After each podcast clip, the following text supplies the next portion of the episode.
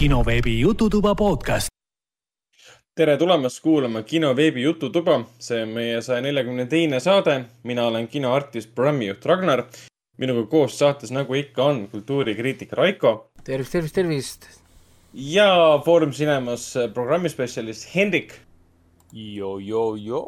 keda, keda peab õnnitlema, õnnitlema, õnnitlema suurte, suure, suurepärase uudise eest, et äh, päev enne saate salvestamist äh, läks, läks tagasi online'i Coca-Cola Plaza, et saab jälle nüüd art-, äh, Plazasse minna filme vaatama. Palju õnne, Hendrik. Omikron, Omikron, Omikron, me oleme nüüd- Omikron. me oleme nüüd tagasi Matrixist nii-öelda, võib vist nii öelda. Matrix on ka tagasi ja, ja Matrixist me täna räägime ka. ja siin on äh, hea nali, et Free Guy ja Space Jam on rohkem Matrix kui Matrix ise. kindlasti oli. Free Guy oli parem film kui Matrix, jah, seda ka. no üks see see oli muidugi hästi suur latt ka, millest üle minna, sorry, kus see sel, sellel la- lati taha sa koperdad pool, pool kogemata ka ja ku- kuku sellest üle. aga olgu. Äh, jah, eks seda Matrixit me saame siin oma poolteist tundi maha teha üsna pea, sest Poolteist meil tundi. äh, aa, lihtsalt äh,, me mainime ära, et me lindistame täna saadet. ja te saate vaadata seda videot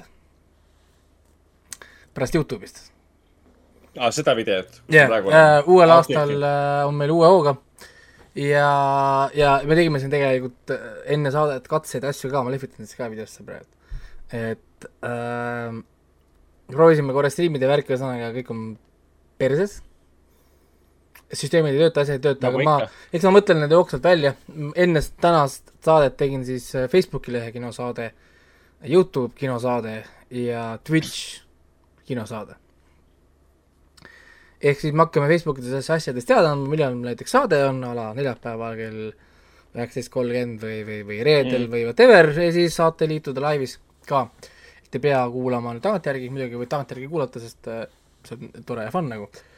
Või siis tulete- Twitch'is ja Youtube'is saab ennast ju nagu notification'i panna, et millal laivi lähme, tuleb teade, et näe, me oleme nüüd laivis. ja siis tulete laivis ja, ja hakkate meid küsimustega kohe pommitama ka, mis on tegelikult hea, hea, hea variant. kui me unustame midagi rääkida või, või, või on mingi täpsustav küsimus, viskate kohe meile laivi küsimuse ja saame kohe kiiresti reageerida, siis on ka põhjust Ragnaril tuba koristada ja nii edasi. et, et äh, ok et siis, sa tõmbasid, Clean your room. see on väga õige lause, Clean your room. Jordan Peterson tuleb varsti ju Eestisse ka Teil on piletid olemas või? ei ole veel äh,. ei ole, aga ma valmistun, ma kuulan seda Akira de Donni, kolmetunnised äh, Youtube'i videod, mis on tehtud äh, Jordan Petersoni äh, äh, loengutest kokku lõigatud mingisugused lo-fi hip-hop äh, lood põhimõtteliselt Hmm. mis on hästi veidrad asjad. ei, ma tegelikult iga, vabal ajal seda ei kuula, aga viimati kuulasin seda, kuulasin seda Hiiumaal äh, autoga ringi sõites seal. nii et, nii et jah, selles mõttes, et äh, nüüd on lihtsalt see, et äh, nüüd on see videos ja nüüd saate vaadata ka siis nagu videos ja Youtube'is, saate kommenteerida, dislike ida, mida Youtube ei näita, nii et äh, andke aga minna, keegi ei näe neid. nii et äh, jah äh,, Facebook siis ka äh, vaatab, kuidas me siis jõuame, me üritame ka seal update ida, ehk siis nüüd ma lõpuks, kui mul on nüüd Facebook olemas, ma arvan, et äkki jõuan sinnamaani, et ma jõuan siis teha niisuguse miniprogrammi, et integreerida siis Facebook ja siis meie kinosaade Ampsud ka üheks süsteemiks, ühesõnaga, et ma vaikselt tegelen sellega järgmise aasta jooksul erinevate integreerimissüsteemidega, et asjad oleks omavahel seotud, see võtab tohutut aega, mul ei ole tegelikult nii palju aega, kui, kui, kui ma tahaks.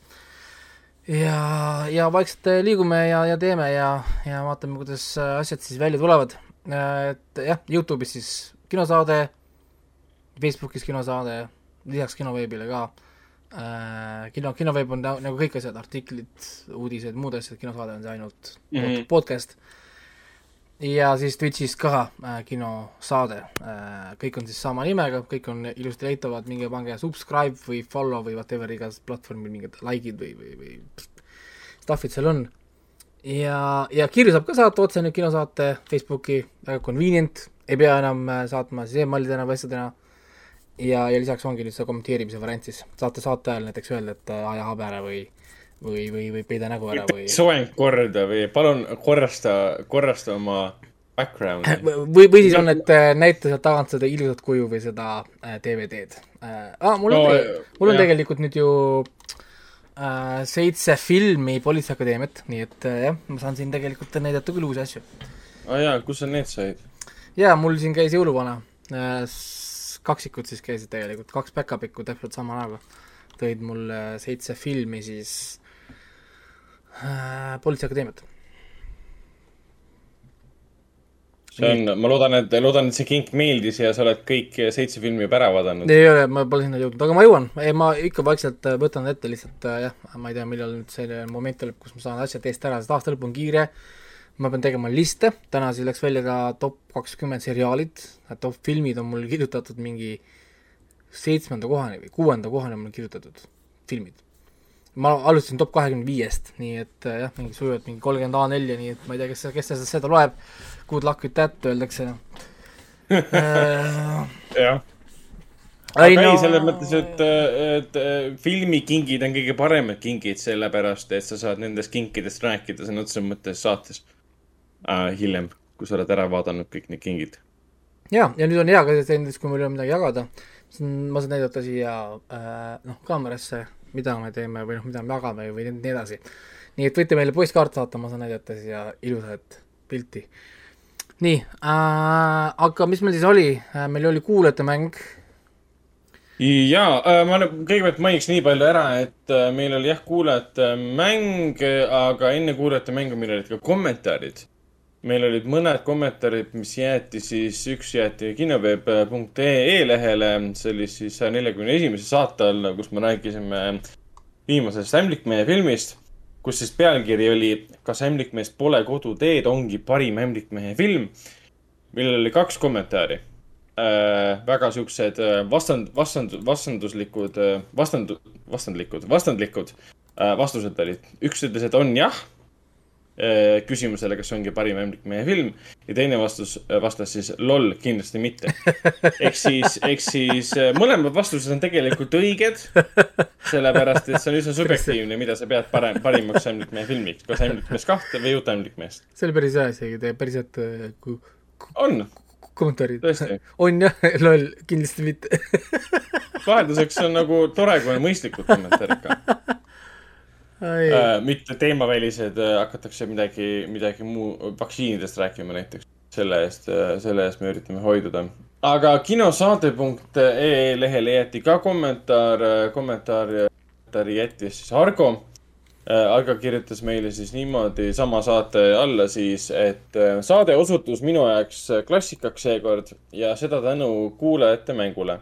ilmselt see polegi kõigi jaoks naljakas, aga mina olin pikalt kõveras püüan selle kuidagi teieni tuua. nii, et stsenaarium. okei okay., stsenaarium on siis selline. toimub kuulajate mäng, Raiko paneb käima järgmise muusikapala. kõlavad esimesed noodid, seekord siis Peter Griffini hääletunniga. nii, nii, nii. ma ei oska Peter Griffini häält väga teha. midagi sellist. nii äh,. Mi, äh, äh, nii, minu mõte peas, Jokker. See on siis hää, heli peale, mille, mida esimesena pani siis äh, Raiko peale. lugu mängib edasi ja mängib edasi, natuke mängib veel. umbes kolmkümmend sekundit hiljem tundus veel pikemalt tegelikult üks vendadest, arvas ära ilmselt, tubli. see, jah, ehk siis mõnes mõttes on see klassikaline saate kirjeldus, kus kuulajal tuleb pähe üks asi. Ja see mäng on mõeldud hoopis ju teistele nii-öelda meie kuulajatele, mitte meile, kes, kes, kes on saatejuhid, aga ka meie arvame teiega koos tegelikult, sest ega Raiko meile ette neid ei ei anna tavaliselt. ma ei ütle, ma ei ütle neile selles mõttes jah neid ette, kui nad muidugi küsivad võib-olla midagi, siis ma ütlen. aga nad ka muidu ei tea jah, mis sealt tuleb. ja, et see on, meie saame ka sellist ajugümnastikat teha sellega seoses, et, et endal, endal on ka huvitavam kuulata, mida sa oled välja mõelnud meie kuulajate jaoks. aga, aga kuulajate mänguga, kus seekord oli siis, see oli meil siis mitmes, see oli kümnes, kümnes episood, tähtaeg oli siis kolmekümnes detsember. Nüüd, jah. Ähm, tuli kaks vastust, arusaadaval kombel me andsime pikema, pikema aja ja, ja muidugi vahepeal olid siin jõulud. Inimesed unustasid ära, olid perega, kõik on arusaadav ja loogiline, ma igaks juhuks vaatan korraks meili uh,. üks on juurde tulnud. väga hea, et ma vaatasin. ma saan, täna on õige kuupäev tegelikult ja, ja kella kuuest on ainult kaks tundi möödas, nii et ma arvan, et no okei okay,, me saime saate ajal, me saame vastuse juurde siis, jah? jah. ma panen siis ühe juurde siin on siis kolm osalejat oli meil kümne, teise hooaja siis äh, kümnendas äh, saates. ja ma lihtsalt mainin ka ära, et täna saadet ei tule, kuulajamängu ei tule saatejuhtidele ega ka kuulajatele, selle lihtsalt, lihtsalt põhjusel mul ei olnud aega. ma tegelen aasta lõpulistide ja igasuguste muude kokkuvõtete asjadega, et see äh, võtab kõik aja ära. Need on väga massiivsed tööd ja lihtsalt, lihtsalt ei ole selleks aega. me alustame järgmine aasta uuesti, siis juba on striimid ja muud värgid ka laivis. aga esimene live meil peaks olema siis nüüd järgmine saade, mis on erisaade. nii selles mõttes hoidke Facebookil silma peal, et me anname teada siis, millal see saade siis laivi läheb mm. -hmm. jah, Raikul on selle koha erutavad ajad on tõesti tulemas. aga Raikul on selle kohta õigus jah, eks siin aasta lõpus on kiire, topide tegemine ja kõik see erisaade on tulemas, et ja uuel aastal uue hooga, nagu öeldakse. aga, aga meil on veel kommentaarid kuulajate mängu postkasti tulid meil sellised kommentaarid siis Mardolt. Mardo kiitis muidugi Raiko uut pildimängu, mis, mis oli seekord sellised krüptilisema võitu pildid, aga kõik olid üsna arusaadavad. Mardo ütles, vähemalt minu jaoks, Mardo ütles siis niimoodi, vinge pildimäng ülimalt lahe idee, kuidas pildist datat eemaldada, et mõte ikka samaks jääks. Äh, samal ajal siis Mardo tänas ka boonuse eest, äh, mille ta sai, siis oli vist Go3-e. Go3-e äh, jah, poole aasta pakett vist oli või, ma ei mäleta, või mm -hmm. kolm kuud, ühesõnaga mingi kolm kuud, kuus kuud pakett oli vist. no täpselt, jaa Äh, Mardu ütles ka niimoodi, et suured tänud boonuse eest, vaikselt hakkab ring peale saama sellel, mis nähtud ja mida suudab kokku viia. kiituseks pean ütlema, et oled väga hästi suutnud ära tabada selle taseme, kuhu maani võib minna. eks ta ole paras köielkõnd, nagu ka mitmel korral oled saates rõhutanud. ehk siis Raiko saab kiitust, keegi mind Hennikuga ei maini uh, ei võta üldse isikliku hinnakuna. mille, mille eest meid mainima peaks? et, et me olemas oleme. jah, see on küll tõsi, jah. see on see osalemise auhind. Participation award. Participation yeah. award, jah. et sa panid, et sa panid mängu tööle, selle eest said esimese trofee. ei no, ei no Ragnar loe, loeb ju siit dokumendist asju ja see ei ole ka niisama ei no täpselt, vanasti videomängides oligi niimoodi, et äh, sa pidid tegema mingi spetsial asja ära, et saada trofee ah,. praegu on see, et sa paned Playstation neljal mingi uu, täiesti uhiuue mängu peale. saad trofee selle eest, et sa oled esimesed viisteist minutit läbi teinud. või siis, et sa võid saada trofee, et sa panid tööle mängu, selliseid trofeesid on ka olemas. miks? samas, samas see on loogiline selles mõttes, et ma just praegu vaatasin juba Epic Games'i äh, library't, seal on lihtsalt kümneid ja kümneid mänge, millest ma olen ainult kahte või kolme mänginud ja ma lihtsalt kogun neid iganädalaselt, noh. kes ei teadnud, siis detsembris saab vist, ma ei tea, iga päev antakse üks tasuta mäng ära. praegu saab kõik need uued Tomb Raiderid endale kätte, et noh, koguge nagu mina ja kunagi lahti ei tee, sellepärast ongi see trofee väärtuslik. mina, mina ei, mina ei võta neid ka, mul ei ole vaja, mul on Steamis tuhat mingi nelisada viiskümmend mängu midagi ja Playcari peal veel rohkem. ma ei viitsi, see on nii pointless sa ei jõua nende mängudeni, sa ei uusigi mängida, rääkima sellest, et minna tagasi vanade juurde, sa ei jõua vaadata isegi praegu kinos olevaid asju, et oh, läheks vaataks kõiki vanu asju, onju. Nope. siis, kui poiss kuidagi suureks kasvab ja ülikooli läheb, siis hakkan mängima. ja, ja neid Steam'i retromänge või neid äh, Epic Games'i retromänge. see, see In Innocence või mis ta oli, A Plague Tale Innocence või mis ta nimi oli, see on siis, selleks ajaks on see juba retromäng no,. see on juba, see on juba, juba klassika. aga olgu, tegelikult meil oli veel üks kommentaar, loed selle ka ette või? Jaa äh,, Villu kirjutas meile siis niimoodi äh,. tere, kinoveeb. tänud tummise kinoveebi aasta eest. aga palun, palun äh,. Teie parajalt pikkade saadete saatel on tüütuid kodutöid rõõmsam toimetada ja ajavõit muljetavaldav, kui peaks kogu seda sisu kuidagi ise vaatama. nii et mehed ikka sama võimsalt uuel aastal edasi. Endile jäi lõppevast aastast meelde selline tagasihoidlik nimekiri ekraanitäitjatest, mis pakkusid mõnusat vaatamist pikalt ei hakka siin heietama, äh, kõik on neid näinud, kuid mõned märksõnad, mis minu puhul meelde jäid. Villu siis tõi välja filmid ja mõned stseenid, mis, mida ta nende filmide juures väga-väga nautib. Äh, üheks filmiks on siis Nobody, mis meile ka kollektiivselt väga meeldis, äh, toob ja. siis välja bussitseeni, muusika, pilgud ja märul ise, märul ise ikka väga hea. siis Promising Young Woman, need värvid ja lõpp The Suicide Squad, mõnusalt veidrad superkangelased, Wrath of Man ähm,, H äh, täristamas automaati ja kuidas kaameraga sellega kaasas liikus. see oli, see oli väga hea tõesti ähm,. The Mitchells versus The Machines, tubli perekoer ja Wi-Fi paanika, mis jah äh,. Arcane animatsioon, tegelased, muusika ehk siis kõik. okei okay,, lavastus ja, ja hääl näitlemine, okei okay. uh,. Resident Alien uh,, Tudik, mulle lihtsalt meeldib see, et lihtsalt Alan Tudik tuuakse välja, kõik rohkem, pole vaja. sellest piisab ju. uh, Mayor of Easton ja Clickbait. Õnneks ei ole nii osav vaataja, kes kolmandal minutil lahendust näeb, põnevust jagub lõpuni.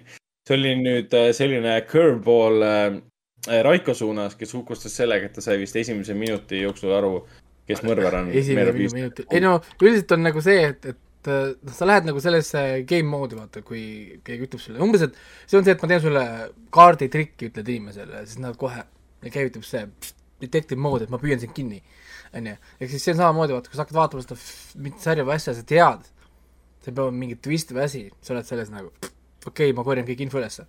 mulle ei meeldi need, kus ma ei tea seda et see on niimoodi, no noh, saad aru, et, et ma peaksin seda vaatama, nagu, nagu on see True Story Kevin Hartiga.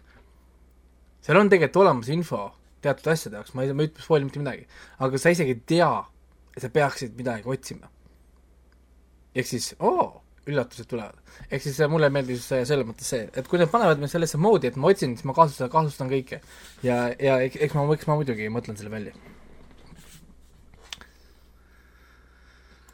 Äh, ja, ja siis, mis Villu tõi veel välja, oli see, ahah, et äh, peredraamat suudeti kontrolli all hoida, on siis kommentaar For All Mankindi teise hooaja vastu ja Invasioni suhtes ka.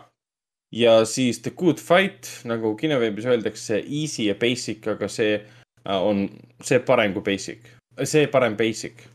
ma ei saanudki täpselt aru, mis see nüüd tähendab Ma tea. väga palju easy ja basic siin saates. äkki, äkki midagi, midagi jäi puudu?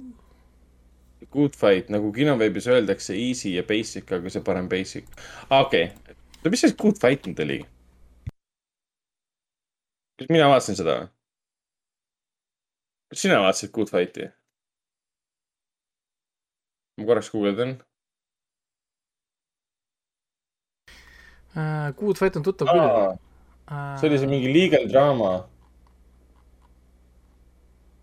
Good Wife'i uh, spin-off sequel. okei okay., kas me oleme rääkinud sellest ka mingi hetk või? ei ole vist, aastast kaks tuhat seitseteist on ta jooksnud. ei ole jah rääkinud, äkki peaks siis vaatama hakkama. viis, kuus hooaega, kuus hooaega on tulemas. oh sa issand, korralikult see aasta tuli, see aasta tuli viies. korralikult ikka, ikka hagu, hagu antud. ohohoo. aga aitäh, Villu, mõnes mõttes ka soovituse eest, et me saame uue, uue tausta seebi endale võtta. nii ähm,, Villul oli kommentaar ka pildimängu kohta äh,, kus ta siis kirjutas niimoodi. noh, esmane, esmane reaktsioon on, et austatud mängujuht on viimsegi aru kaotanud, vihkab teisi mängijaid, kes sellest pikslipurust, purust peaks midagi tuvastama aga kui esmane pahameel kadunud ja ekraanist nii kilomeetri kaugusele minna, siis mingid vormid hakkasid kuju võtma. kui korra juba saad piirjoone kätte, siis aju tõesti silub pikslid sujuvaks, aga esmamulje on küll kuul pähe. ausalt, kui poleks nii ikoonilisi kaadreid sinna pannud, on see ülesanne ikka lahendamatu. vaheldusena lõbus ja meem ikka ka, kuidas neid pilte tuvastada.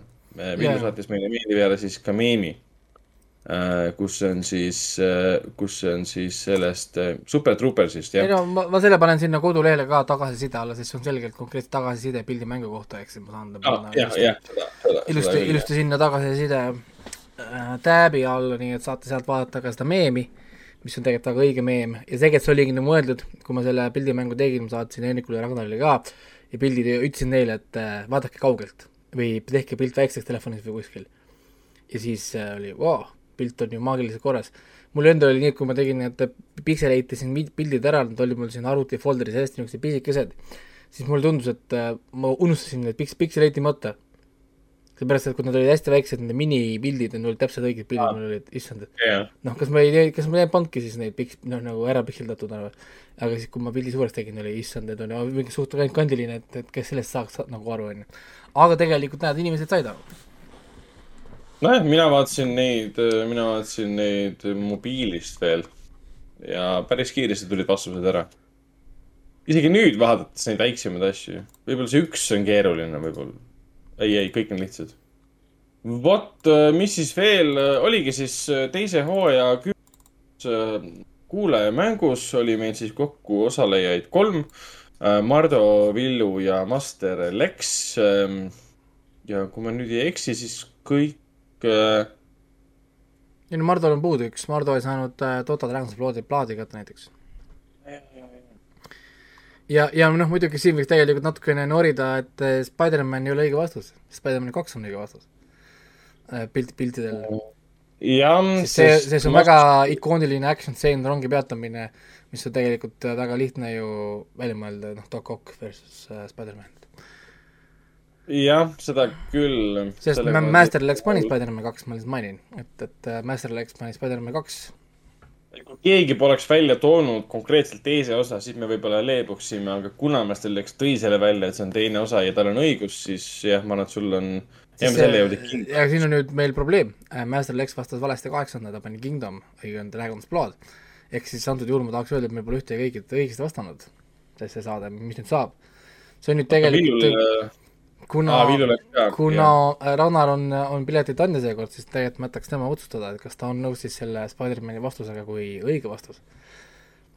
et, et äh, see on, kuidas nagu võtta, vaata nagu, nagu on praegu selline, et, et vist, vist mm. ei ole tegelikult nõus, sest noh, siin on tegelikult see, et on Spider-man kaks väga konkreetselt nagu võib-olla kõige kuulsam stseen võib-olla tervest Spider-man kahe nagu filmist jah, seda ei saa väga segamini ajada teiste Spider-mani filmidega, ma sellepärast valisin just selle stseeni.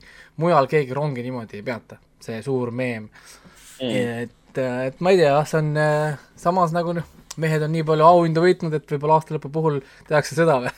jätame seda siia kaamerasse. um,. ma ei teagi nüüd, ühelt poolt oleks ta muidugi ebaaus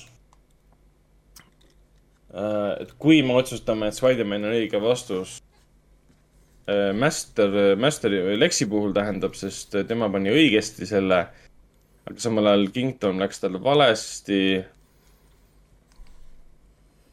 ma ei tea, siis meil ei saagi nagu anda auhinda, jah. ja ei, mina arvan, et seekord ei saa jah, sest äh, oleks tegelikult aus mitte anda, sest vaata, kui oleks olnud mingi väga obscure Spider-man'i tseen, kus tõesti on nagu noh Mm. ei saa nagu vaata võtta, aga see on kõige, põhimõtteliselt kõige kuulsam võib-olla Spider-man'i tseen, kui sa mõtled selle peale. jah, pigem, pigem ma olen sinuga nõus, jah. et, et lihtsalt, et kui kõik oleksid pannud Spider-man'i, siis jah. aga kuna see on nii, nii ikooniline ja üks kõige paremaid Spider-man'i filme ka koos äh, No Way Home'iga, siis jah. Jätame praegu auhinna välja, välja loosimata, välja andmata ja järgmisel aastal saame siis juba uue hooga. ei no Äh, ma kuule- usun, et, et mehed ei kurda, sest äh, need kolm tänast osavõtjat on võitnud siin auhindu rohkem kui teised.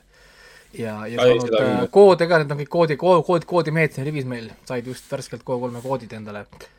nii et äh, nendel on isegi võrdseid punkte ka vist oli viimati või, või nad olid ühe punktise vahe sees.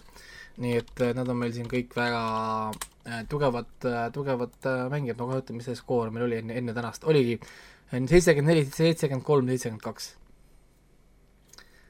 On neil meestel siis siin praegu punkti sees, et nad on kõik kahe punkti sees. Mm. -hmm. nii, aga õiged vastused ka, igaks juhuks mainime üle, õiged vastused olid siis äh, Scotty doesn't know äh,, Euro, Eurotripist Once upon a time. Äh,, hästi-hästi huvitav äh, seri- seriaal kunagi jooksis. äh,, film Jokker, siis Oscar, Oscari film, Paani labürint, üks parimaid põhimõtteliselt mis iganes filme. Äh,, Twilight Zone, klassikaline kaheksakümne viienda aasta oma, ehk siis teine äh, remake. Uh, Interstellar main theme või noh, ma ei saa öelda, kas main theme, aga, aga, aga noh, Inter, Interstellar üks, üks siis uh, muusikast. Uh,. siis Invincible uh,, siis see võidu, võidumuusika nii-öelda või siis see uh, parim video, see verine, ultravenine anima, anime, ai, animafilm. ja kaheksas on siis Dota, Dragon's Blood, mida siis kõik lolli fännid praegult uh, mutta trambivad. nii, ja siis äh, pildid olid siis E.T., kuhu kuulus sõrmetseen, Indiana Jones, Riders of the Lost Ark, täpselt samamoodi nagu Spider-man kaks, siis see pole ka niisama Indiana Jones, vaid peab olema Indi- in, in, Indiana Jones, The Riders of the uh, Lost Ark, because on, jah, seepärast, et see on konkreetselt sellest filmist pärit uh,. The Matrix muidugi, Pulp Fiction, Spider-man kaks ja The Shining nii et, aga üle, üllataval kombel nad kõik said näiteks selle Indiana Jones ja Raiders of the Lost Ark said ta kõik kolm pihta. nii et äh, selles mõttes läks nagu hästi ja muud ei olegi, täna ma ütlesin, et saadet me, tähendab kuulajasaade, kuulajamäng lihtsalt ühe korra puhkab.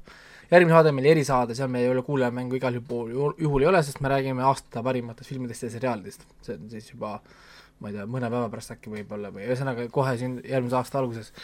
ja siis, kui me liiga laseme tavasaadete juurde jaanuari esimese nädala lõpus kuskil, siis, siis äh,, siis me tuleme, tuleme, tuleme uuesti tagasi.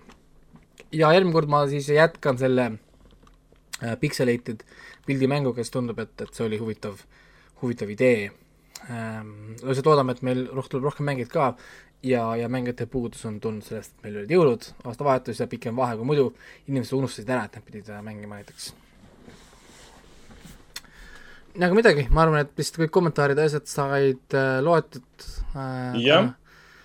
tänud, et viitsite, viitsite aega meile kirjutada ja, ja, ja kommenteerida ka, alati on, on tore nii-öelda suhelda, ehk siis ma loodan, et äkki kui meil on live versioonid, siis ka, et me saame ka inimestega suhelda natukene juba ka võib-olla laivis siis saate ajal.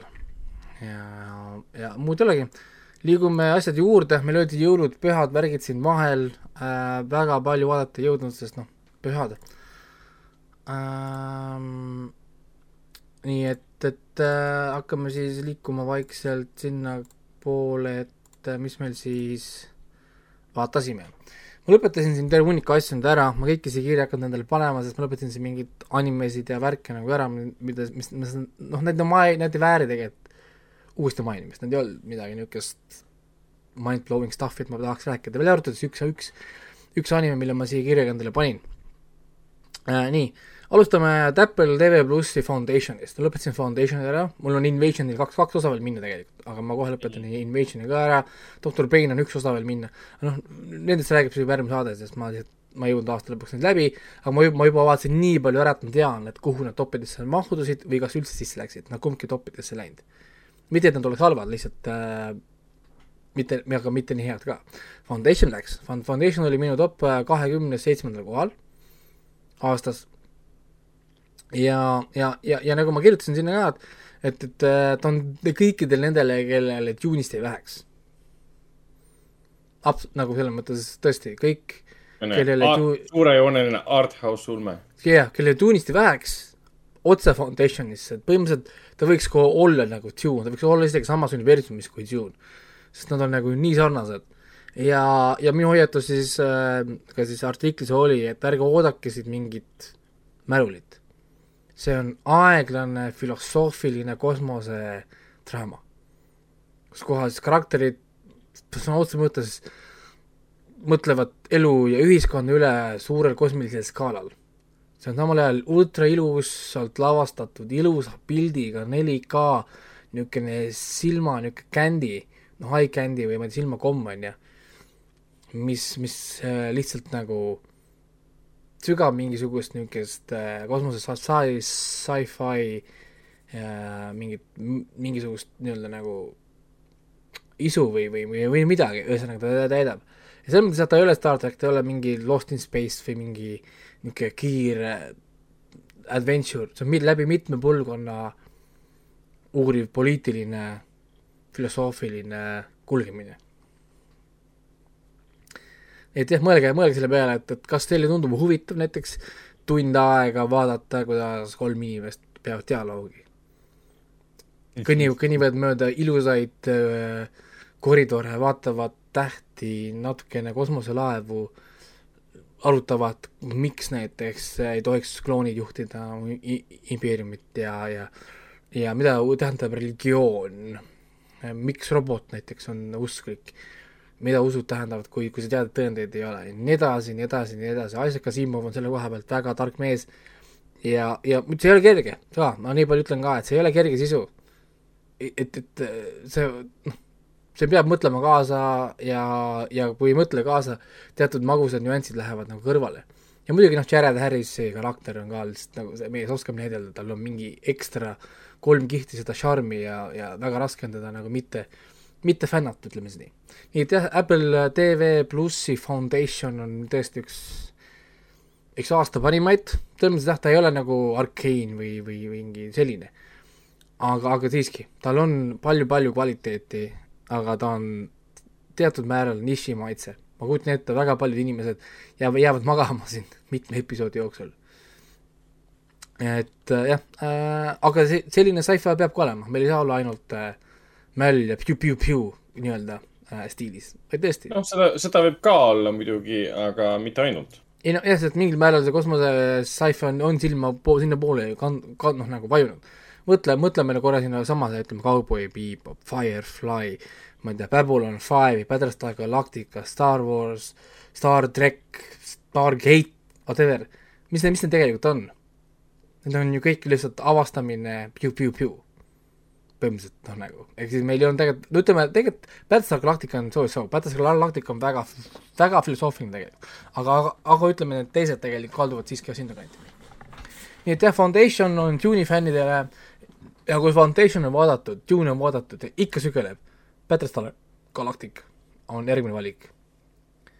kohe, Battlestar Galactica, seal on väga sarnased teemad, ma ütlen ka, väga sarnased nagu Dune'ile, ka Battlestar Galactica võtab teatud teemasid kokku, seal on samuti religioon versus poliitika, kõik see stuff versus tehnoloogia, bioloogia versus tehnoloogia, mida iganes, kõik see on seal samamoodi olemas, kuigi seal on ka action'id ka. iga kord, kui ma muidugi näen Battlestar Galacticast räägin, mul hakkab sügelema, et noh, ma vaatan seda veel, sest see oli nii fucking hea asi. nii, aga see selleks, see on nüüd äh, räägitud, vaadatud, järgmine, mis ma tahaks tegelikult nagu rääkida, on siis üks anime, mis ma nüüd lõpetasin ära, ma olen sellest varem rääkinud, on Mushoku Tensei ähm, Jobless Reincarnation.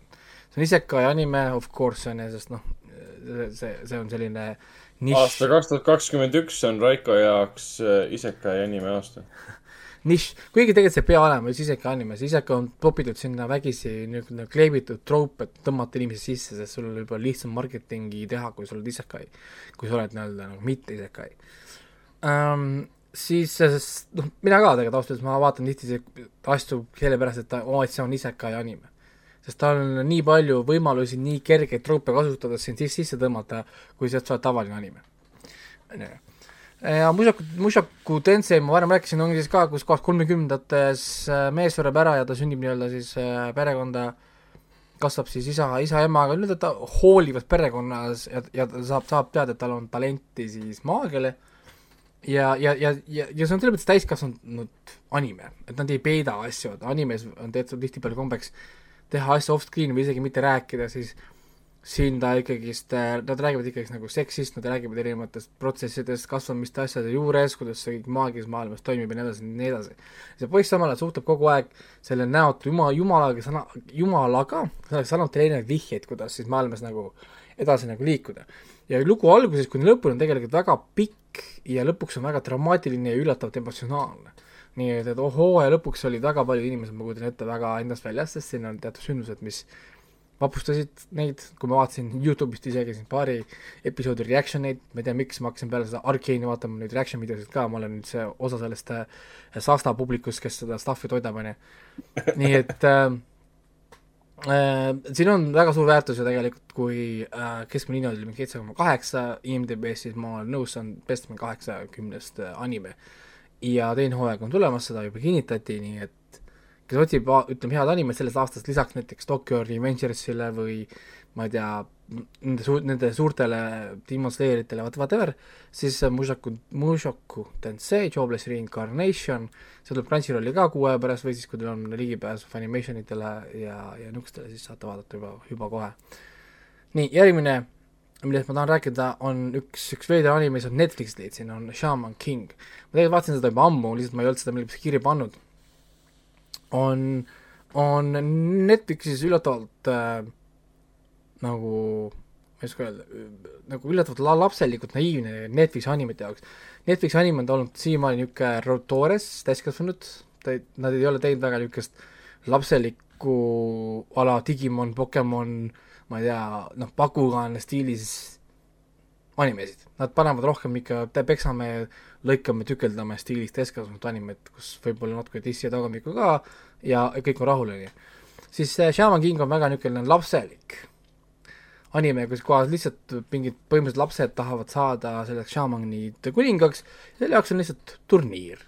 ongi kogu ülesehitus mm.. ja see, aga see toimib, see toimib, kõik, kellele ei meeldi klassikaline tournament arc, see meeldib mitte ainult ameeriklastele, meeldib ka eurooplastele ja meeldib ka Jaapanis, nii et äh, otsite lahedat äh, lihtsat, lihtsa sisuga lühikest animest, siis Shaman King on Netflixis olemas ja tõesti saab vaadata. nimi tegelikult ütleb väga palju, šaamanid ehk siis nad kas- kasutavad mingit erinevate vaimude võimeid, võimeid, et omavahel siis võidelda, ongi kogu tegelikult teema, siin ei ole mingit sügavat, sügavat narratiivi. kuigi see, see, mis kaks tuhat üks kuni kaks tuhat viis jooksis, mida me vennaga vaatasime, see meile väga meeldis, ma mäletan. see ei olnud ainult sellest, et nad peavad võitlema, seal olid mingi sisemiste teemonitega võitlemine ja mingid suured kurjad pahad ja, ja kõik siuksed asjad, et ma seda Netflixi uut asja ei ole vaadanud. et ma ei teagi, kuidas see nagu võrdlust, võrdlust ma ei kannatab. tea, ma ei ole, ma pole vanad näinud, nii et ma ma ei oska nüüd selle vanaga võrrelda. et vana, noh, vana, vana nagu mälestustes on ta väga hea, aga jällegi see on mingi aastast kaks tuhat üks mälestus, nii et ma enam ei oska midagi kommenteerida. okei, nii, aga järgmine äh,, millest ma räägin, oleks mõned äh, stand-up'id. Ma vaatasin äh, erinevaid stand-up'e, sest ma tegelesin seal oma e-poodide ja müümiste asjadega siin äh, oma, mis ma varem rääkisin siin. taustal oli hea neid panna peale ja hakkasin vaatama järjest siis uusi stand-up'e, mis mul olid vaatamata jäänud. Ähm,, erinevad siis ühesõnaga sealt panin järjest käima ja vaatasin nagu ära, vaatasin ära siis selle Jimmy Carr, Jimmy Carr Historic Materials, mis kahekümne viiendal tuli. Äh, vaatasin ära Jim Gaffigan Comedy Monster, vaatasin siis, vaatasin ära Russell Howard Lubricant. äh,, Mo Amer Mohammed in Texas vaatasin ja siis vaatasin The Stand-Ups, siis on kolm. paar episoodi jäi vaatamata või üks võib-olla ainult, ühesõnaga kuus tükki vist oli, viimane veel vaatamata. ja üldine mulje on see, et väga nõrk materjal on, ma ütlen ausalt. et äh, teil on Covid, teil on pandeemia mis minu arust nagu annaks nagu võib-olla mingit ideid või materjali, aga ei, kuidagi väga nõrk on see materjal. Jimmy Carr, natuke, Jimmy Carr on kõige parem nendest, ta on võib-olla ka kõige tuntum nimi, on ju ähm,. tal on omaselt niisugune must huumor nagu ikka toorelt seal, seal panevad, et minule meeldis väga see huumor, et kus ta tõstis, ütles inimestele, et tõstke käe, kes ei ole siin ruumis vaktsineeritud äh,. inimesed, ta tõstis käed ja, ja siis ütles, et ja nüüd võtke see käsi ja pange endale vastu pead sellega väga hea. et, et, et see oli nagu, nagu, nagu niisugune noh, huvitav, et, et tal oli mitu, mitu huvitavat sõnamängu sellega koos seal ja aga jah, Jim, Jim Caffiga on väga-väga nõrk materjal, põhimõtteliselt naernud tekkis selline Amy Schumeri tunne äh,. Russell Howard lubrikant natukene liiga palju vajutas sisse sellele ühele ideele, et antivaktsinerid on pahad. niisugune noh, noh, esimene nali oli tore, aga edasi oli nagu see, et aga edasi kus on su ülejäänud materjal nagu. ja Mo, Mo Amer Muhamedin Texas keskendus põhimõtteliselt ainult sellele, et äh, ta on moslem ja, ja kuidagi jäi sinna nagu kinni. ja, ja mind hakkas tegelikult ilgelt häirima, et ta higistas, hingeldas. nagu mingi hetk oli nagu noh, äkki nagu ma ei tea, andke vett talle või, või, või, või midagi. Mis on nagu veider, ta polnud üldse nii suur isegi ega paks mitte, et näiteks vaatad Gabriel Iglesiast vaatad või kedagi, nad ei hingelda ega ei tee niimoodi, et ma ei tea, mis seal valesti oli. äkki ta oli närvis lihtsalt. või siis äkki oli Covid, ei saa hingata korralikult. okei, jah, see on, see on, see on ka variant. ja siis eh, töö, töö stand-ups on siis nii-öelda need kõik, kes siis ei, võib-olla ei vääri veel Netflixi täispikka oma stand-up'i, saavad niisuguse kahekümne viie, kahekümne minutilise sloti hooajas. Ja kõige parem selle, mis ma vaatasin, oli Mark Normand, ma olen Mark Normandist varem rääkinud ka, ma olen vaadanud tema neid äh, täispikkasid ka, tal on Youtube'is tasuta vaadataval tema enda channel'il on olemas äh, mõned pikad äh, head stand-up'id, tal on niisugune huvitav huumor. Ähm, lükkab, lükkab nagu head nalja, mulle meeldivad tema piiblinaljad ka, et et ala, et, et mingi pe- pedofiil või vägistaja on kohtu all ja talle antakse piibel, kas on mannud selle piibli peal. oo oh, jaa, tõesti, ma, ma siit ju saingi oma ideed. noh, või noh, nagu noh, niisugust, niisugust nagu toorest, toorest nalja talle meeldib, meeldib nagu teha ja, ja ta tegi ka paar anti-vaxxeri nalja, üldiselt ma soovitaksin võib-olla ainult selles listis vaadatagi Mark Normandi stand-up'i, mille leiate siis The Stand-Ups season kolm episood neli äkki, mis oli tema oma. ülejäänud võib vabalt kõik lihtsalt skip ida, sest tõesti väga nõrk, kohati isegi cringe, üks äh, üks, üks mustanahaline naine oli ikka nii, et mul oli, tõmbas nagu nägusid krampi, sest mul oli, issand, see ei ole naljakas. rahvas oli ka nii vait, et ma tundsin seda second hand cringe'i või seda piinlikkust, et rahvas, naerge keegi, palun aidake teda või noh, nagu tehke midagi, sest noh, mul endal hakkas füüsiliselt valus onju. nii et jah, ei no osati, kohati nad proovisid pandeemia üle natuke teha nalja, aga aga muidu on ikka nagu veider ja ikkagist seesama troop on esiteks punkt üks, naised pole, pole naljakad, teine, teine, teine troop, punkt kaks, mustanahalised ei saa üle ega ümber rassist. mis, mis värk sellega on? kui, kui sa tahad olla mustanahaline koomik, äkki vaataks, kuidas Chris Rock või Dave Chappelli või niisugused teevad. Nad ei räägi rassist, Kevin Hart ei räägi rassist. väga harva räägivad, või kui nad räägivad, sellel on väga niisugune hea nagu kontekst või nagu humooriks kontekst. aga nagu mingisugune mees rääkis seal kakskümmend minutit e, e, see N-word, niga, niga this ja niga that ja, ja kuidas tema võib öelda ja meie ei või öelda ja, ja, ja, ja mingit nagu stuff'i ilma, et see oleks nagu naljakas, mul oli ka mingi hetk, et kas ma vaatan stand-up'i või see on TED Talk või, või mis asi see nagu on, et et noh, kus see nagu content on? et ei tea äh,. ei tea, natuke kahju hakkas kohati küll, ma sain aru, et osadel oli ikka väga ebamugav seal laval olla ja ja nad tundsid, et rahvas libises ära seal veerand tunni peale, nad teadsid, et neil on pool, pool, pool aega veel minna. Ja siis, siis sa tegelikult nagu tajud seda, et miks need suured koomikud on suured. kui näiliselt kergelt see käib näiteks Dave Chappellil noh, või Bill Burril nii-öelda see rahvaga suhtlemine ja kontrollimine, kui kerge see räägib, ma, ma lihtsalt räägin, kuidagi nagu nii effortless see tundub. või noh, sa saad nagu aru ja nüüd, kui sa vaatad neid inimesi, kes nagu tahavad vaata ka jõuda sinnamaale, kui raske see on, ongi see kõik see higistamine, see värisevad käed mikrofonidega, ajastamised lähevad paigast ära, kõik niisugused asjad, siis on nagu see, et noh no,, ei noh, no eks see ongi nende ja siis suurimate, suurimate ja tuntumate esindajate nagu vahe. ühed, kes on seda teinud niivõrd pikalt ja teised, kes äh, mõnes mõttes on alles alustanud või siis alles leiavad oma kohta, ütleme nii. et, et nagu sa, nagu sa tunned nagu ära, et oi, et awkward on näiteks, kui nali läheb mööda või midagi. näiteks sama asi, kui vaatad näiteks Jimmy Carrey ka, kes nagu suur nimi, kui tal nali läheb On. mööda või, või nagu midagi, ütleme, ta tunneb ära, et see hiti, tal on kohe mingisugune variant või mingi rebuttal kohe olemas, et pöörata, pööratas ümber, alati. ehk siis nad mõtlevad tõesti, need suurem, suuremad tegijad siis mõtlevad selle peale, okei okay,, et see nali ei tööta, kui see nali ei tööta, mul peab olema kohe turnaround mm. või mingi flip around, onju. et, et, et lõpuks sul on full set, sul jääb meelde ikkagi, et full set oli naljakas, sa naersid terve aeg. et, et noh, et see, et sul ei jää nii-öelda neid lahendamata naermata otsi. mis on tegelikult nagu päris nagu crazy töö tegelikult mõelda, see on tund aega tekste, proovi tund aega tekste me- meelde jätta. noh, ja, ja siis nagu veel mingi back-up'e seal mõelda välja, mingi stuff'i ja, ja värki ja siis esineda seda, seda loomulikult hästi, see on ikka suur, suur töö tegelikult, see on nagu, see ei näe vahepeal nii effortless välja, oh mingi vend tuleb, mikrofon käes, räägib tund aega lihtsalt ja siis läheb, läheb nagu minema, onju. noh, ja siis saab mingi, ma ei tea, hunnik, hunnik pappi, onju. aga ei, tegelikult, tegelikult, tegelikult see on ikka jah, see on ikka hoopis teine nagu, nagu, nagu maailm. et jaa, midagi, midagi suurepärast ma siit ei leidnud kahjuks, aga, aga natuke sain naerda küll, Jimmy Carr ja, Mark Normand ajasid küll naerma. nii, millest ma räägin, järgmine on Netflixi seriaal The Silent Sea, mis äh, on siis Lõun-, Lõuna-Korea kosmoseulme ja lugu on siis selline, et äh, kaugel tulevikus on maa peal põhimõtteliselt kõik ookeanid ja mered, asjad ära kuivanud. me elame kõrbes, vett on vähe ja ühiskond on siis nii-öelda nagu veevaesuses. raha enam ei eksisteeri, vaid nüüd on olemas selline asi nagu veekaart või nii-öelda nagu water pass või ei, mitte water pass, vaid water class tähendab veeklass, kus sul on siis A-klass, B-klass, C-klass, whatever, see on, see näitab, kui palju vett sa saad iga päev võtta. noh, nagu ja, ja siis, ja siin on veeklass määrab ka kõik sinu teenused, mis sulle antakse ja nii edasi, nii edasi, nii edasi. Muidugi inimesed protesteerivad, kõikidele võrdne vesi, lõpetame diskrimineerimine, same old, same old, same old stuff. ja siis teadlased tegelevad probleemi lahendamisega ja muude asjadega ja siis lõun-, lõunakorealastel on baas kuu peal.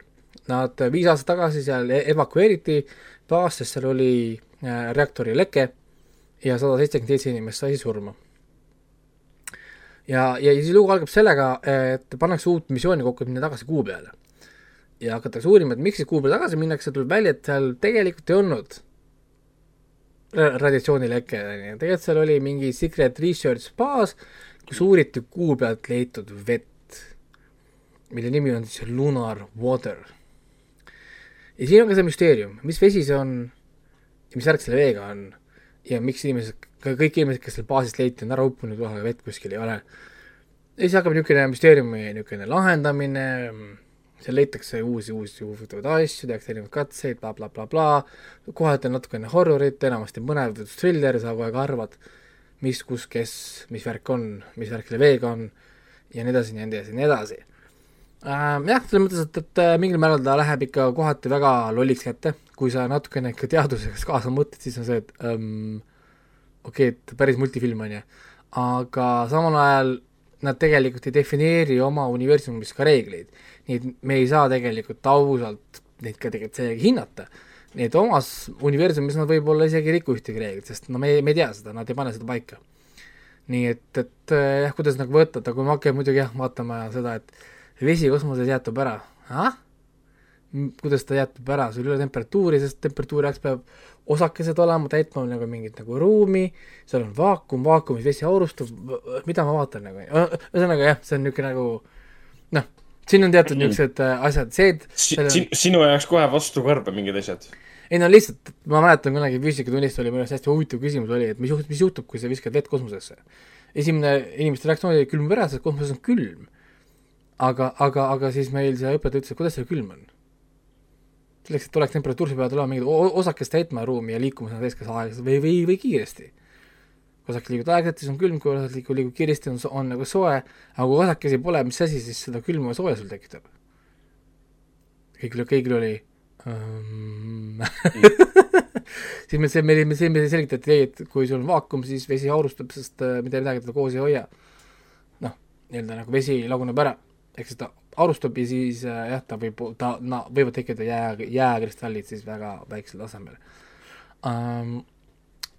Noh, aga, aga noh, see selleks uh,, ühesõnaga see, see seriaal ise, Silent Sea, siis Netflixi sari, millest ma räägin, on uh, kes-, keskpärane. selles mõttes, ta ei ole midagi head, ta ei ole ka midagi üüberhalba, seda on väga lihtne nii-öelda nagu lahti võtta, kui hakkad nokkima teatud, me saame seda võtta lahti mis iganes viisil, läbi narratiivi, läbi karakterite, läbi storyline'i, loogika, füüsika, whatever viisil, siin on väga lihtne seda lahti pikkida. samal ajal meil ei ole tegelikult vaja seda lahti pikkida, sest meil lahutuslikuna ta toimib, on ju, meil on selles mõttes karakterid, meil on story, meil on põnevus, siin on tagaajamist, siin on muusikat, siin on kosmost, siin on müsteeriumid, asju lahendada, et miks ma peaksin seda lahti võtma? tekib nagu noh, küsimus.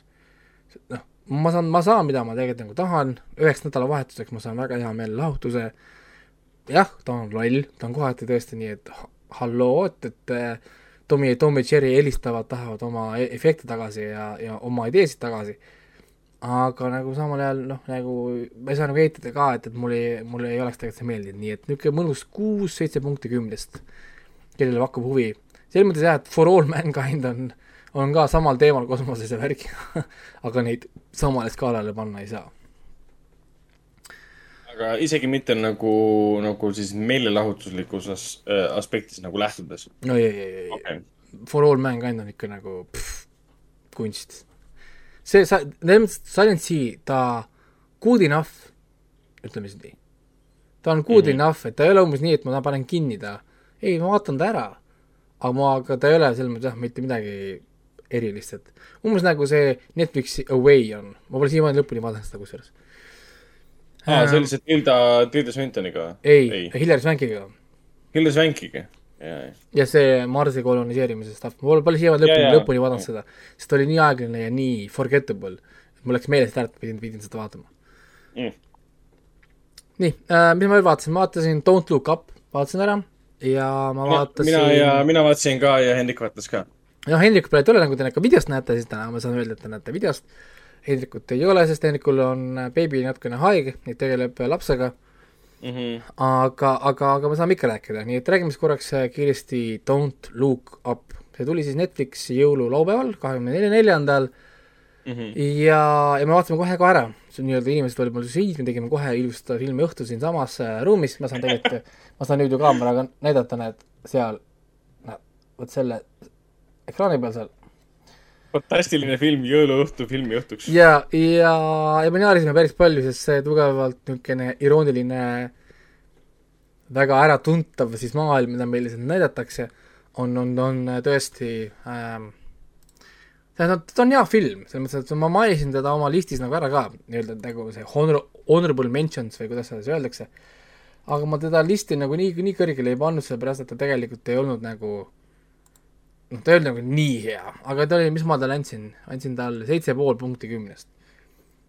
et äh, niisugune tõesti mõnus, mõnus nagu vaatamine, aga noh, Adam McKay film, ehk siis me teame, et äh, teda ilgelt häirib see, et äh, keegi ei tegele globaalse soojenemisega, millest see film tegelikult ka nagu räägib, see on siis nagu süm-, nagu sümboolselt globaalsest soojenemisest, et see on nagu nii-öelda fun, tore asi, mida, millest saateid teha, millest nagu rääkida, aga keegi tegelikult mitte midagi ei tee enne kui on hilja, ah, siin on siis muidugi selle globaalse soojenemise asemel meteoriit, mil-, ja, ja millest see film siis räägib? film räägib siis kahest äh, astronoomist, mitte astroloogist, nagu siin üks arvustus oli, mida ma Eest- Eestis nägin, sorry. kuidas film, Astro, mis, oota, mis sa, mis sa kirjutasid? astroloogist, aa, kui mingid astro kui mingid astroloogid avastaks mingisuguseid komeete kuskil kaartidel, siis kõik naeraks nad välja, sest äh, sina ja sinu kaardid. noh, jah, see on astronoomid N-iga. astronoomid noh, kaks, kaks potato, potato mõne, mõne inimese jaoks. et, et äh, jah, ei kaks astronoomi siis avastavad äh, äh, oota, mis see oli, meteoriit või asteroid või mis, mis ta nüüd, mis nad seal leidsid siis? asteroid ikkagi siis, jah? mitte, komeet on ju. komeedi, komeedi vist leidsid, seal oli saba ju.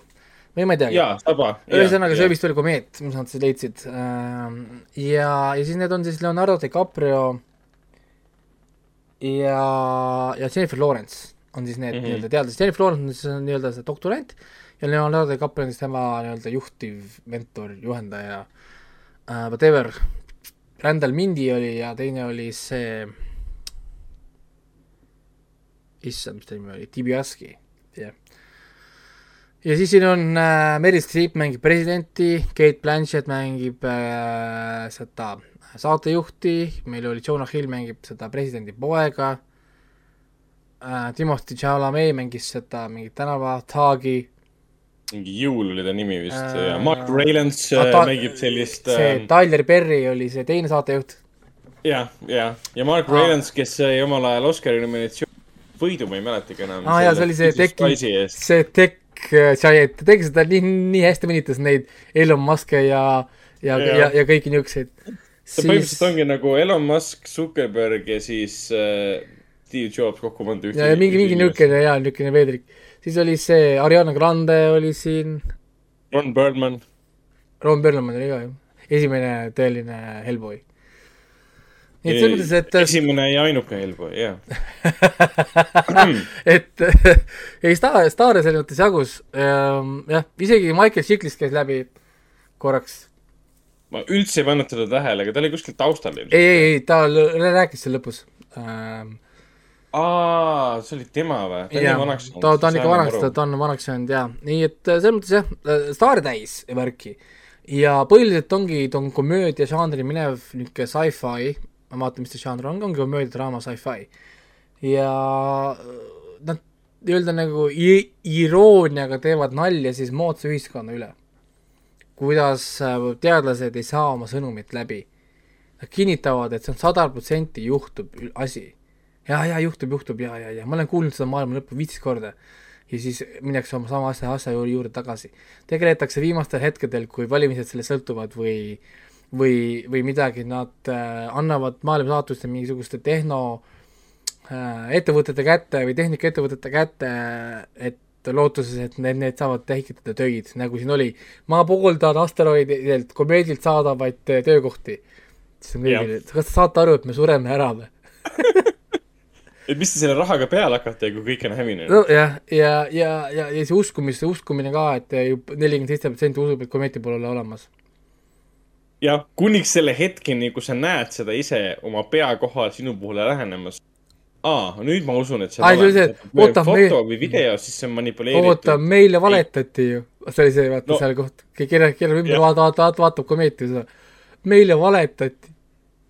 Aga see võtab väga hästi kokku, ironiseerib ja teeb nalja selle infoühiskonna üle ja kuidas kõik peavad kõike fake äh, mingisuguseks pandeemiaks või konspiratsiooniks või ja milleks iganes. kui lihtne on inimese, inimestel arvata, et mingi asi ei ole päris, kui nad ei näe seda oma silmaga. ei no üldse siin oli kõik seesama näiteks, et kuule, et vaata, nende uudised läinud sellepärast läbi, et kellegi mingi pulma Instagrami postitus trendis ja, ja, ja nende see nii-öelda pommuudised maailm ära, ära sureb, see ei trendinud, ehk siis äh, kedagi ei huvita, on ju. noh, mingisugune niisugune lähenemine, vaat neile ei antud uut aega, sest noh, nad ei testinud sihtgruppidega hästi ja mingit, mis, mis iganes veidrat nonsensi seal oli nagu palju. noh, muidugi filmi lõpp oli, oli, oli selles mõttes hea, et, et siin olid niisugused mõnusad naljad ja, ja ma ei tea, ma, noh, ma ei tea, mis žanri teda nagu täpselt paigutada, ta on komöödia kindlasti, aga mis ta nagu mokumentari võib-olla, ei ole mokumentari või ma ei tea. ta on justkui ühe, ühe, mõnes mõttes ta on justkui paroodia, aga ta ei ole paroodia, paroodia ühestki nagu konkreetsest. aga mõnes mõttes ta ongi, ta on justkui nende, nende Armageddoni ja Deep Impacti ja kaks tuhat kaksteist stiilis filmide paroodia. nojah, ei see on nagu lõpp on tulemas, aga keegi ei usu see on nagu tasakaalustab, et okei okay,, Ar-, Armageddon aastal kaks tuhat kakskümmend üks on ju. jah, või siis, või siis äh, Gerard Butleri Greenland. et öeldakse, et maailm on hävinemas ja pool rahvastikust mingi, ma ei usu, meid huvitab mingisuguse kuulsa inimese äh, armuelu ja lahutus avalikult kuskil äh, rohkem kui, kui, kui see, mis tegelikult juhtub. aga ei, minu jaoks oli ta vapustav, vapustav elamus, ma vaatasin seda ühe tütrega koos, talle ka väga meeldis. ainuke miinus selle filmi juures muidugi see, et ta on sada kolmkümmend kaheksa minutit pikk et äh, ma tundsin küll, et on kuskil kakskümmend pluss minutit pikk liiga, liiga palju. et äh, kuskil keskel film nagu tempo jäi korraks seisma, lugu jäi korraks seisma, keskenduti karakteritele rohkem. karakteritega, kellega tegelikult olime niivõrd palju juba aega veetnud, et see, et nad karakteritele rohkem keskendusid, tegelikult otseselt ei tähendanud, et nad neid edasi arendasid, lihtsalt me nägime, saime nendega aega veeta rohkem aga see on väike siukene, siukene miinus, et Adam McKay režissöörina mulle on, hakkas meeldima vist ähm,. tegelikult on mulle kogu aeg meeldinud. Anchormani filmid, talle tegi ka Night, Step Brothers, The Other Guys ähm,.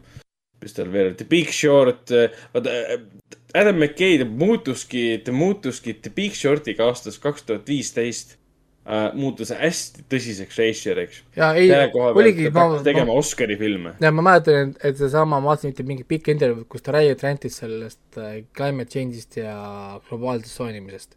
et see on tema jaoks mingi noh, teema, ühesõnaga, ja, ja, ja ta on solvunud, et ongi, et teadlased kirjutavad, toovad täpselt välja, mis juhtub ja niimoodi juhtub iga Mm. aasta järjest lähemale ja nobody gives a shit. jah, no täpselt. et äh, ja arusaadav ka, et noh, miks ta tahtis sellest nagu lõpuks filmi ka teha. sest ta on teinud majanduskriisist filmi, tegi asepresidendi filmi See Wise ja nüüd Don't Look Up ja miks ja ta võtab peaossa äh, DiCaprio, kes on teada-tuntud ähm, ähm, kliima soojenemise või siis, äh, või, eeskõneleja või siis koha pealt. teada-tuntud äh, eralennukiga lendaja. eralennukiga lendaja kliimakonverentsidele, kus ta palub, et, et me sõidaksime vähem lennukitega. see on see,, ok. ei no ei, ei no vähe-, ei no teeb minu sõnade järgi, mitte minu tegude järgi. Why, why Oh. not? jah, seda, okei okay. mm. -hmm. eks, eks mingid need ähm, siuksed ähm, vastuolud on alati olemas, aga vähemalt ta soovib head. ja, ei no mõnes mõttes seda filmi saab vaadelda ka sellisena, et äh, karirikkaid ja maailma kõige tuntumaid näitlejaid teevad filmi, kus nad loevad siis äh, moraali Ameerika rahvale. et äh, te olete kõik rumalad ja lollid, et valisite Trumpi, maailm on lõppemas ja te ei saa sellest aru. ja ma arvan, et mingi seltskond USA-s vihkab nii sügavalt seda filmi. Nende muidugi. kodutoas praegu põleb, alarmid käivad, et mis asi see on, see teeb maha meid, kus Q on ja mis iganes. et ma olen täiesti veendunud, et mingi seltskond vihkab südamest seda filmi. ma ei ole muidugi IMDB-sse väga vaadanud, kuidas seal see kajastus on. ei no ikka on muidugi ja mulle meeldis tegelikult see toodud kampaania osa, vaata, et look up ja don't look up. see presidentide kampaaniad ja värgid, et et äh, selle filmi absurdikomöödia on minu jaoks väga South Parkilik. on, selle koha pealt, et ta on väga otsekohene. ta ei ürita maskeerida oma huumorit ega ta ta ei, ta ei tee nagu varjatud huumorit. ta sõna otseses mõttes ütleb sulle välja, et see on absurdne, et president ei võta seda tõsiselt. see on absurdne, et mingisugune hommikus ei räägi. Nad, nad ei karda seda, et see on tulemas, nad keskenduvad millelegi muule. ja põhjus ei ole selles, et nad tahtsid nagu rahvast äh,, rahvale seda uudist tuua nagu, nagu kuidagi leevendava löögina äh, näitama. asi selles um,, vaid lihtsalt ta toobki välja, mitte kedagi tegelikult ei huvita, kuni selle hetkeni, kui me näeme seda, mis meid hävitab. ja see mu- mulle meeldis, et nad ei, nad ei üritanud olla, see, see film ei ole nagu intelligentne, intelligentset huumorit täis. ta on pigem väga otsekohene absurd. kuule, kõige parem nali filmis, see kindral küsib raha nende snäkkide eest. ma naersin selle üle, ma naerin selle üle mitu korda, seni pole olnud see karakter ei saanud sellest üle kuni lõpuni välja, sest see oli, see, see oli nii hea oli- nali. see oli see läbiv nali, mis oli filmi lõpuni see oli minu arust nii hästi kirjutatud ja nii, nii hästi ära mängitud, et nad ise katusel mõtlevad, kuule, huvitav, kas tal oli power play sellega? aga oli-, aga pidi, oli pidi olema, et, et inimene toob sulle valges majas snäkke. oota, ära nüüd spoilerda seda, okei, okei, me ei saa okay,. ära seda nalja päris ära spoilerda, seda vaadake see ise, siis see sa on lihtsalt hea kommentaar selle kohta, et milline, milline see Valge Maja tegelikult oli äh, Trumpi mõju, mõjuvõimu all. mõnes, mõttes küll, aga jaa, aga ausalt öeldes mina, mina ei saanud aru, kas nad räägivad Trumpist või nad räägivad Bidenist siin. no see on, ma arvan, et USA poliitika vist kõik ühesugune, mõnikord on see asi nagu rohkem välja. mina olen neil vahet teinud, et äh, üks on grab them by the pussy, teine nuusutab seal juukseid ja, ja silitab neid äh, lasteaiaõlgu, nii et ma ei teagi, mis see hu- hullem on lõpuks.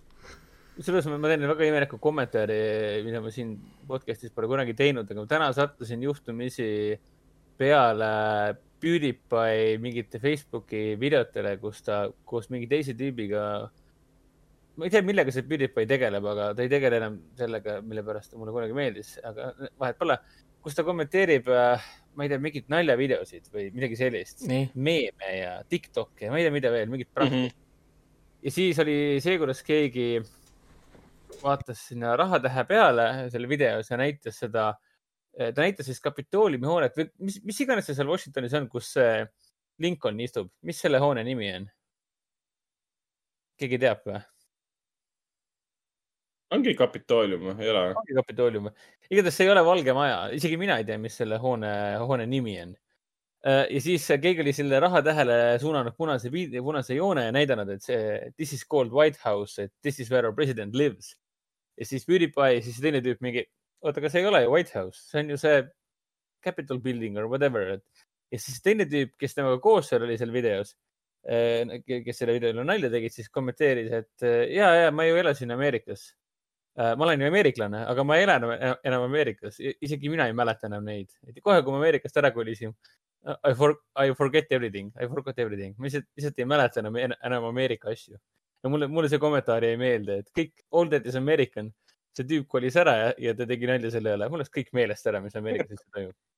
et sellega seoses tuli see meelde, et see Don't look up lihtsalt hea, hea, hea satiir selles suhtes. Aga see on jah, Washington, Washington DC-s Lincoln Memorial, eraldi aa, koht. Lincoln Memorial, okei, okei, selge pilt, noh.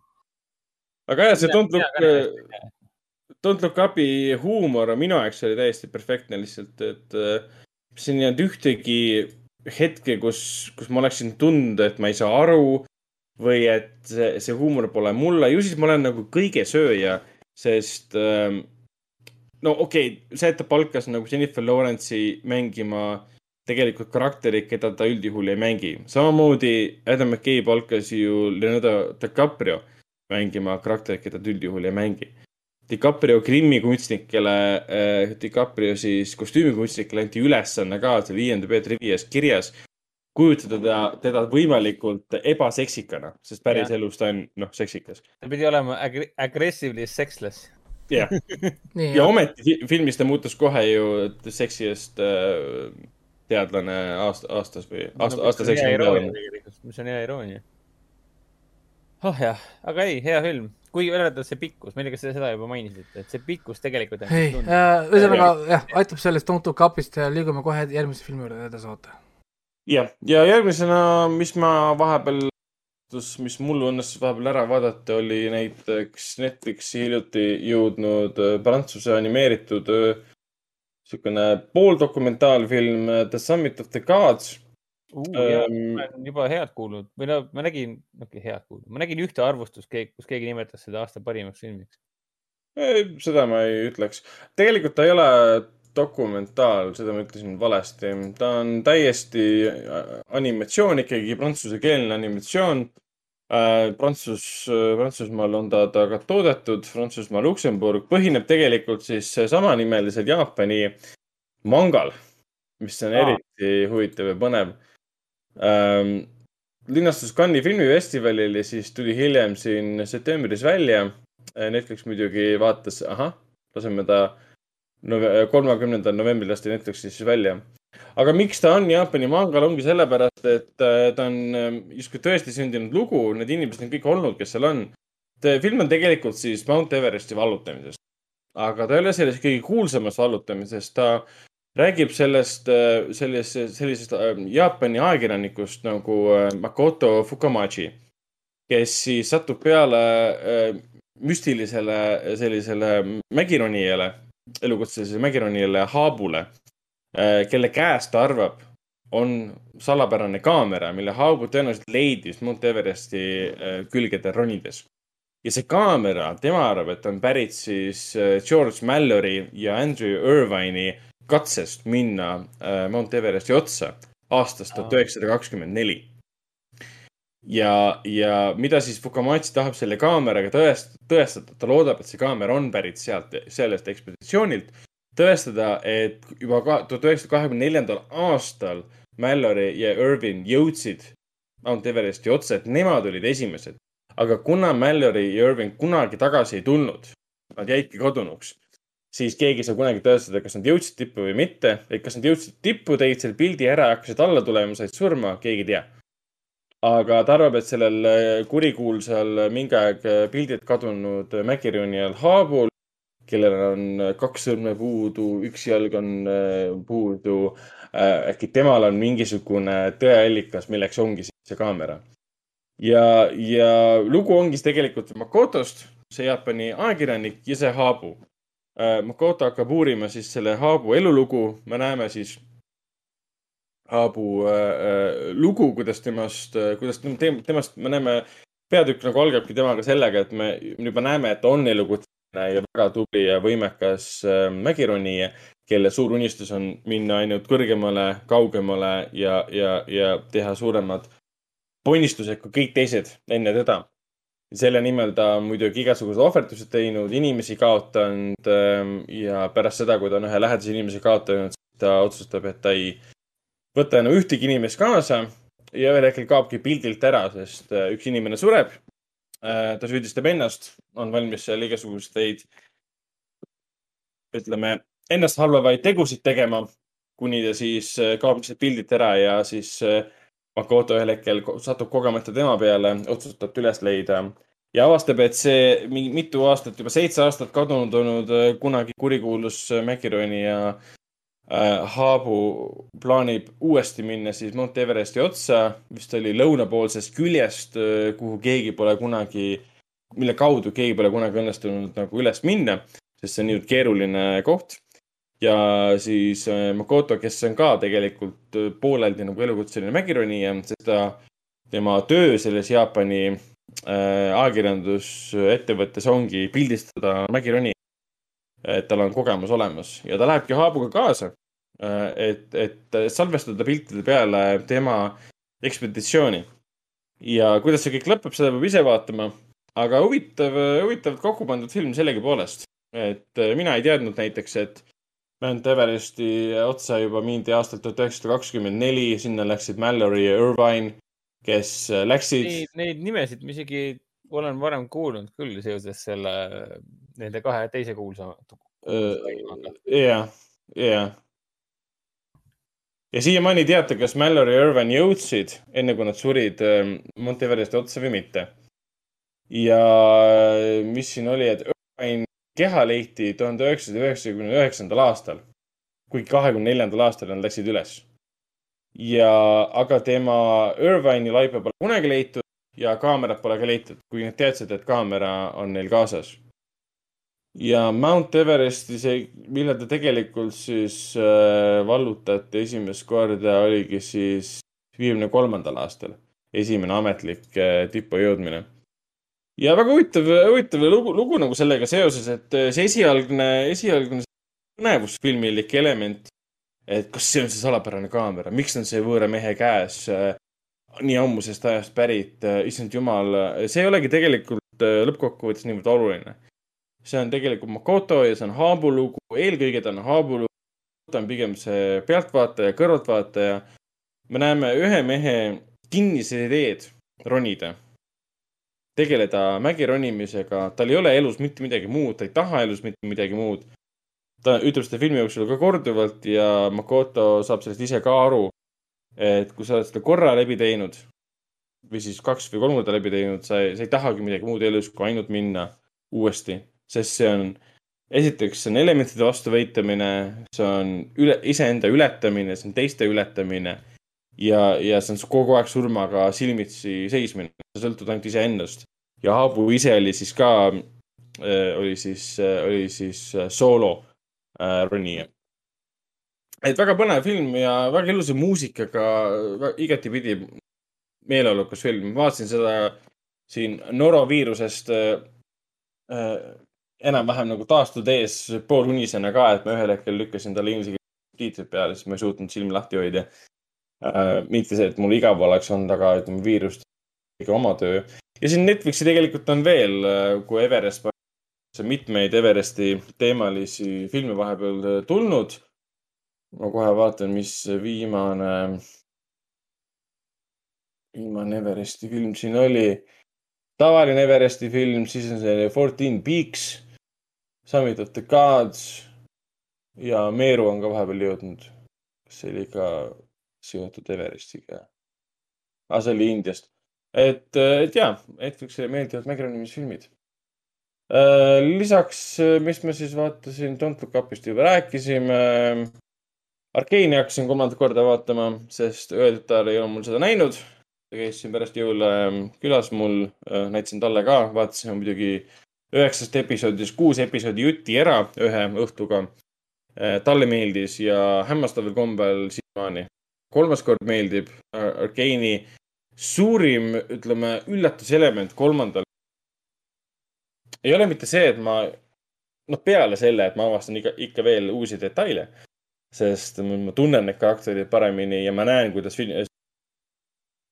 planting ja payoff'i kasutanud. Ehk siis sa näed nii visuaalseid artefakte, visuaalseid elemente, mingisuguseid mööduvaid lauseid, mingisuguseid sümboleid, mingid metafoor, allegooriad, mida on kuskil visuaalselt või siis äh, suusõnaliselt äh, kasutatud, mis esialgu ei oma mingit tähendust, aga hiljem tuleb talle payoff, et ma aru, kuidas need kaks asja on omavahel seotud. kolmandal korral need asjad tulevad rohkem nagu esile. aga Arkeeni kolmandat korda vaadates selge see, et need episoodid jooksevad niivõrd kiiresti mööda. Et esimesed neli episoodi ma ei pannudki tähele, et ma juba neli korda, umbes nelikümmend minutit äh, episoodi jutti.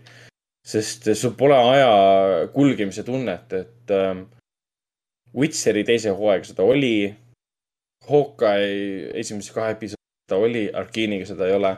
et lihtsalt aasta parim seriaal, kõigi aegade lemmikseriaale, siin ei ole midagi. Ja Disney plussi jõudis nüüd ka siis äh, The Book of äh, Boba Fett, mis on siis järjekordne Disney plussi äh, Star Warsi seriaal. Hetkel on see siis, mis ta on siin järjekorras, võib öelda siis uuematest seriaalidest kolmas. Et siin vahepeal tuli ju Mandalorian, millel on juba kaks hooaega väljas, siis nüüd on Boba Fett, tulemas on veel ka siis Ashoka ähm,, Ashoka seriaal, kus siis seesama näitleja, kes mängis äh, Rosario Dawson, kui ma ei eksi.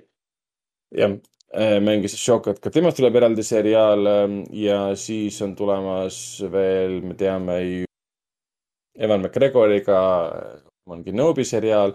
ehk siis Star Wars äh, on jõudnud praegu punkti, kus need filmid panid täiesti pausile ja keskenduvad äh, mineviku nostalgia, no võib ausalt öeldes lüpsimisele. Ja samal ajal nad täidavad aukude täitmisega. sest see suur karuteene, mida tegi Force Awakens, see on siis äh, kolmas triloogia, mis nüüd sai läbi filmiga siis äh, Rise of the Skywalker tegi selle karuteene, et nad hüppasid äh, kuuendas filmis Return of the Jedi kohe Force seal oli umbes kolmkümmend aastat vahet ja jätsid mulje, et justkui midagi pole muutunud. kuuendas episoodis kõik pahad alistati, impeerium langes. tuli seitsmes episood, kolmkümmend aastat on möödas, film algab täpselt nii, nagu poleks mitte midagi muutunud. ikka on kuskil impeerium, ikka on kuskil sõdurid, ikka on kuskil Koni armee. see oli nii kummaline ja nagu veider üle. ühelt poolt nostalgilistel kaalutlustel saan aru, aga teiselt poolt, mille nimel üldse võideldi siis ja miks sa teed filmi niimoodi. tagantjärgi see oli väga edukas samm, aga minule omal ajal see ei meeldinud ja siiamaani. aga kuna Star Warsi saaga lõppes küll väga edukalt, kui me räägime rahast, siis äh, Last Jedi ja Rise of Skywalker ei olnud kindlasti kõige kiidetumad filmid äh, fännide poolt. siis otsustas Star äh,, Disney, et nemad panevad nüüd Star Warsi filmid pausile ja lähevad tagasi seriaalide peale Äh, mille ja nende eesmärk kohati ongi tegelikult siis Return of the Jedi ja Force Awakensi augu täitmise ees, eesmärgi, eesmärgipäraselt nii-öelda tsementi sinna kallamine, et konteksti kallamine põhimõtteliselt. Mandalooriani kaks, ähm, kaks hooaega on seda auku täitnud, näitab, mis juhtus sellel perioodil, kui impeerium langes, kui pahade impeerium langes, head hakkasid tõusma mis juhtus sellises, sellises seadusetus maailmas edasi. samamoodi äh, The Book of Boba Fett jätkab sealt, kus Return of the Jedi pooleli jäi. Me teame kõik, kes on Boba Fett, oli see kuulus äh, bounty hunter, kelle, kelle isast siis äh, the Clone'ist me saime teada.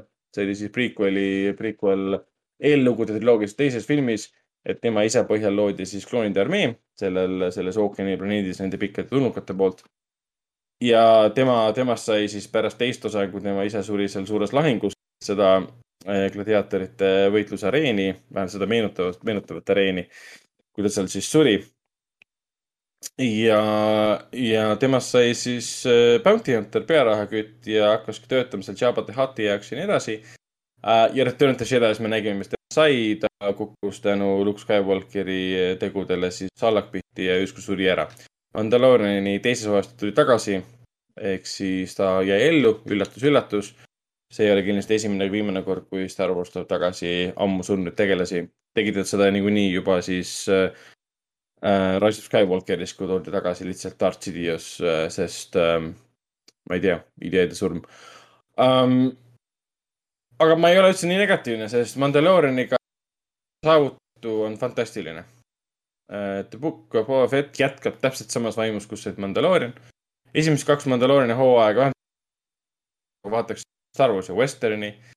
teine hooaeg samas vaimus, mõlemad fantastiliselt, tugevad draamad, väga head näevad välja, napi dialoogiga. seal on kõike seda, mis mulle meeldib hea ulme juures. ja seal on vähem seda, mis mind tüütas Star Warsi juures. ma ei ole kunagi Star Warsi fänn võib-olla olnud, aga, aga ma tean väga hästi, mis mind seal asjad tüütasid ja need asjad, mis mind tüütasid, olidki see, see perekonna seebikas ja seda on nii vähe. Seda, siin on uued perekonnad võib-olla sees, aga seda vana perekonna seebikat enam ei ole. ja Boba Fetti kohta ma ei taha midagi spoilerdada, ta jätkab, jätkab korralikult äh, samas vaimus kui Mandalorian. ja, ja Temur, Temuera Morrison on taaskord samas rollis, kus ta on olnud kogu aeg. tema Star Warsi canonis liituski tähtede, tähtede kloonis, kloonide rünnakus. Ja, ja andis ka oma hääle siis seal äh, uus äh, versioonis, kui anti välja Empire Strikes Backi see re-release, äh, digitaalselt lisati tema hääl sinna. siis ta on sellesse kaanonisse sisestatud. ja esimene episood on selline karakteri arenduse episood. et äh, seriaal suht kohtleb seda Boba Fetti nagu tühja, tühja lehekülge, mida ta mõnes mõttes ka on, ega me ei tea temast mitte midagi peale selle, et tema isast loodi klooniarmee, ta oli kurb, kui tema isa suri. me teadsime, et ta on surnud. ja, ja me, ta oli, ja ta oli maailmakuulus, maailmakuulus äh, või noh, universumi kuulus siis äh, pearahakütt ja ta suri. ja me tänu Mandalorianile saime teada Mandaloriani um,. ja mõnes mõttes ta ongi tühi leht, me lõpuks saame tema kohta nii mõndagi teada juba esimese episoodi. pigem saame teada tema karakteri kohta mitte nagu taustsüsteemid, vaid pigem saame teada tema võimekuse kohta. et kes ta on nagu inimesena, kuidas ta käitub kriisiolukorras ja nii edasi. aga. seda ka, et kes ta nagu üldse tegelikult oli nii-öelda või? no see ilmselt veel tuleb siin. no enne surma nii-öelda. jah. võime esimeses osas saame pigem rohkem seda teada, et mis sai temast pärast surma nii-öelda või mm.?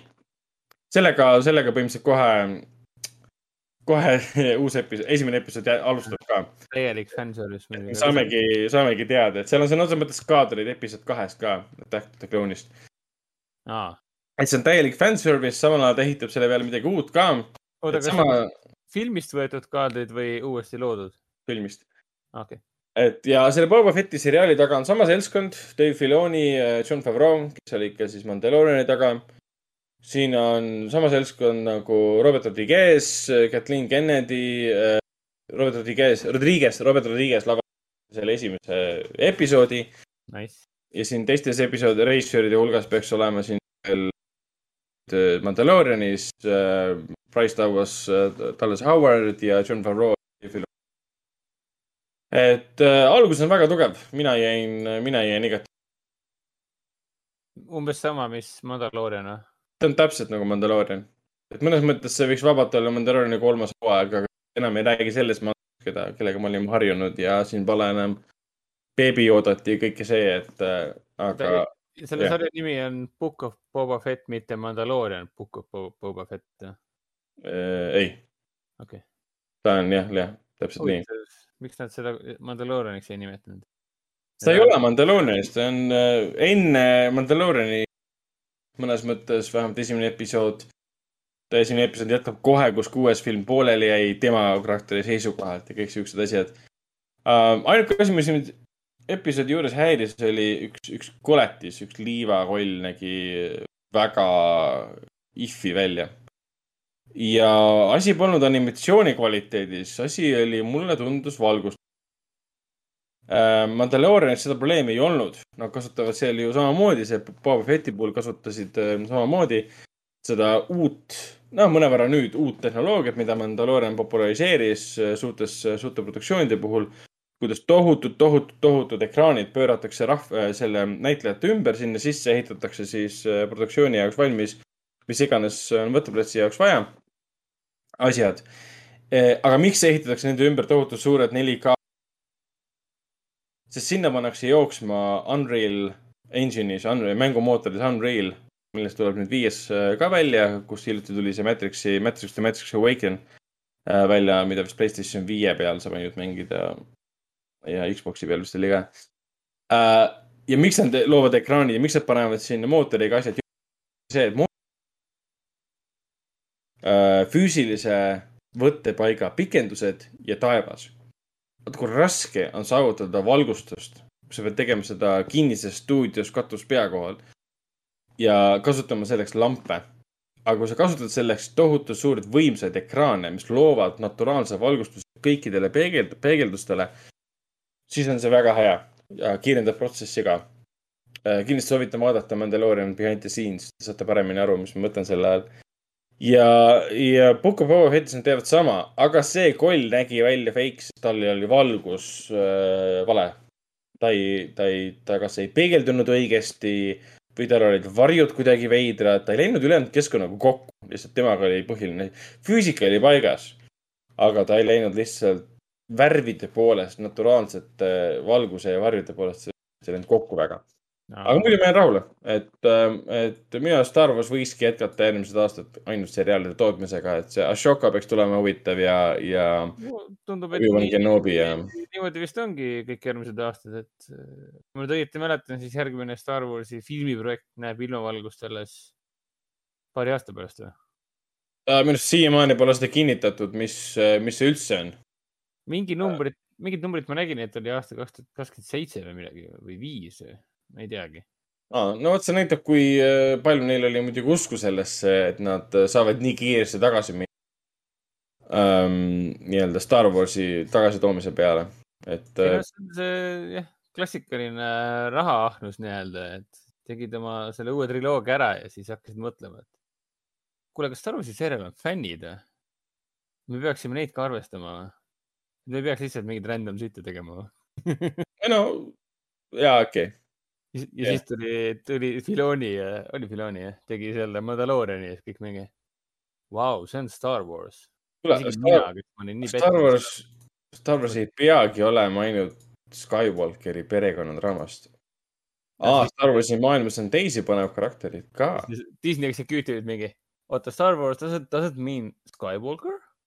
Ah, I thought it was an anagram or something oh aga ei, see on hea, see on hea, et Star Wars liigub nagu õiges suunas, lihtsalt ma loodan, et ta ei lähe liiga, liiga suureks äh,, tead küll, milleks äh,. noh, siukseks kasseerimine puhtalt selle põhjal, mida inimesed mäletavad.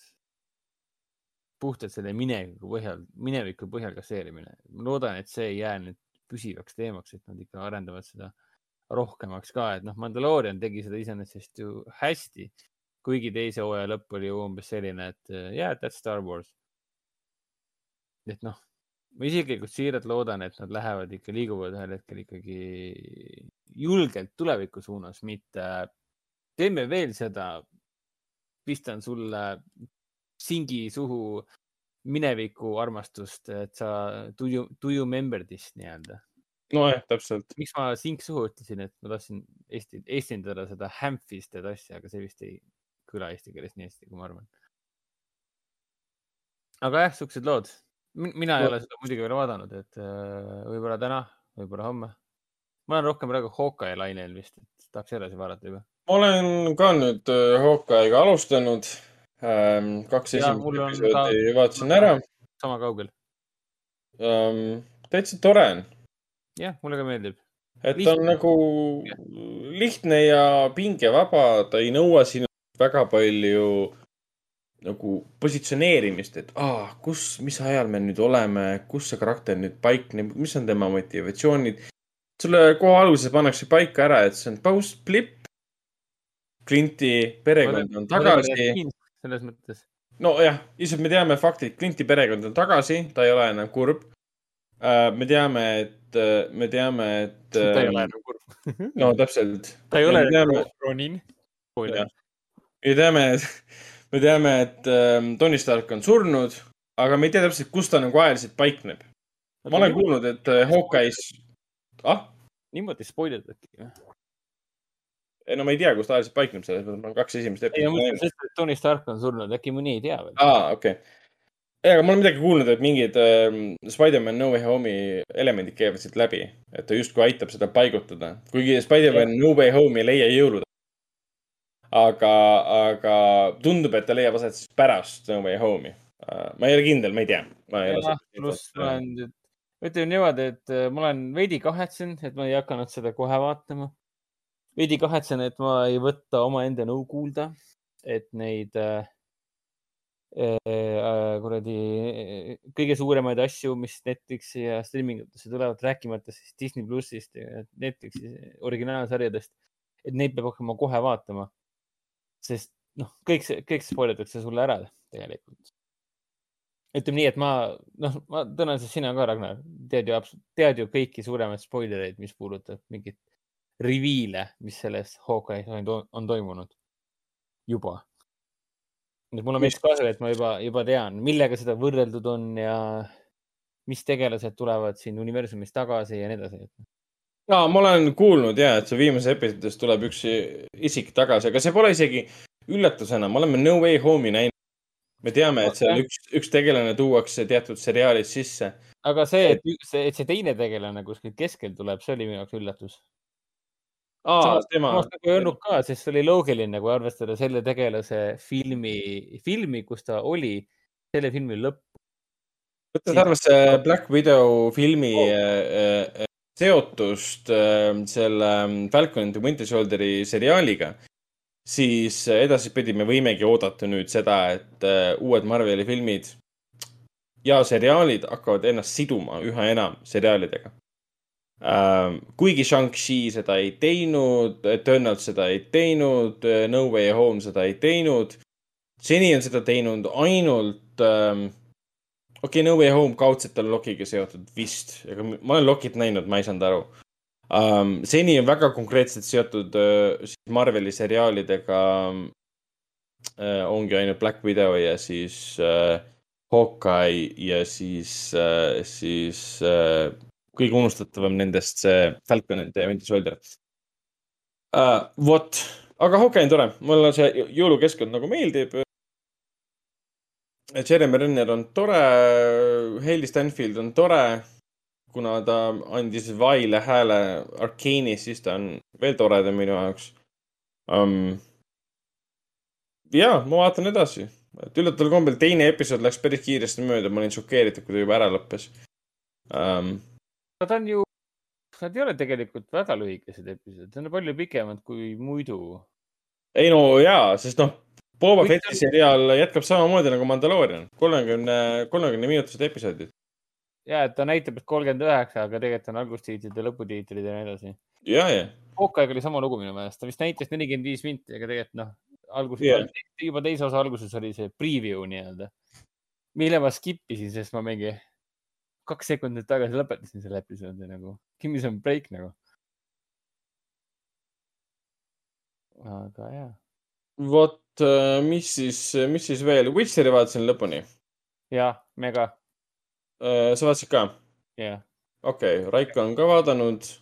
finali tehtud. Raiko pidi korraks ära minema. kuule, aga Hawkeye'd olid jah, esimesed kaks episoodi viiskümmend ja viiskümmend kaks minutit, Mhm. üllatavalt pikad ja pärast nad lähevad aina lühemaks. viimane kuuskümmend kaks minutit, okei okay., pole paha. jah, Witcheri suhtes ma olen põhimõtteliselt Raiko öelduga nõus. kuigi mis Raiko ütleski? no seda, et ta teeb liiga palju seda ülesehitust äh, kolmandaks hooajaks. et ta nagu ohverdab väga palju oma sisulisest pingest äh,, sisulisest edasiarendusest äh,, ohverdab oma suured sammud nii-öelda. ohverdab selle nimel, et äh, ta teeb seda justkui mingit klassik-, tahaks öelda, et see on mingi klassikaline Netflixi äh, loogika või, või arusaam või viis, kuidas asju pikendada, et teeme asja laiemaks ja suuremaks, paneme eri narratiivi sisse, paneme inimesed seiklema. kõik selle nimel, et kolmas hooaeg, neljas hooaeg oleks veelgi, veelgi, veelgi selline suurejoonelisem ja vägevam puhtalt sisu, sisuliste pingete pärast, sest noh, teises hooajas asjad liikusid aeglaselt, see on üks kriitika. teine asi, mis oli, mis mind häiris, oli see, et noh, siin nagu tegeleti selle, selle ütleme niimoodi, et su, suure põhipahaga nii-öelda ja lõpuks see suur põhipaha, noh, ma ei tea, ma ei taha midagi spoilerdada, aga lihtsalt äh, noh, ta tuli ja läks nii-öelda, et ei jätnud erilist. kurat, see inglise keel on täiesti ära rikkunud inimesi. on küll, jaa, muidugi. aga, aga samas, samas karakterite suhtes kõik, mis siin toimus, on, oli väga hädavajalik.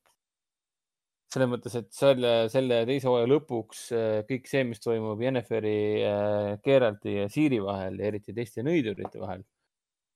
see on see, see, mis siin teise hooaja lõpuks toimus, ja mis, mis, mis radadele nad suundusid, see oli nii hädavajalik, see on nii äge, et see nüüd on, nüüd, nüüd on see build-up tehtud, nüüd on see ülesehitus tehtud, ehk siis tei- kolmas hooaeg saab ainult minna noh, straight on nii-öelda järjest äh, aina põnevamaks.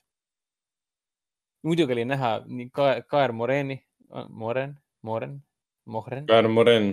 Kaer Moren, nii tore näha, nii äge koht ja noh, kõik need seal kollid, ma olen ise saanud käia tänu Witcher kolmele. ei, aga Witcher, jaa, ma isegi alla hüpanud surnuks seal oma tegelasega. see oli esimene asi, mis ma tegin Witcher kolmes, kui sa ärkad seal Kaermani rõdu peal üles ja saad ringi vaadata. ma hüppasin alla. nagu vanasti oli see Youtube'i kanal, ma ei tea, kas praegu ka on, et Will it blend. kus siis ta see blender pani sinna iPhone'i sisse, et but will it blend siis ta blend'is seda. sul on samamoodi videomängudes mingi meri, mängid mingit Wise City't hmm,, meri, hüppad sisse, sured ära okay.. et kas ma saan teha asju, mis mul pähe tulevad. ei, aga Witcheri teise hooaja kohta mina ütleks seda, et ühelt poolt oli jah, aeglaselt liikuv, teiselt poolt äh, ta oli väga tempokas ja isegi kiirustatud, kui teatud episoodidest rääkida. ja teiselt poolt tal olid mõnevõrra ikkagi tugevamad episoodid, kui olid esimeses hooajas. et võtame kasvõi see Nivelleni episood, mis oli siis võetud viimase soovi äh, lühilugude kogumikust, mis oli esimene kogumik, mis kus välja anti siis. ettemääratuse mõõk tuli natukene hiljem. see oli sealt võetud ja pannud siis sinnasamasse narratiivi, siis Blood of Elves ja Times of äh, Contempt, mille põhjal siis äh, esimesed kaks hooaega tegelikult tehtud on. ja mis minu jaoks oli kõik väga okei okay., see sobis sinna, et ta on lühilugu niikuinii, et tal ei olnudki otseselt konteksti, kus ta nagu keerati elus paiknes varasemalt me teadsime, et see, see, see seik tema elus, olnud seal koos Sheeriga, aga nüüd seriaali jaoks pandi koos Sheeriga, et see on kõik okei okay.. Nivelline episood mulle väga meeldis, sest selle rõhutas, rõhutas seda, et mis teeb koletisest, koletise, see rõhutas seda klišeed ja jällegi vaatles seda klišeed väga intelligentselt ja arukalt, et tõeline koletis on inimene. sedasama teemat ta vaatles, vaatles edasi selles mõttes et kes on see tegelik koletis, kas see koletis, kes me, keda me näeme koletisena, keda kõik süüdistavad koletiseks olemises või see inimene, kes enda ümber näeb ainult koletisi ja süüdistab oma, omaenda tegudes kõiki teisi. et, et teise hooaja võib-olla ütleme, siuksed highlight'id, mis minu jaoks olid ähm,, olidki võib-olla see, et mina arvasin, et see, et siin ei olegi põhi pahalast, et see ongi karakterite vaheline kisma. et me ju kõik teame, mis juhtus Jenniferi ja Geralti vahel, Geralti ja siis Jaskeri vahel. aga ma teadsin, et Rince peab sisse tulema ja Rince'i näitleja on hästi valitud. Rince oli esimeses kahes äh, Blood of Hellsis oli teda rohkem, väga kaval ja äge karakter, minu arust tema tseenid olid väga õnnestunud, oota, et kuskohast see tegelane pärit on? äh, Blood of Elves ja siis Times of Contempt, seal ta oli teda vähem. Of Elvesis oli kõige rohkem. mängudes pole Rinsi varem olnud või? mängudes minu arust Rince'i ei ole olnud, kolmandas vähemalt mitte. ja Rince'i Äh. puhul, Rince nagu tõigi välja selle, et äh, kuivõrd hästi tegelikult teine hooaeg raamatu fännide jaoks taaslavastas raamatust otse pärit stseeni, kõik see Jask-, ütleme, Jaskeri kimbatus äh, Rince'iga näiteks äh, ja, ja Nivelleni episood ja, ja üldine narratiiv ka. siin fännid on jah maha teinud äh, teatud karakterite saatuseid, mis kapitaalselt teistsugused. no mul jah, ühest sellest tegelasest on mul sooja külma, sest ma ei teadnud, kes ta on. aga see teine tegelane, ma olin umbes niimoodi, et mingi, oota, mida? kuidas see võimalik on, et te tegite midagi sellist oota, mis teine tegelane? um,? noh, see teine tegelane. oota, kas sa, ära, ära ütle välja. oota, kas sa mõtled praegu ähm, ühte suurt ja tähtsat tegelast? no Si- kogukuse poole, poolest on ta jah suurem kui Geralt. oota, mida sa mõtled praegu?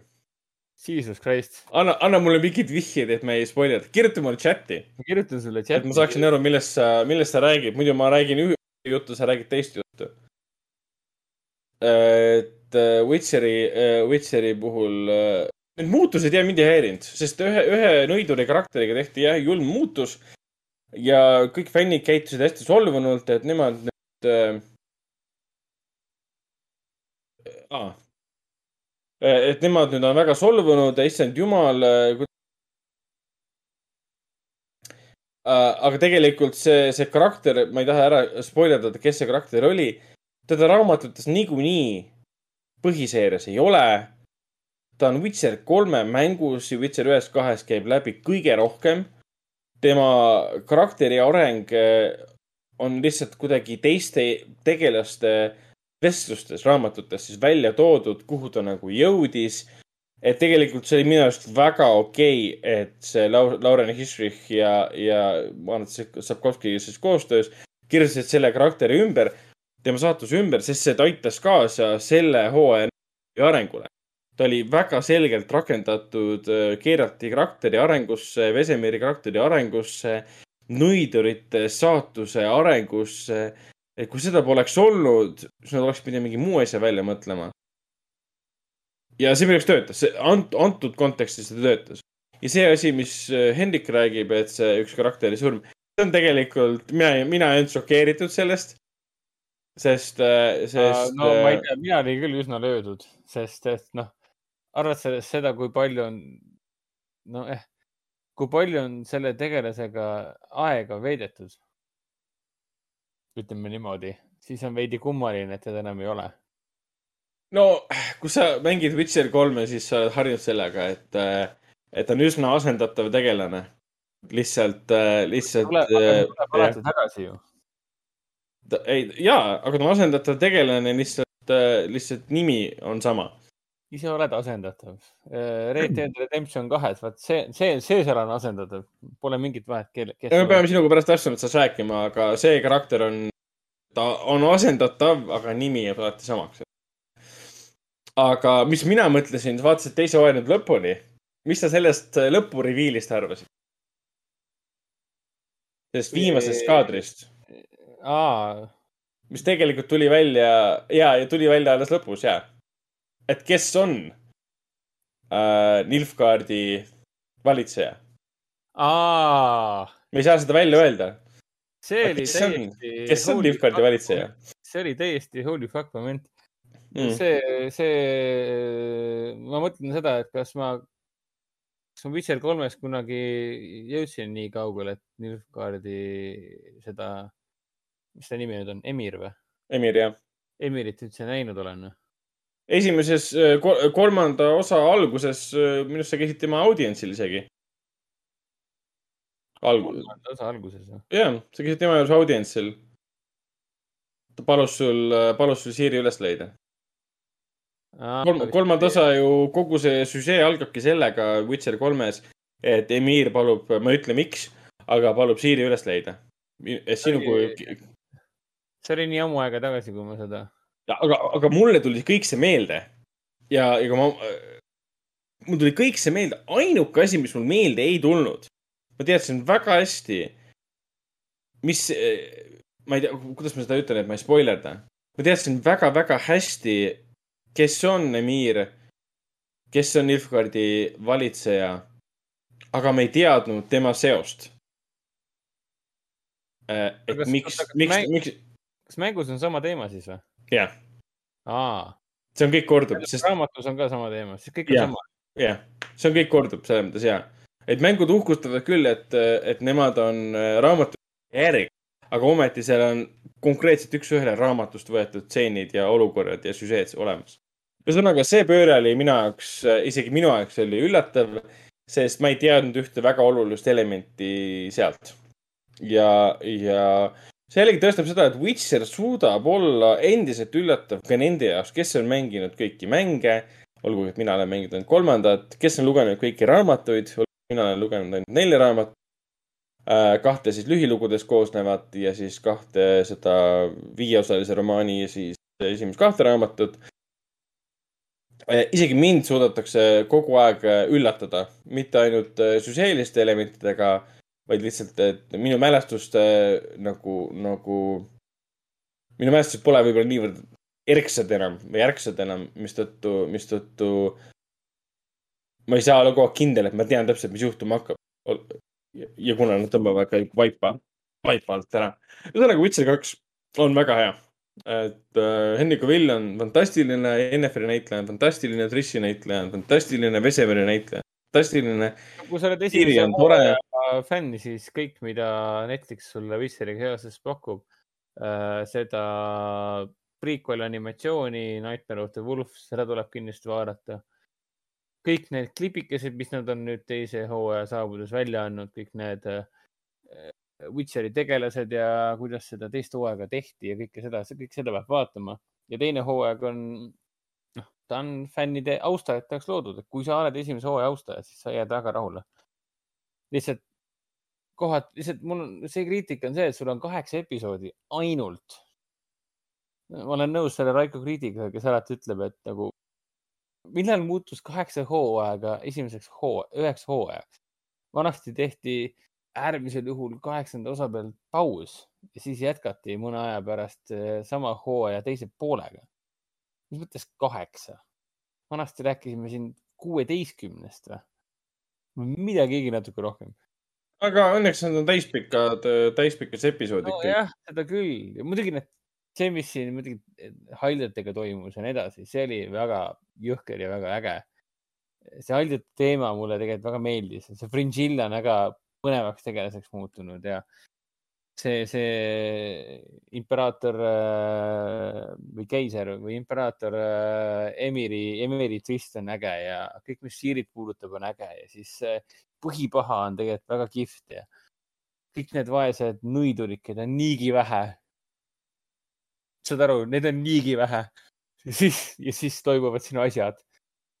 me siin, me siin kahekesti poiss ka, kolmekesti mingi, neid on niigi vähe, mis te teete?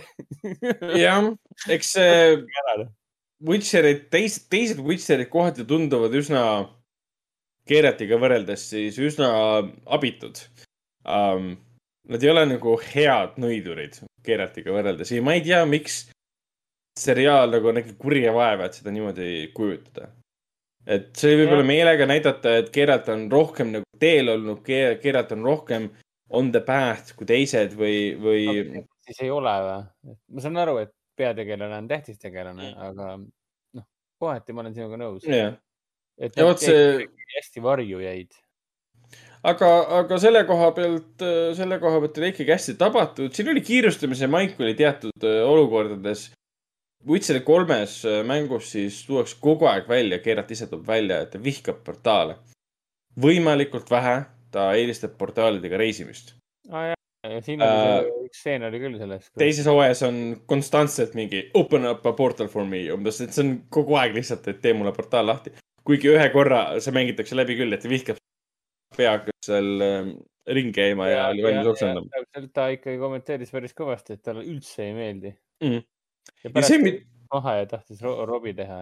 jah, ja see, mida Raiko kritiseeris, see haldjate narratiivi kulgemine, see mulle tegelikult äh, meeldis, sest Witcheri haldjad ei ole mingisugused äh, sõrmuste isanda haldjad.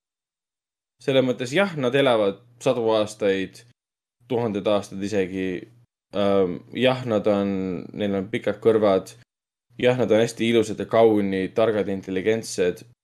aga isegi Witcheri, isegi selle Sapkovski haldjad on siuksed, siuksed realistlikumad ja maisemad. Nad ei paista kohe silma siukse helgete olenditena kuskilt eemalt nagu, nagu sõrmuste isandas.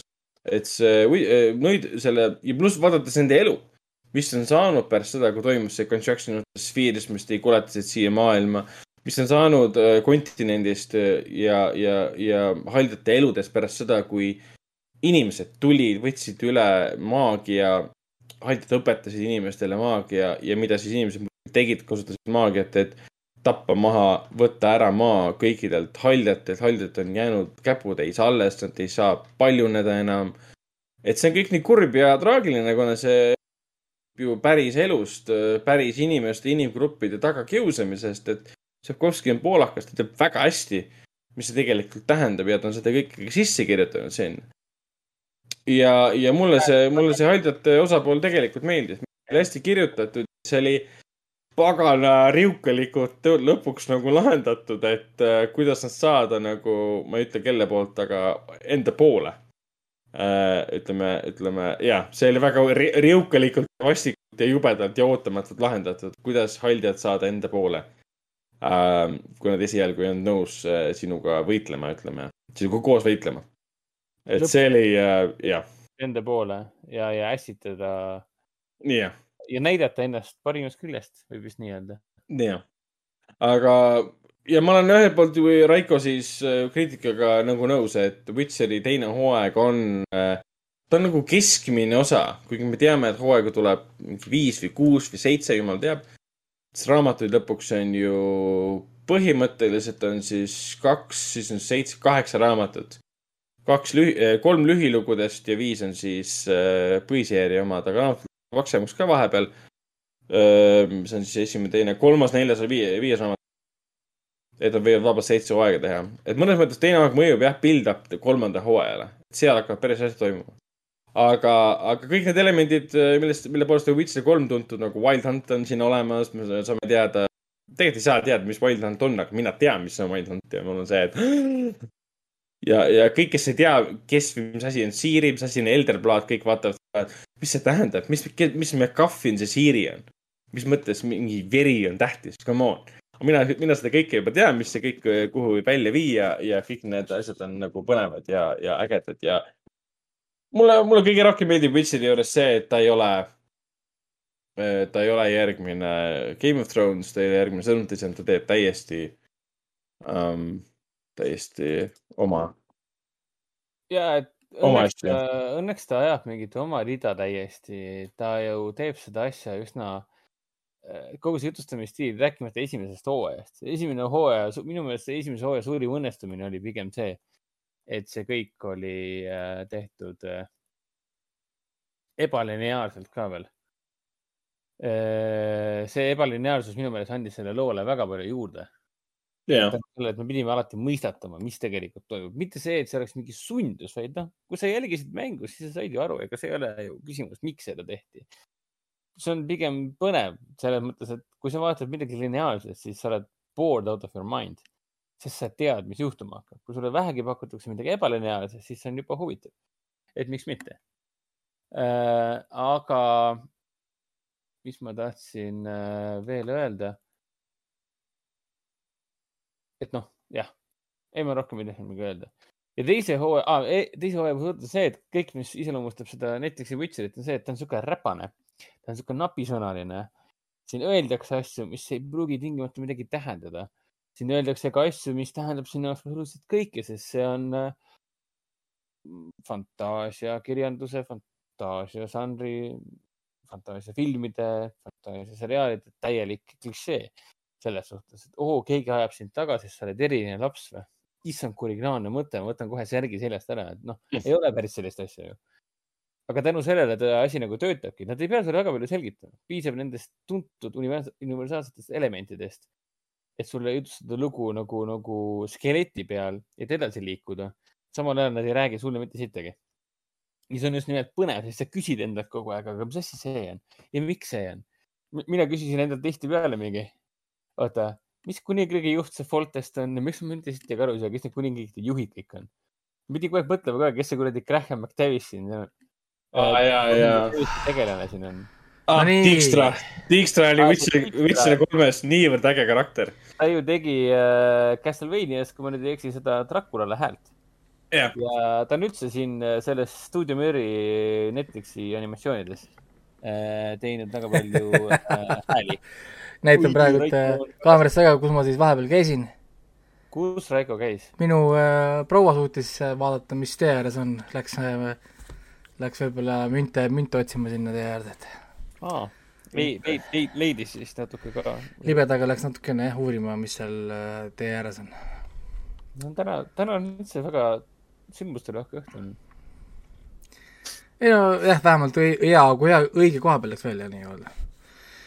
nii, millist, millist ma ilma nüüd jäin äh,? rääkisite ära Witcheri ja mis te nüüd räägite? Hawkeye rääkisime ära, Don't Look Up'i rääkisime ära. minu poolt ongi, läkski praegu kõik juba, nüüd saab Hendrik rääkida oma Lõuna-Korea filmidest. aa, ma vaatasin What If'i ka lõpuni, sest äh, Ah, selle lõpuni vaatama, enne kui ma Hawkeye'ga alustan. See kaks viimast episoodi oli, oligi jäänud, üks eelviimane, kui ma ei eksi, oli see, ei, kolm viimast episoodi üle-eelviimane oli see, kui Thor oleks olnud ainus laps, mis oli random suvaline. see on täiesti random. Thor pani pidu ja siis tuli kapten Marvel endas selle lõuksi, et noh, jah, see polnud huvitav. aga aga see ülejäänud kaks osa läks juba noh, iseenesest nagu natuke huvitavamaks, kuigi see oli basically täpselt sama asi, mida me juba nägime Infinity Waris Endgame'is. nii et taaskord see What If jätkas täpselt seda, mida ma kartsin esimese episoodi põhjal. et kogu teie kontseptsioon seisneb selles, et te võtate MCU filmid, kõige tähtsamad, suuremad filmid ja momendid teete väikse switcheroo ja jutustate täpselt sama lugu. et eh, jah, no ma ei tea, sihuke viis kuni kuus kümme seriaal, never ei vaata seda kunagi uuesti. Never ei mõtle ka ma selle peale kui midagi väärtuslikku või head. Ja kuigi tõsi, ep- episoodide wise, ma äh, viimased kaks episoodi mulle noh, iseenesest täitsa meeldisid, laddusin neile seal mingeid seitsmeid ja kaheksaseid, aga tervikuna see sari minu jaoks ei oma mingit tähtsust. no eks, eks see võib-olla viitab ainult äh, Doctor Strange'i osale ja jah, õnneks ta ei ole kaanon ka, et, et tõenäoliselt soovitaks ainult seda, et vaadake seda What if Doctor Strange was evil või et What if Doctor Strange lost his heart instead ei no of- ja see, see on jah ainukene oluline osa, sest see see ära, liigub kui tahate spoilereid äh, Doctor Strange kahe osas. mm. -hmm. muidu, muidu siin vahepeal oli terve hunnik uudiseid ju, et väidetavalt tõmmati välja Toobi Maguire'i lepingud, et ta naaseb äh, Spider-manina juba multiversi filmis. Andrew Garfieldil samamoodi räägitakse ja Gwen Stacy pidi Emma Stone'iga tagasi tulema. mis järgmine äh, Spider-Gwen'i tahetakse tema, kõik siuksed kuulujutud praegu lihtsalt, ma, kuidas siuksed asjad lekivad? et bossid istuvad äh, stsenaristidega laua taga, kuule, mis me nüüd teeme, mingi sama vend istub no- seal laua taga umbes, kirjutab seal, Twitterisse mingi, kuule, mis me lekitame ei no seal oli see, et Marvel- lepingute järgi oli just, et keegi vaatas just äh, neid lepinguid või asju, et umbes, et Toobil oli kohe järgmine leping väidetavalt samas No Way Home lepingus oli ka multiversi film, nice. Multiverse No, of. Madness. Sony, Sony, Sony äh, ajaloo kõige edukam film on No Way Home. ma arvan, et nad tegid igaks juhuks for the loans neile lepingud valmis. ei no jaa, see leping võib tähendada mida iganes, ta võib-olla lihtsalt Jah. äh, on klipis, võib-olla on mingi annab kahe, kahesekundiline cameo, kui av- avatakse mingi portaal kuskil ja Tobi on oo tšau, umbes ja siis kaob ära, vaata, või noh, whatever. okei okay,, ma saan aru, et sa Hawkeye'i vaatasid lõpuni, on ju? Mina või? ei, ei, mul on kaks Ragnar, Ragnar. ei, mina vaatasin Hawkeye'ist kaks esimest episoodi. okei, okei, selge. Witch, Witcheri vaatasin lõpuni ja sellest me just rääkisime ka. Raiko, me oleme aeglased, me ei jõua midagi vaadata. ja, aga Hendrik, räägi siis, räägi siis Miracle, the President ja Intruder, mõlemad on Lõuna-Korea filmid. mõlemad sa vaatasid ilma minuta, kuigi sa mulle ütlesid küll, et ma ei tohi mitte midagi lugeda ega teada filmi Miracle, the President kohta. Pigem Äh, on- äh,, pigem ei soovita jah, selles mõttes, et ta on lihtsalt nii hea film. mul on ta ära salvestatud hetkel siis Rakuten Vikis, saab teda vaadata läbi VPN-i ja maksta päris raha eest. ja mingi kaks, ma ei tea, Eestis on see kaks kuuskümmend üheksa on vist eurot. kindlalt teda Voodoo's ei ole või? aa aa ei, sorry, ta vist oli, ta on Viu, Viu peal, sorry, Viu peal, ma vaatasin ennem, kui sa panid selle kirja siia. aga ta on selle aasta, ta on reaalselt selle aasta film ja ta on juba nii odav, mis on nagu, ja ei, ta on Aga- äh, Vius, kui sul on Viu tellimus, siis on ta seal olemas by default, niikuinii. aa okei okay.. et need mõned filmid on seal Rak-, Rakutenis äh,, Rakuteni päris leht on tegelikult wiki.com, aga sa leiad üles Rakuten Wikiga. et mõned asjad on ülikallid seal, mingid uued filmid, aga siis sa võtad selle üliägeda humoorika komöö- komöödiadraama ja siis see maksab kaks kuuskümmend üheksa eurot.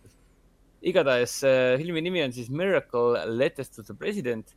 üks põhjus, miks äh, ma selle filmi vastu, tähendab mitte filmi vastu, vaid miks ma selle fi- filmi ühte näitlejat teadsin, oli sellepärast, et ühte seda tegelast mängib siin sihuke naine nagu Yona, kes kuulub siis äh, Lõuna-Koreas sinna tüdrukute K-pop bändi nimega Girls' Generation, kes, Girls' Generation on siis üks kõige suurimaid. mina ei tea, ei tea, ma võin ju kohe öelda, et no, äh, ei sa tea. ei, ei, ei peagi teadma, ei peagi teadma. ma olen selle K-popiga natuke kursis, sest me oleme siin Foorum Cinemas kinodes aeg-ajalt K-popi näidanud, nii poiss kui ka tüdrukute K-popi vist.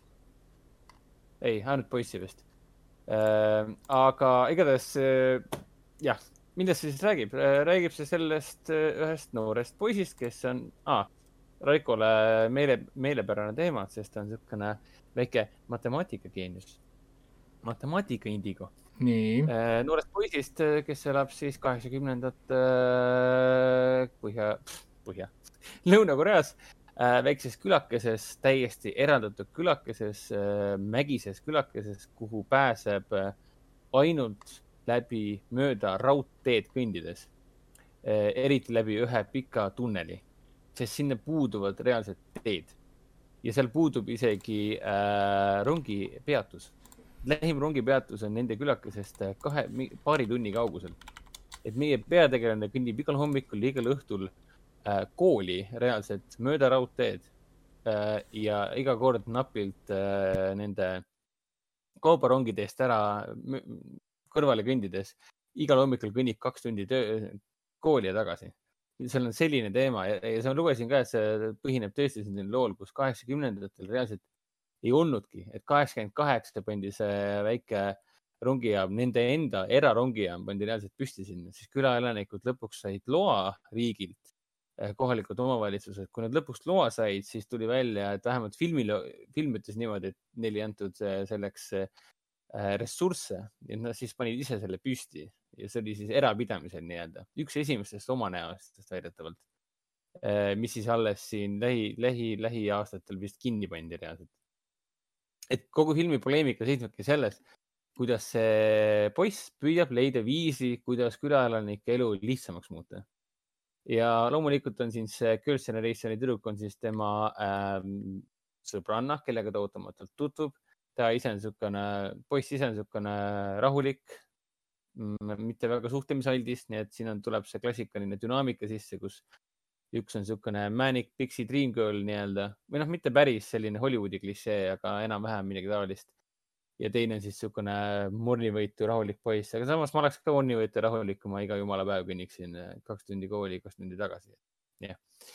Eh, aga tegemist, ma ega väga palju ei tahagi sellest rääkida, sellepärast et eh, Korea filmis on, Korea filmis on neile omaselt, on siin väga palju twiste ja sa hakkad vaatama nagu draamakomöödiat sellest, kuidas raske elu võib olla ka noh, lõbus ja elu jaatav, perekond hoiab kokku ja külaelanikud hoiavad kokku ja meie peategelane siin äh, saadab äh, terve trubikond perekondi reaalselt, saadab läbi pika tunneli, enne kuulab, kuulab, tunnetab vibratsioone, sest eluohtlik on sealt läbi minna, sest inimesed võivad reaalselt alla kukkuda või surma saada. all on äh, järv või oli see jõgi, järv vist on all. mis, kui alla kukud, saad surma et seda ei tohi juhtuda ja siis lõpuks on ka see, et ta paneb sinna eraldi äh,, eraldi seadeldise, mis fikseerib ära vibratsioone. et kui tunneli juures on näha, et seier on äh, rongi peal, siis ei tohi rongi sinna tunnelisse minna, sest iga hetk võib rong tulla. Kui seier ei ole rongi peal, siis järelikult on piisavalt palju aega nii-öelda, et vibratsioonid on veel väga kaugel. selline kaheksakümnendate elu Lõuna-Korea äh, mägikülas nii-öelda äh, jah, aga noh, pikemalt ma ei saagi rääkida, sest siin on tõesti väga palju twiste, see on tõesti, no siin on ka see teema, et see ei pruugi igalühele meeldida.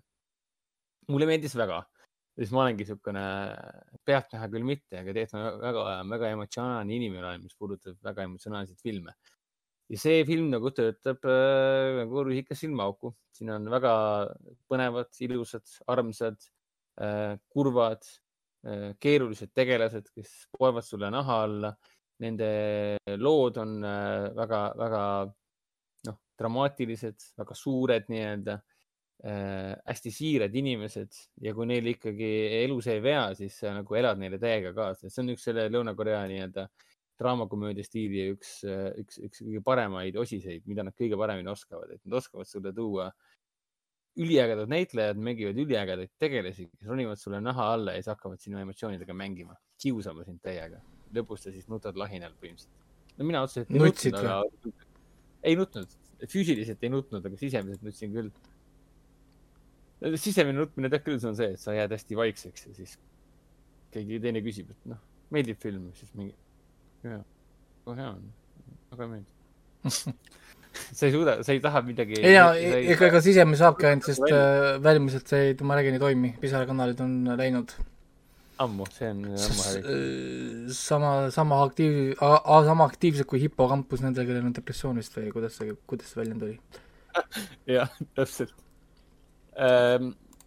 mis siis veel selle filmi kohta öelda, et äh, igatahes võtke see Rakuteni ette äh, Eesti, Eesti, Eesti, selle USA VPN-iga saab kenasti sisse. Rakuten ongi USA-st äh, pärit äh, Aasia filmidele. ja see on kaasafilmi platvorm jah, mul on ka ikka kasutaja seal olemas jah, selles mõttes, et äh, siin on palju uut on siin, hästi palju. on, siin tuleb pidevalt, aga samas, kui teil on olemas Wii U platvorm ja te käite Hongkongi VPN-iga, siis teil ei ole vaja, sest põhimõtteliselt Rakuteni äh, nopib sealt äh, äh, content'i. mis see on, Wii U või? Wii U, Wii U? Nagu, nagu Wii U vaata. põhimõtteliselt peaaegu sama suur platvorm kui Netflix, lihtsalt äh, just mentioning. ja ma tean, ma olen võlgu selle streaming platvormide episoode, ma tean, ma tean, ma tean äh,, lõputult äh, tööd on ja, ja, ja, ja, ja isegi märkmete tegemine iga platvormi kohta, et kui palju need maksavad, kui kaua aega ja nii edasi, võtavad kaua aega ja võib-olla ongi parem, et see streamingute episood meil tuleb äh, nii-öelda videokujul või noh, nagu või siis ongi nagu see äh, noh, ütleme siis videokujul või streamingu kujul, millest on hiljem siis hea võimalik välja noppida võib-olla siis erinevaid tubikesi streamingu platvormi tüüpide kohta siis äh, kiiremini leida võib-olla või midagi. jah, sest neid on ikka nii palju. on küll, neid on palju ja, ja ma kasutan ka palju tegelikult, võib-olla isegi liiga palju praegult, arvestades, kui palju ma tegelikult te- te- tellitakse mu käest tegelikult kirjatöid, võib-olla peaks mõned siin cancel, cancel panema. aga, aga nüüd ma olen nii harjunud enam, et mul on raske nagu tagasi minna mitte nende kasutamise peale, vaata. see on umbes nagu see, et terve elu olen Netflixi kasutaja, siis kuidagi nagu mitte kasutada on nagu veider ja nüüd on nagu nii ära harjunud, et ma olen olnud näiteks Hulu kasutaja juba viis aastat mis on noh, nagu nii sisse kulunud kuidagi, et, et kui ma ei saa Hulule ligi näiteks mi- mingi päev on kohe veider, oot-oot-oot, mis kurat, mis asja, noh nagu nii, nii, nii, nii harjunud sellega. ja, ja nii nagu raske on tagasi tõesti minna, et mis mõttes ma ei saa kohe vaadata kõiki filme, sarju, mis ma tahan või what the fuck, ma pean otsima kuskilt midagi või, mis, mis, mis, mis, nojah mis,, mingi otsimine ka, et mis see nüüd on, onju. aga, aga, aga selge, ma saan aru, et äh, filmidega on sul kõik või, või on sul veel äh, midagi ei, mul on see üks film on veel, igatahes eh, mina panin selle, ERR palus mult ka selle aasta top kümne, top kahekümne, see on praegu ERR-i kultuuris üleval ja ma panin selle isegi endale vist üheksandale kohale, üheksakümnest sai.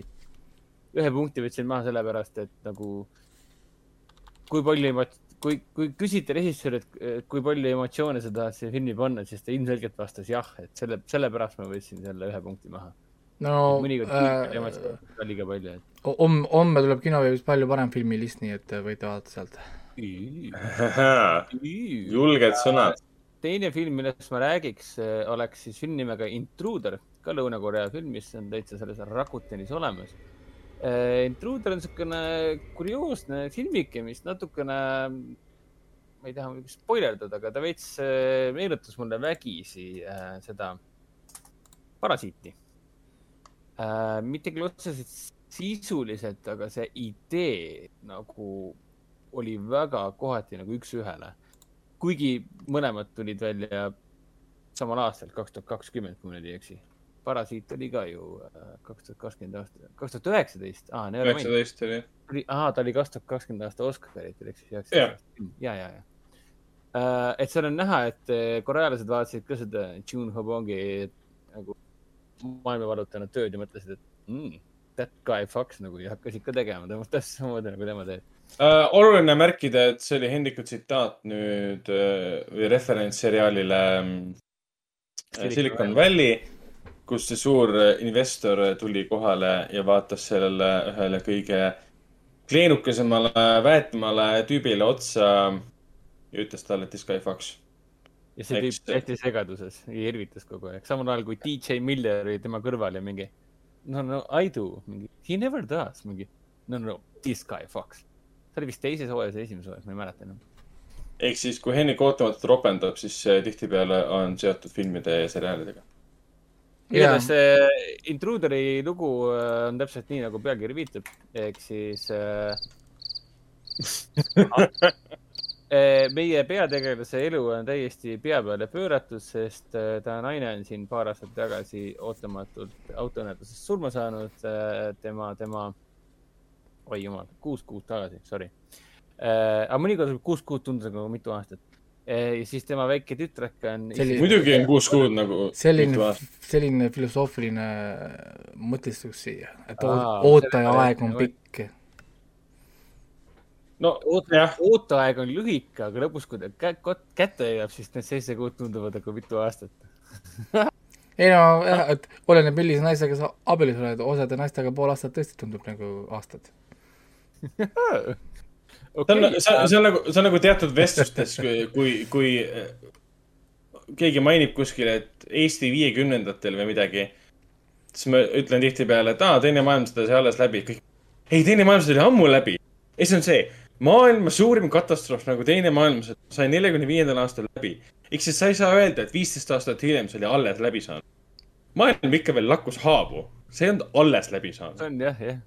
See on umbes nagu, see ei olnud ammu läbi. praegu on ta ja, ammu et läbi. kõik inimesed pole koju, kojugi veel tulnud. no, no täpselt, inimesed on laiali pillud. aga kui mitte et väga off topic uks minna, siis meie peategelase elu, nagu ma mainisin, on täitsa persse kukkunud.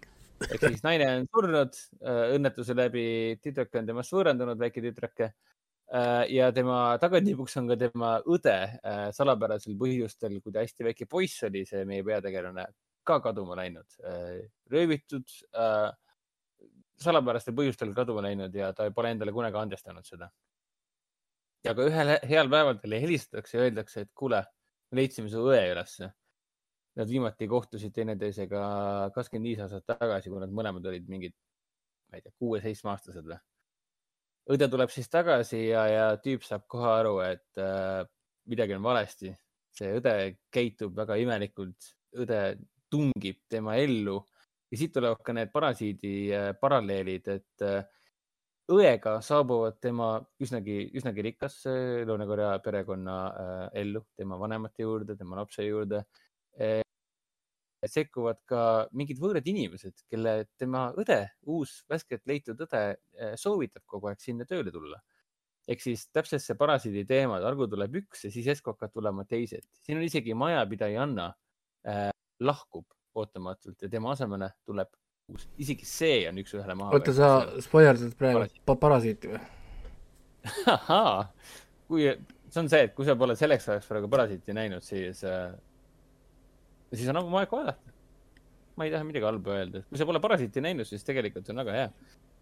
See Õnneks ei film saa- peab subtiitrid lugema õnneks. ei saa see Parasiiti äh, spoilerdada, sest see on liiga hea film. sa pead vaatama filmi kaks korda, kõigepealt vaatad filmi ja siis pärast vaatad subtiitrid.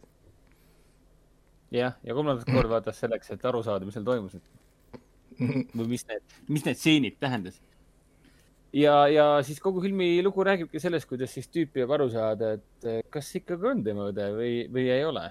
ja asi läheb siin väga psühholoogiliseks kassihiire mänguks kätte, kuni lõpuks ei ole isegi mina kui publik eh, ei olnud enam kindel.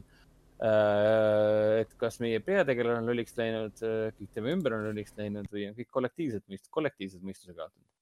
et ta on niisugune korralik eh, seitse-kümme film, ta püüab liiga palju äh, sarnaneda sellele meie armsale parasiidile, aga samas ta saavutab selle terava pingelisuse tänu sellele, et äh, me tõesti ei aima isegi lõpuni välja, mis selle õe taga tegelikult on, sest see asi läheb üsna, üsna võikaks ja väga, väga trilleriks kätte võrreldes parasiidiga. parasiit jääb natukene rohkem draamalikumaks ja, ja võib-olla natukene usutavamaks kui see, mis toimub siin eh, Intruderis.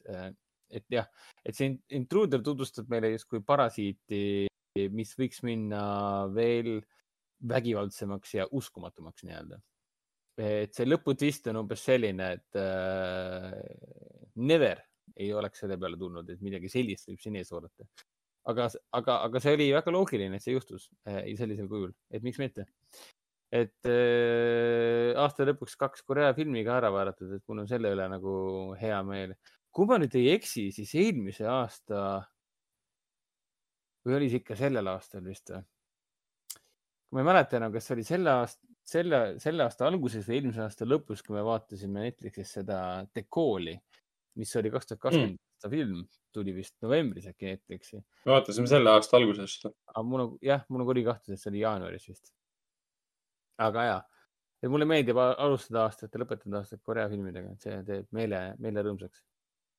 Nonii, aga rohkem äh, mul ei olegi, millest, millest, millest rääkida. hüva No, äh,, räägime jah. siis äh,, räägime siis kinofilmidest äh,, enne kui läheme kohe Raiko peale üle, kes hakkab meile maha tegema Matrix äh, üles, üles. mina ei tee midagi, seda tegid nemad ise. oota, miks sa ütlesid Raiko, mina ka ju. okei, jah, sina ka ma tahan ka maha äh, teha.. Enne Elik tahab ka maha teha. I feel left out. kuule, kusjuures äh, mul on tegelikult hea meel, et ma ei ole vahelduseks äh, üksinda see sittu siin, et me oleme nüüd koos sittu otsinud. muidu on jah see, et kaksikud mingi, ah, nii hea film, siis tuleb Raiko mingi. las ma tõmban püksid alla. kogu aeg on, noroviirus käib üle. Raiko on meie isiklik noroviirus. jah, okei. okei. Aga enne kui me läheme edasi Matrixi juurde, mainime ära, et äh, kolmekümne esimesest detsembrist äh, jõudsid siis Mis filmid äh, Foorum Cinemas kinodesse uh,, mis on kusjuures idee, oota, enne kui sa, ma seda ma nüüd ju teha ju, sa saad teha ju selle, mis kinodest tuleb, sa saad teha ju mingi pildi ju. ma saan ju panna videosse vahetada, kui sa hakkad rääkima sellest. nüüd meil on ju visuaalsed tool'id ju ka. Ma saan kasutada oma ah, seda Stream Decki siin, vajutan siin nupu peale. ja siis tuleb pilt, vaata, mis sa tahad. et kui ma ütlen, et äh, Foorum Cinemas kinodes alustas kolmekümne esimesel detsembril Kingsman esimene missioon, panna selle tuleb pildi. pumm, või, või, või lihtsalt tekst, mis filmid Mm. tulevad või, nüüd on meil ju visu-, visuaalsed tool'e ju ka, me saame ju, ju noh, stuff'i teha.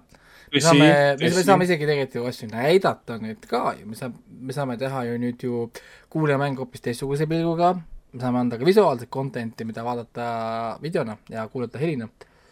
meil on äh, kohe võimalused, meil äh, maailm laieneb. Tegelikult, tegelikult küll jah, et äh, peab hakkama mõtlema laiemalt nüüd. aga, aga senikaua jah, siis, siis veel ei ole Kingsmani esimene missioon äh, Ralph Fiennesiga peaosas, mis on siis kahe Kingsmani eellugu esimese maailmasõja ajal.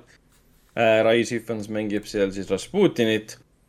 kahjuks ma ei ole saanud seda filmi, filmi veel näha, ma oleksin tahtnud selle nädala saates sellest rääkida, sest äh, ma olin kodus haige põhimõtteliselt kogu nädala äh,. siis ka uus äh, Resident Evil'i film, Resident Evil Raccoon City, mis vist on juba kaks korda vahepeal edasi.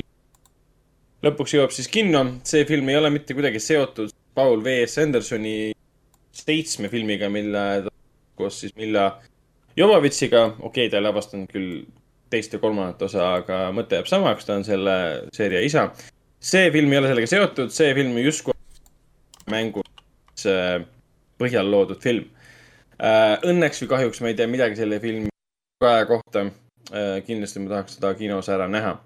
Siis jõuab ka ilus Euroopa animatsioon äh, Maagiline reis kuule ja siis ka uus äh, uhke vene draama Maailmameister, mis on kindlasti Raiko teema, sest see viib meid siis äh,, tuletame need äh, nimed nüüd meelde, Anatoli Karpovi ja siis Viktor Kortšnoi seitsmekümne kaheksanda aasta eepilisse maleturniiri aegadesse äh,.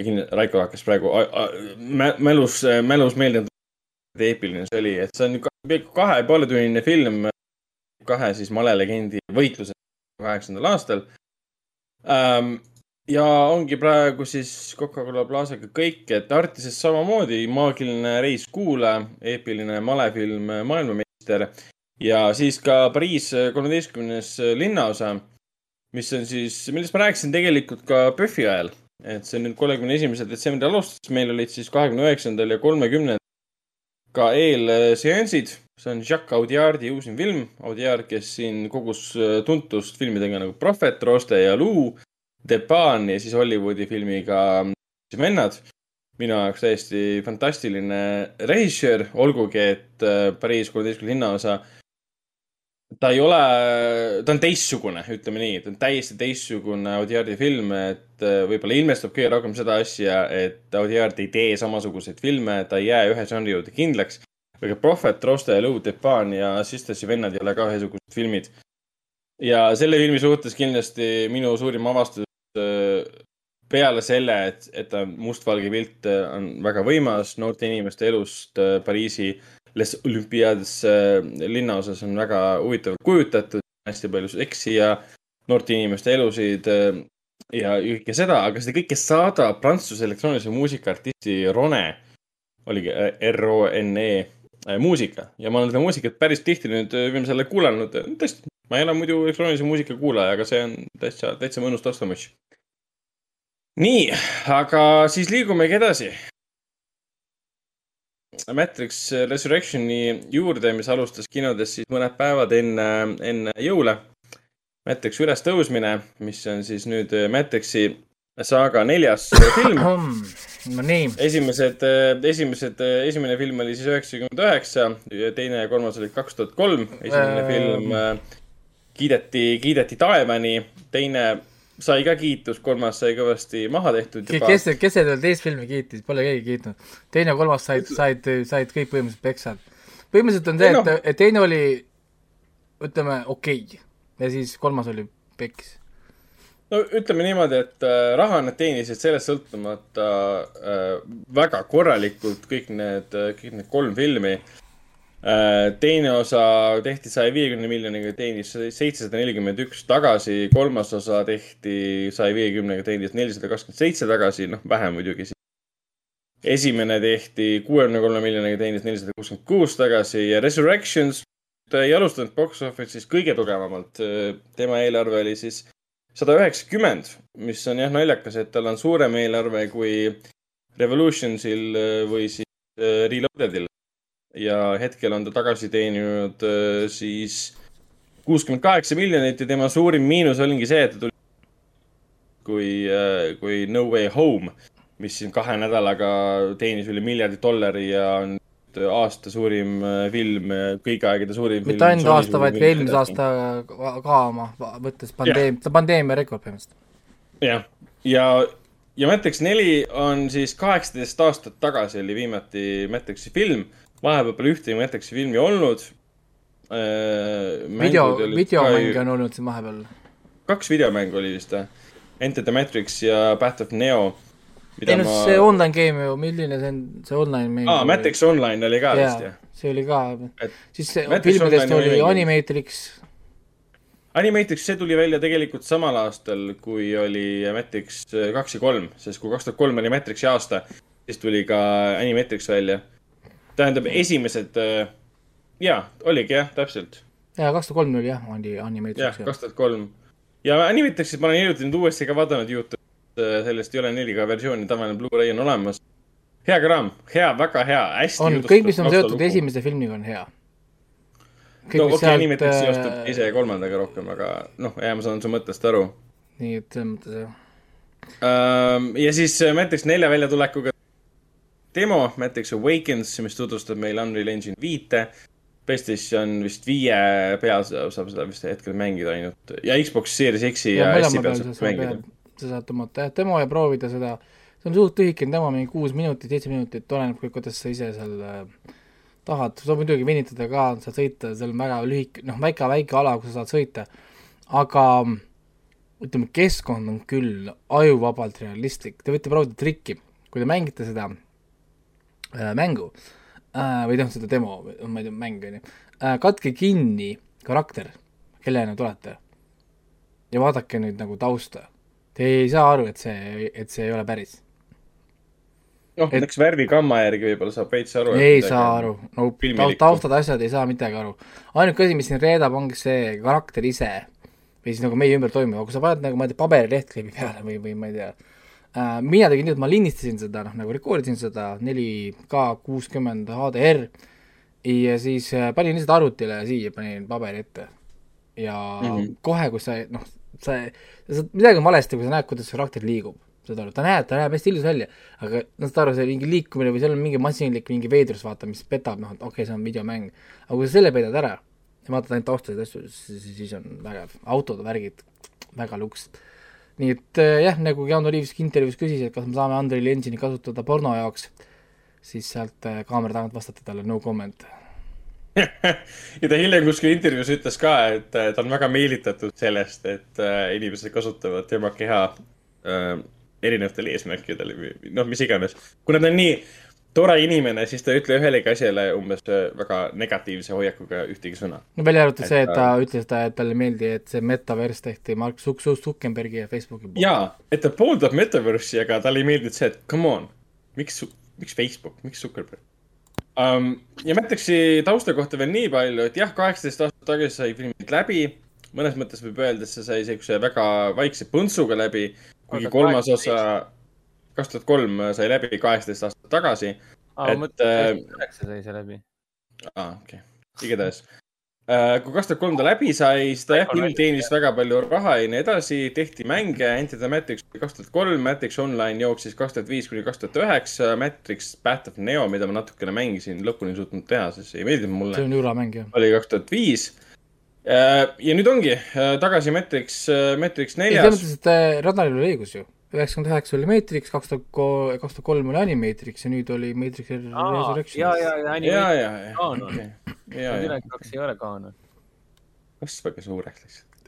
igatahes ma tahaks tuletada meie kuulajatele meelde, et mina ja Ragnar oleme andunud fännid, mis puudutab Matrixi teist, Reloaded'it ja kolmandat. ja, ja, ja mina igasuguses mainin üle, et äh, esimene Matrix oli niisugune kaheksa punkti, aga peale Resurrectionsit ma tõstsin selle üheksa peale. Ja ma läksin, tõstsin äh, kolmanda, teise äh, filmi tõstsin viielt kuue peale. ja kolmanda tõstsin neljalt viie peale. sest lihtsalt, lihtsalt see Re- Resurrections tuli ja lükkas latti nagu latti, mida, kust ei olnud võimalik alt minna. see film tegi seda Nio seda kuradi kuulipendi ja pani see lati alt läbi niimoodi ei puudutanud ka seda, mul oli, et oh my fucking god. ja ainsad, kes siin kuulides üldse põiklesid selle filmi juures, olid Lawrence Fishburne ja Hugo Weaver. sest, sellepärast, et nad ei olnud siin filmis. nii et jah. nii et Nice. eh, ne- neil, neil vedas. aga jah ähm,, mis me oskame öelda ah,, ütleme veel seda ka, et äh, kui Matrix ühe, kahe, kolme lavastas, siis Vaskovski, Vaskovski vennad äh, omal ajal olid siis vennad, praeguseks sa lähed, sa lähed kohe väga ohtlikule teele siin praegu. Ei no ma räägin, et aastal kaks tuhat kolm, üheksakümmend üheksa olid olemas inimesed nimega Larry Vakovski ja Andy Vakovski. Hiljem nemast, nendest said Lana ja Lilli Vakovski. ja nüüd muidugi neljanda osaga suurim, okei okay,, kolm, neli suurimat miinust, mitte miinust, vaid muutust ongi siis see, et neljandat osa lavastab ainult üks õde. see oli siis nüüd Lana. Lana Vakovski tagasi ei ole tulnud Hugo Weaving, kes mängis agent Smithi, tagasi pole tulnud. Hugo Weavingu põhjus olevat olnud see, et tal oli scheduling conflicts oma siis äh, teatriga. ja Fishburne vist ütles, et keegi pole temaga ühendust võtnud. ei no ja... Mingi, mingi hetk oli veel, vaata ju Twitteris oli, et Fishburne selle, sellepärast ei võetud, sest ta ei olnud nõus lavastajale ütlema her. aa, aa, mingid isiklikud okay. teemad siis tõenäoliselt. okei okay.. ja, ja tagasi ei ole ka siis põhiseeria, algupärase seeria siis põhiprodutsenti Joel Silverit, legendaarne Joel Silver, kes produtseeris näiteks ka Die Hardi. aga on James McTeague ja paljud teised äh, tegijad ja, ja Chad Staleski ka, kes teeb, antud juhul teeb siis ikkagi cameo rolli, ma ei tea, kas ta on äh, võitluskunstide peal ka, sest ega filmis väga palju kunste ei olnud. Pigem ta tegi selle väikse cameo rolli, kus Chad mängis Chadi, mis on väga naljakas. sa ütlesid märgu Matrixi järje kohta mida? et filmis ei olnud mida? neljandas osas ei olnud mida? võitluskunsti polnud või? ah,. okei okay,, vabandust, võitluskunsti oli, aga seda ei saanud väga näha. ei ole küll võitluskunst. ei, ma olen nõus sinuga, seda ei olnud siin. jah, okei, ühesõnaga põhimõtteliselt seda ei olnud, hakkame nüüd äh, pihta, selles mõttes, mida me venitame, aeg läheb, see film võtab veel rohkem aega meie elust ära, kui ta on juba kurat äh, raisanud, peame No kuskil äh, piiri tõmbama, see oli nelja punkti film, ta sai neli punkti ainult sellepärast, et see minu kuradi tabel andis selle neli punkti, ma oleks tahtnud kaks punkti panna sellele. Mm. ja, ja ma pean sinna võtma mingi, mingi viisi, kuidas ma saaksin panna nii miinuspunkti teatud, teatud asjadest. aga, aga korrutame veel sellega üle, et millest Matrix neli räägib. Matrix neli toob tagasi Keanu Reavesi ja Carrie Ann Mossi, Trinity ja Neo ehk siis äh, Thomas Andersoni. Me näeme Thomas Andersoni elamas Matrixis, nagu poleks midagi juhtunud, midagi muutunud, nagu ta polekski maailma päästnud, nagu ta poleks päris maailmas olnud. ja me hakkame nägema, et tema maailm pole jälle päris, teda jälle nagu päästetakse Matrixist ära, virtuaalreaalsusest tuuakse päris maailma ja ta hakkab jälle võitlema justkui. rohkem ei taha ploti kohta midagi, midagi öelda. siin ei ole plotti sellel filmil. nii ähm,. Kuidas, kuidas me hakkame pihta, ütleme, mul on Matrixiga olnud väga huvitav suhe, et ma olin ka Matrixi fänn nagu kuradi iga põhimõtteliselt teismeline poiss. muusika, stiil, võitluskunstid, slow-mo, bullet time, Unreal action, kõik see fuajee tulistamine, betoonpoistid mm., värgid, on tseen tseeni otsa, mind blown. Rammsteini fänniks muutis see film mind, ma ennem põhimõtteliselt teadnud, kui Rammsteiniga tuli tuhast, seda ma olen kuradi elu lõpuni Rammsteini fänn, onju. tutud, mul oli see soundtrack'i ratt, ketras ringi rattas plaadimängija hommikust õhtuni ja ma ostsin Nio kuradi action figureid ja värgid ja asjad ja ja, ja, ja siis ma olin noor fänn, ütleme, kui te lähete, loete minu seda riivit ka, mis siin kaheksakümmend üks kommentaari siin inimesed siin äh, väga mm. lõbusalt näitavad oma interneti kommentaatorite skill'i äh,. Äh siin, siin ma tegelikult mainin ka seda, et, et äh, äh, ma olin suur fänn ja, ja tahtsin järgi siis saada, kuni ma nägin ühte intervjuud lavastajatega. Ja minu arust äkki kunagi meil vanal ajal, kui veel MTV näitas äh, stuff'i ja meil olid need Soome telekanaleid, mis näitasid head äh, rahvusvahelist content'i, üks, üks õhtu ootasin öösel üleval, et vaadata mõnusat intervjuud, et äkki nad spoilerdavad, midagi tulevad uudiste kohta, värkide kohta, ja siis nad rääkisid oma nagu nägemust ja ideesid Matrixi asjade kohta ja mul olid nagu, et ah? ei, see polnud absoluutselt see, mida, mida, mida, mida, mida mina Matrixis äh, nii-öelda nagu fännasin, mida minu sõbrad fännasime ja, ja, ja siis, siis mul tuligi idee, mul oli vaja kooli jaoks kirjutada äh, essee ja, ja ma kirjutasingi ühe essee, mille pealkirjaks oli, et miks The Matrix oli juhuslik õnnestumine.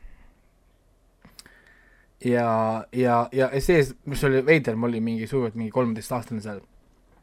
et äh, ja tõin ka välja, et miks järjed on viga ja, ja üks põhjus oligi, järjed on viga sellepärast, et äh, tegijatel ja fännidel on lõhe. tegijad ei saa aru, miks fännid nende loomingut armastavad. ja, ja, ja, ja täiesti veider, veider tagasi mõelda selle peale, et, et kolmeteistaastane mina sain sellest aru ja, ja kui teine ja kolmas osa tulid, ma hoidsin pead kinni, kui ma käisin kinos vaatamas, et ei, ei iga minut läheb järjest kaugemale ja kaugemale ja kaugemale, et lihtsalt ei saa aru Matrixist. sa võid öelda küll, et see on sinu looming, aga looming ongi suurem kui meie ja antud juhul teil lihtsalt vedas. Matrix oli joppamine, vedamine ja, ja, ja lavastajad, Wachowskid ja nad ei saanud kunagi aru sellest Matrixist ja see film tõestas mulle seda ideaalselt, tal pole õrna aimugi, mis on Matrix. mis on tegelikult nagu kurb ja seda, see pole umbes, seda juhtu, seda juhtub väga, väga tihti, kus kohas kirjanikud või mis iganes inimesed loovad asju, mis läheb mööda või üle nendest loojatest endast ja nemad ei taju enam oma loomingut ise, mis on noh, juhtub, juhtub niimoodi, sest kui sa lood midagi ja sa annad talle elu, siis tal ongi juba elu ja, ja edasi pole enam see sinu kätes, vaata nii-öelda. Ja, ja, ja teine, kolmas film, kuigi kõigest, kõigest hoolimata, ma räägin, aastad läksid mööda, ma hakkasin nii-öelda nagu leebuma. Ma hakkasin vaatama Matrixit kui triloogia, hiljem vaatasime nagu uuesti ja tal on väärtus nagu olemas, ta, esimene film on ikkagist niivõrd tugev, et ta tegelikult nii-öelda nagu taandub ära nii-öelda, ütleme siis vaata matemaatikas mõttes, tuleb sul niisugune ilus geomeetriline keskmine, mis on tegelikult niisugune sujuvalt mingi seitse punkti, mis tegelikult on esimese filmi õlgadel, on ju, kogu selle idee õlgadel, selle Matrixi õlgadel, selle Neo õlgadel. teine ja kolmas film eraldi absoluutselt kõntsad täiesti absoluutselt, vot e eemaldad esimese filmi võrrandist ära, seal, seal, seal jääb väga vähe, seal ei jää mitte midagi nagu alles, aga kui sa vaatad seda kui triloogiline, mul oli, hakkasin umbes leebuma, olgu fine. tal on väärtust, ta on kultuurifenomen, no olgu, on ju, noh, mis siis ikka. absurdne, mis sa räägid, aga okei okay. no.. las ta siis olla, on ju.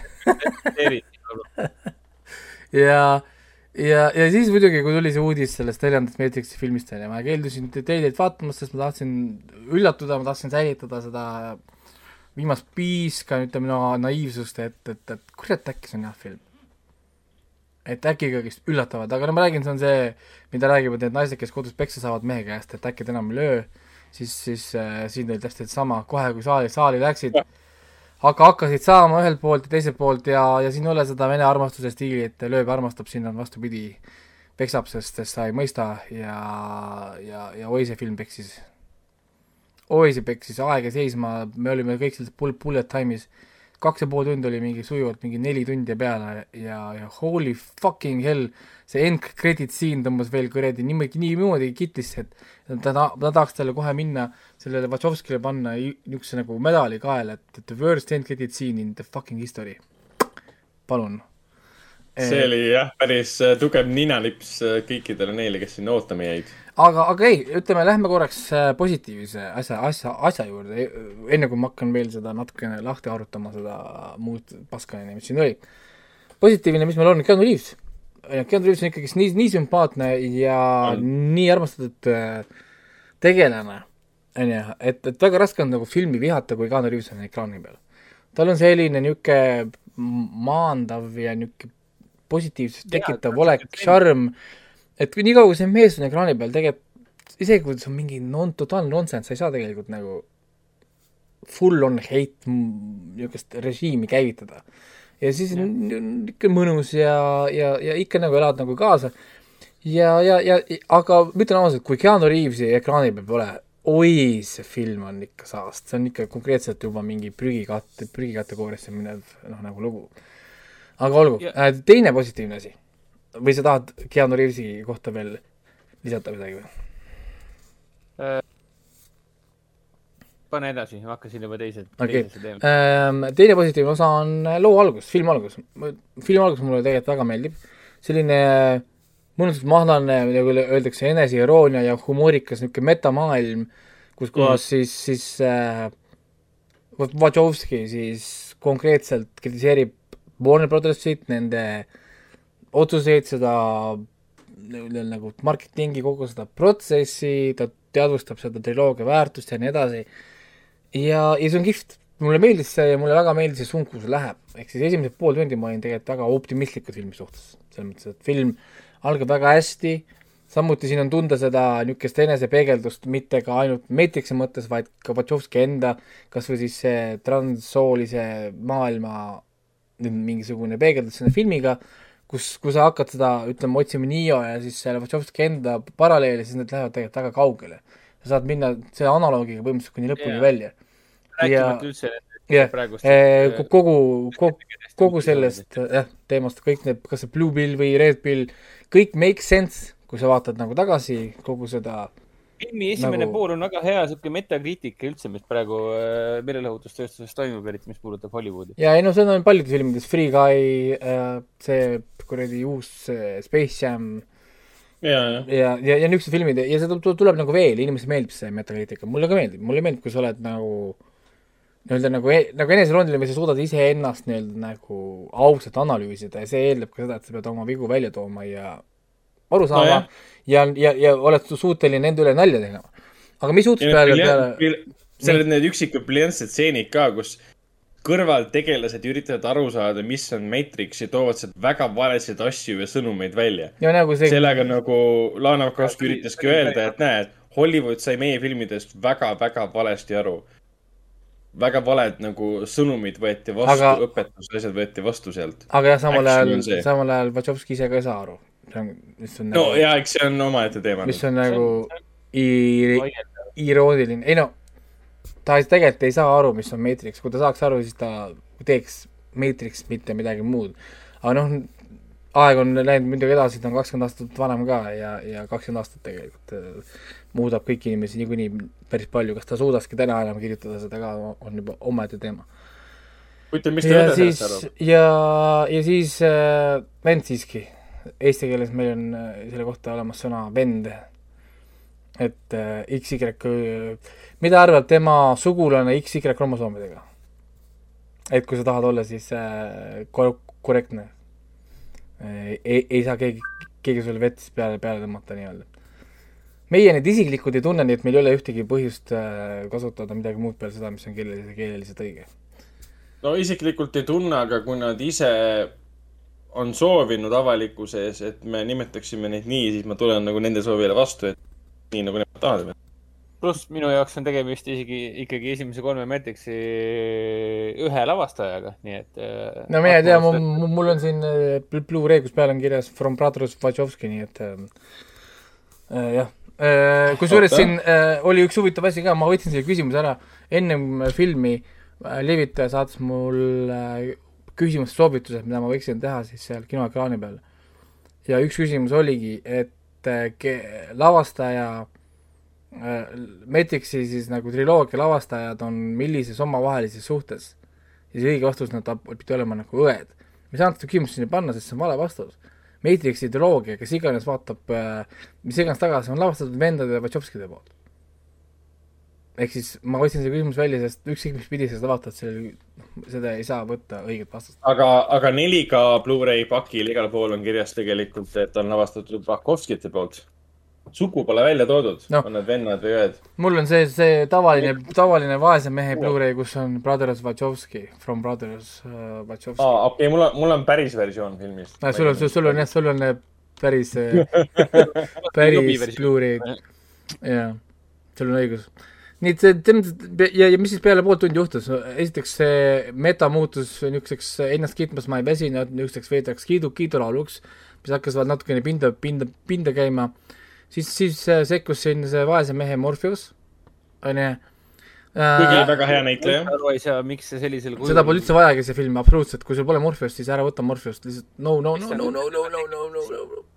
aga no olgu, äh, vaese mehe Matrix tuli ja moment, kus ma saan aru, et film läheb vetsu, vetsu, vetsust suure kahinal alla, oli seesama moment, kus kohas see siniste juustega Iron Fisti näitleja, see Jessica Henwick Äh, see Bugs Bunny White Rabbiti karakter pakub talle tablette.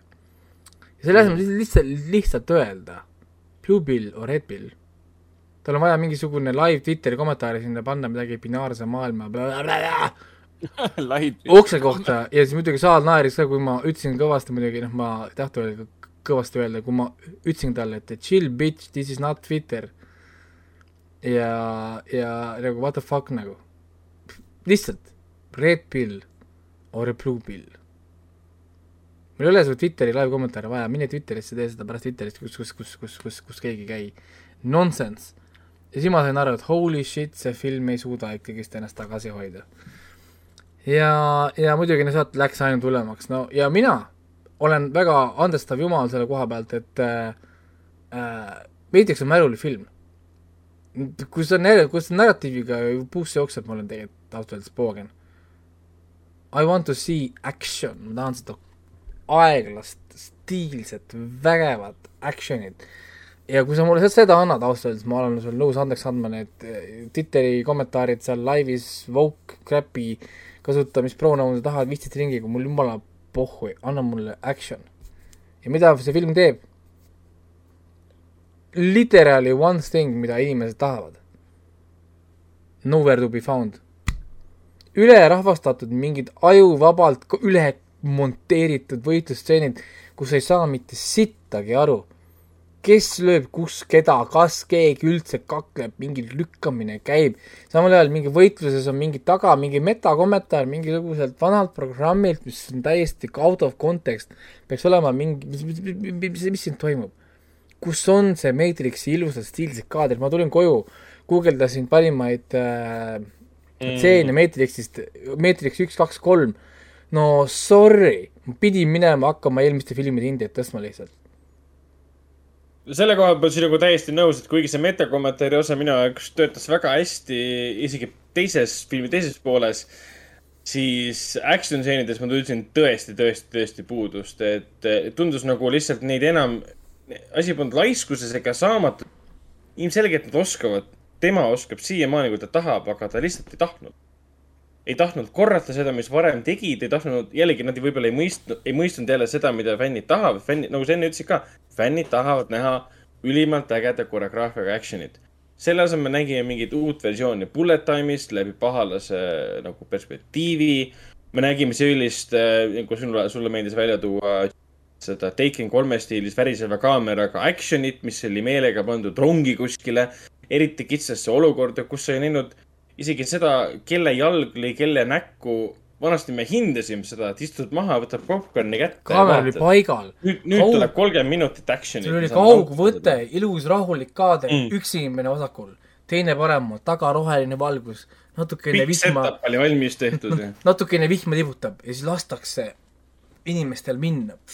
näiteks kolme lõpp näiteks, eepiline lahing kõikide nende, nende, okei okay,, ühe siis selle agent Smithiga ka, lihtsalt ükskõik, mida me Matrix kolmest arvame, võitlusstseenid olid kõik väga ei, jaa, ei. ma räägin, ma, ma tõstsin hinded ja kui ma vaataks ühe korra veel Matrix Resurrectionit, ma arvan, et ma tõstaksin veel teise-kolmanda filmi hinnet. sest lihtsalt see paneb nagu perspektiivi, et, et millisel skaalal ma nagu hinnata nagu saan ja, ja, ja tõesti, esimene film ma võib-olla panen lõpuks kümne, kümne peale selle tõstma, sest mul ei ole kuskile taga minna enam. noh, ma ei saa minna nagu, nagu lõputu kõrgemale. Aga, aga mis mind hakkas lõpuks häirima, olgu, lase binaarne teema olla, see on fine, sest see film ongi niisugune noh, ones and zeros, good and bad, real, not real, whatever, see binaarne teema sobib, sobib, sobib siia teemasse, mis sest, et see samal ajal on ka tema enda mingi real stuff, see binary gender ja kõik see muu Twitter woke-kultuur on ka sama sama nagu pulga peal, pohhui. see mind tegelikult ei, ei nagu ei koti. Aga mis mind hakkas häirima, oli esiteks äh, äh, see põhipahalane, mis on nõrk, täiesti fucking nõrk, ajuvabalt nõrk. oota, kes see põhipahalane oligi? ma ei saa öelda, kes see põhipaha on, see on spoiler, spoiler, ma ei saa öelda, kes see põhipaha on. Läks ta juba sassi selle teise põhipahalasega. aga, aga, aga see on täiesti, täiesti nõrk Äh, filmis on agent Smith ka kuskil mingis versioonis täiesti kasutada, tema on samamoodi nagu Morpheus. Ta siin filmis teeb midagi? ta teeb midagi, ta on filmis, nagu ma selles pitch meetingus oli, he is in the movie yeah,. He is in the movie. väga hästi vastu, et aga mida ta siin filmis teeb? ta on filmis. jaa, ta on filmis okay, Money ja, ja, ja, ja siis me lõpuks jõudsime sinna kohta, kus kohas me saame aru, et uus Neo on fucking möku kus on the one he starting to believe, kõik see stuff, mida me nagu nägime. ja nüüd nad mitte ainult ei olnud ise sitt film, vaid nad hakkasid ka eelneva triloogia peale laskma hunnikuid ja, ja, ja, ja see mulle absoluutselt ei istunud nagu, ole ise sitt, kui tahad. noh, kui sa teised endaga kaasa tõmbad. nojah, et miks, miks sulle see nüüd ette, ette nagu jäi? et kui esimene osa keskendus nii kaua ja nii põhjalikult kui oluline see muutumine on. kui oluline see tema jaoks on, Neo jaoks on see, Thomas Hendersoni jaoks on see, et muutuda Neoks ja siis muutuda The One'iks ehk siis noh, Neoks muutuda. siis siin uues, äh, noh, ma ei tea, basic, random ah,, keegi ütleb sulle, et sa oled midagi ah,, mul tuleb, mul tuleb meelde, et ma olin keegi ah,. eks ma olen siis. see on jah, me, meil on vaja kolm filmi, et nii õpiks teatud asju tegema, siis meil on üks karakter, kes on mingi Mary fucking Sue, karjupea, siis no, kuradi, kõik skill on kuradi, tõmbab perset välja selle endale. tuletame kas esialgset triloogiat meelde, millega lõppes teine osa, mis oli minu ja venna jaoks omal ajal täiesti mind blown. ta lendas minema ju. ei, esimese osa lõpus lendas ta. aa, ta vist esimese osa lendas või? sa mäletad, ta lõppes teine osa või? teine osa lõpp oli äh.... oota. aa, ta kasutab, kasutas reaalses elus oma võimet seal päris, päris maailmas ah,. oli jaa, õige, jaa, jaa, jaa. tuli peale ja ta ootamatult kasutas päris maailmas äh, Matrixi võimeid. jah yeah., see pidi olema võimatu. samal ajal tuli Smith, kandis oma, oma consciousness'i, oma, oma teadvuse kandis üles, üle teise inimese sisse päris maailmas, et olla yeah. Neoga päris maailmas koos, et talle yeah. siis kallale tulla kolmandas osas. ma mäletan seda tunnet, et issand jumal. mis asi siis on? Sellist veel välja mõelda. ta ei, see ei ole mitte kuidagi loogiline, sest nad sellele mingit lahendust lõpuks ei andnudki. aga see oli nagu, ma mäletan, suvel vaatasid seda kinos, mõtlesid, et holy fuck, kas see ongi siis tulevane MCU tunne või? sest MCU-d tollal ei olnud ju, sinna oli veel, ma ei tea, mingi seitse aastat aega või? millal see esimene välja tuli? ei, kaks tuhat kaheksa tuli vist Iron Man välja või, mitte kaks tuhat kümme? kaheksa, jah. viis aastat oli veel aega aga tollal oli see nagu massive frantsiis ja lõpeb sellise cliffhangeriga ja sellise ootamatu nonsensiga ka veel. ja nüüd järsku tuleb kolma, neljas osa, mis krämmib kokku kõik eelnevad filmid. see metakommentaar metakommentaariks, ma olen Ragnariga nõus, mulle see väga meeldis tegelikult. see on ka ainus asi, mis on selle filmi natukenegi päästab ja selle huvitavaks muudab, aga film ise, Matrix kui selline, minu meelest seda alles ei ole siin. ja ei, seal, seal, siin ongi oluline eristus praegu. See ei ole see Matrixi film, mida me ootasime kolme filmi põhjal, ta ei ole otseselt Matrixi film. ta on midagi täiesti teine asi selles mõttes, et ta on lihtsalt Lana Vakovski enda mingisugune metaanalüüs omaenda pärandist, kus on juhuslikult samad tegelased ja samad teemad. aga ta ei ole kindlalt, ta, ta, ta ei, ta ei jaga nagu Matrixiga sama DNA-d. No see on üldse, ta, ta, ta, ta pole isegi selle rohelise filtriga, need kuulipildujad, kuulipildujad on lihtsalt ainult paukpadurid, mis, mis. jah, ta on lihtsalt nagu spin-off film, mis nagu vaatab tagasi sellele, mis on juba tehtud. Põhimõtteliselt. Võib, võib öelda niimoodi, ta on justkui uskumatu jah, ei selles mõttes, et ta, ta oli niisugune jah, nagu, et, et ma ei tea. ma ei tea jah, minul oli ka filmis, ma naersin kõvasti näiteks saalis, kui nad proovisid mind veenda sellest, et äh, Tiffany siis loobub oma perest ja lastest, sellepärast et üks, üks, üks crazy talle ütleb, et tema unenäod on päris. ma arvan, ma arvan ka. ei, aga nende connection oli, nende sid-, sidusus oli niivõrd tugev, et ta sai aru sellest, vaata.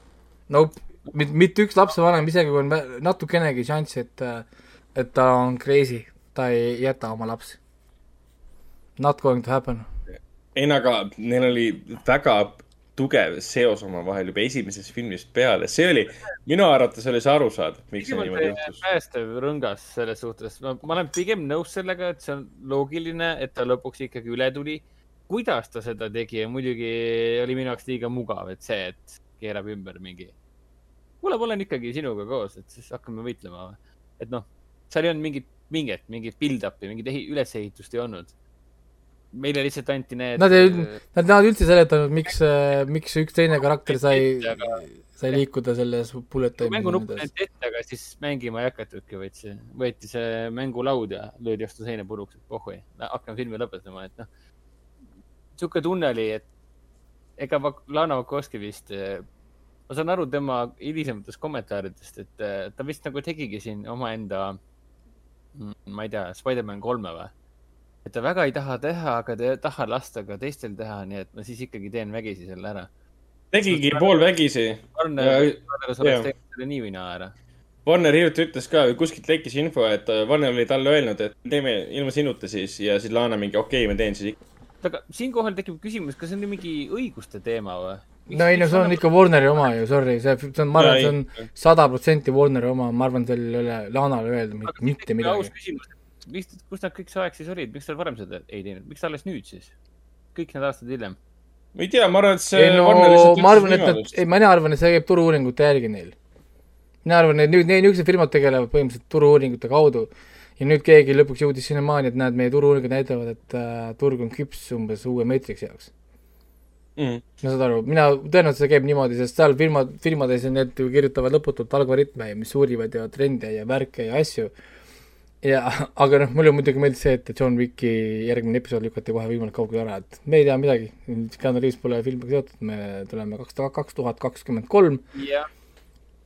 et aga ja. näiteks vaata, hea näide, kuidas äh, inimesed äh, saavad aru, mida fännid tahavad, on John Wick. esimene John Wick on tegelikult ka juhuslik õnne, õnnestumine, see ei olnud tegelikult planeeritud õnnestumine. sest nad, nad ei teinud põhimõtteliselt mitte midagi nagu uut. Aga kui see film õnnestus, nad läksid tagasi, vaatasid, oot-oot, miks see film nüüd rahvale peale läks, ja kui nad said aru, miks see rahva peale, rahvale peale läks, nad vajutasid räigelt sellele sisse uuesti. okei okay,, me anname teile veel, mida te tahate, teine film, kolmas film. täpselt. Nad laiendavad, eks eks siis John Wickiga täpselt sama, mis oli esialgsete kolme Matrixiga.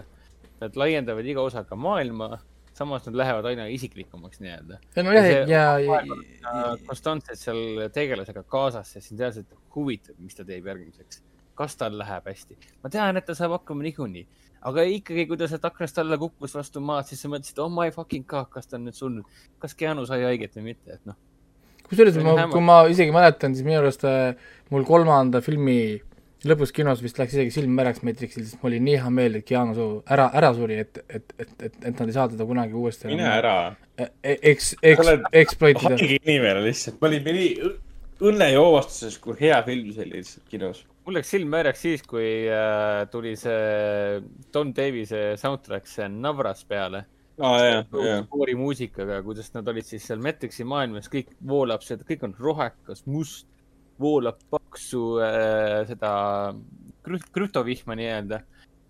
kõik kohad on täis neid äh, smitte ja siis nad lähevad sinna kuradi majade vahele, hakkavad üksteise poole jooksma. enne seda nad kõnnivad aegluubis, vett lendab nende jalanõude ümber, kui nad kõnnivad. kõik on nii aeglane, nii võimas, nii aupaklik siis tuleb mingi Idents Tonight mingi, siis hakkad üksteise poole jooksma ja see on kõik nii aeglane, nii võimas, nii kratsiline ja käib see pauk ära, siis tohutu järellainetus on Mm. imeline lihtsalt. ja siis lõpus ka, kui ta lõpus võtab selle, spoilerid aast- aastast kaks tuhat kolm, kui Smith võtab selle Neo enda alla, kopeerib ta ära, on nii hästi õnnelik ja siis ta ütleb selle lause, et everything, see Ookeri, Oracle'i lause, et everything has a beginning has an end, siis mingi upsi, the fuck I just said ja siis hävines ära nii-öelda.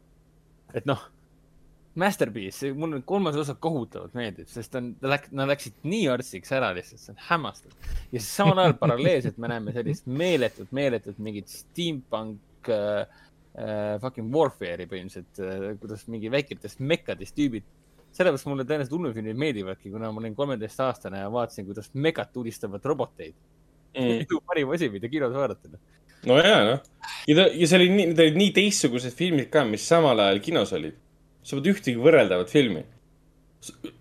üks, kaks järged samal aastal kinos ka veel erinevatel aegadel ja samal ajal ei olnud mitte, mitte midagi muud sellist kinos. Karimeere piraadid esimene vist oli juba väljas või tuli? See tuli vist suvel, jah. aga see on ka hoopis teistsugune, see ei olnud mingi ulmekas selline kuskil suur. seal oli vist ka X-mehed ja Harry Potter ja Lotto kolmas või? kurat, kaks tuhat kolm oli päris äge aasta või? oli, oli, oli. oh my god. aga võib-olla enne, ma ei tea, mis kevadel oli ja siis seal äh, talvel. ei mäleta. nojah, aga eks me varsti näeme, näeme, kuidas, kuidas see avatariga toimib siis ja see, seesama. avatar ilmselt nii metaks, metaks ei lähe, et aga, aga ma arvan, et varsti oleks läinud, kui ta oleks selle järjega veel viivitanud mingi kümme aastat äh, veel otsa, siis ta oleks ilmselt teinud juba. okei, kuulge, aga, aga lõpetame selle ära äh,, selle. aga ma, ma tooks, ma tooks viimased asjad välja, et äh, publik ja kriitikud Rotten Tomatoes'i järgi on olnud kõikide filmidega samal meelel, välja arvatud üks film. kas te oskate öelda peast? kolmas kolmas film. jah, kolmas esi, esimene film, kriitikud kaheksakümmend kaheksa, publik kaheksakümmend viis. teine film, kriitikud seitsekümmend kolm, publik seitsekümmend kaks. kolmas film, kriitikud kolmkümmend viis, publik kuuskümmend. ah,. neljas film, kriitikud kuuskümmend neli, publik kuuskümmend kolm. Ah? nii kõrge? ei no see kukub veel, ta vaikselt pärast langeb jah. okei okay., that's enough about Matrix. igatahes tagasitulek oli täielik pettumus. Vakovski seda filmi ei olnud vaja, seda filmi ei olnud mitte, mitte, mitte üheski mõttes vaja, kõik teadsid, et seda filmi oli vaja. Warner Brothersil oli, ma ei tea, raha vaja või, või, või, või, või ma ei tea, mida neil oli vaja. Neil, oleks võinud oma käed puhtaks pesta. kusjuures minu arust äh, neil oli tegelikult tulemas ideaalne variant, Unreal viis. Nad oleks võinud jääda ainult Unreal viie juurde ja teha videomängu. et Matrix tuleb, tuleb tagasi videomänguna ja siis seda metamaailma jutastada videomängus sees, kus sa ise oled videomängu karakter, kes teab, et ta on videomängus sees. ja, aga ma üldse, ma üldse ei imestagi, et nüüd paari päeva pärast nad kuulutavadki välja, et tuleb Unreali, sellesama mootori peale tuleb uus mäng välja. sest ei no, ega kõik mõtlevad seda, sest miks nad peaks selle demo tegema nii suure ja nii, nii detailse. see võttis aega neil mingi pool aastat vähemalt, miinimum, kui isegi mitte rohkem, et seda teha.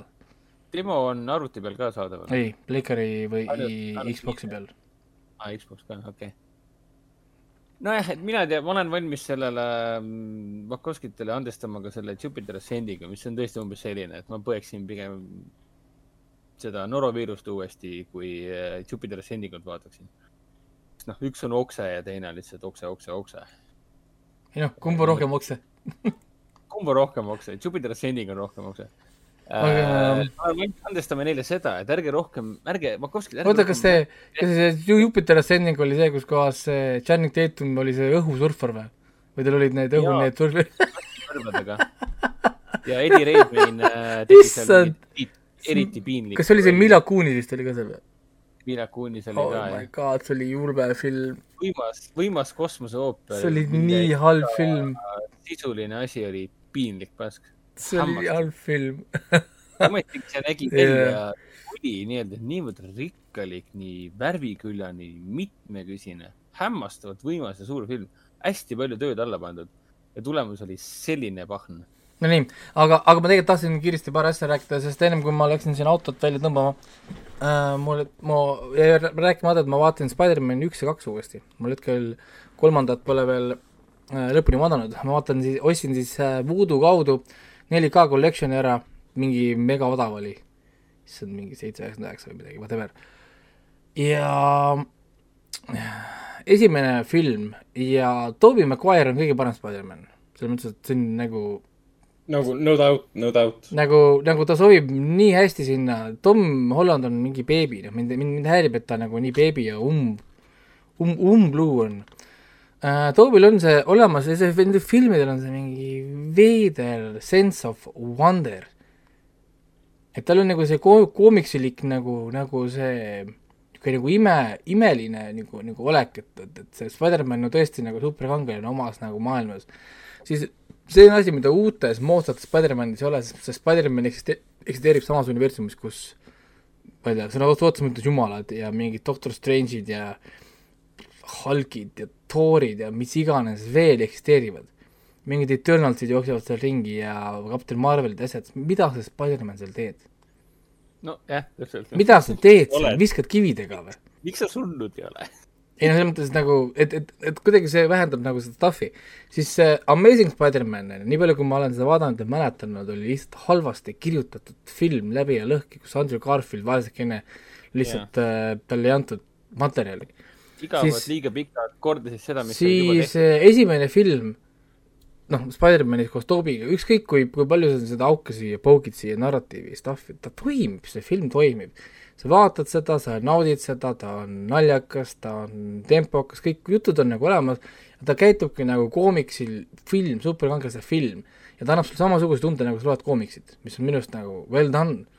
Ja siis tuleb see teine film, see Doc Ock ja värk, nad näevad nii palju vaeva nende villanite ülesehitamisega, kõik need kas või see e- esimeses filmis see Green Goblin, sorry, Green Goblin on by far nagu easiest best villain, kes meil on selle Spider-man ju, Spider-verse'is nüüd on ju.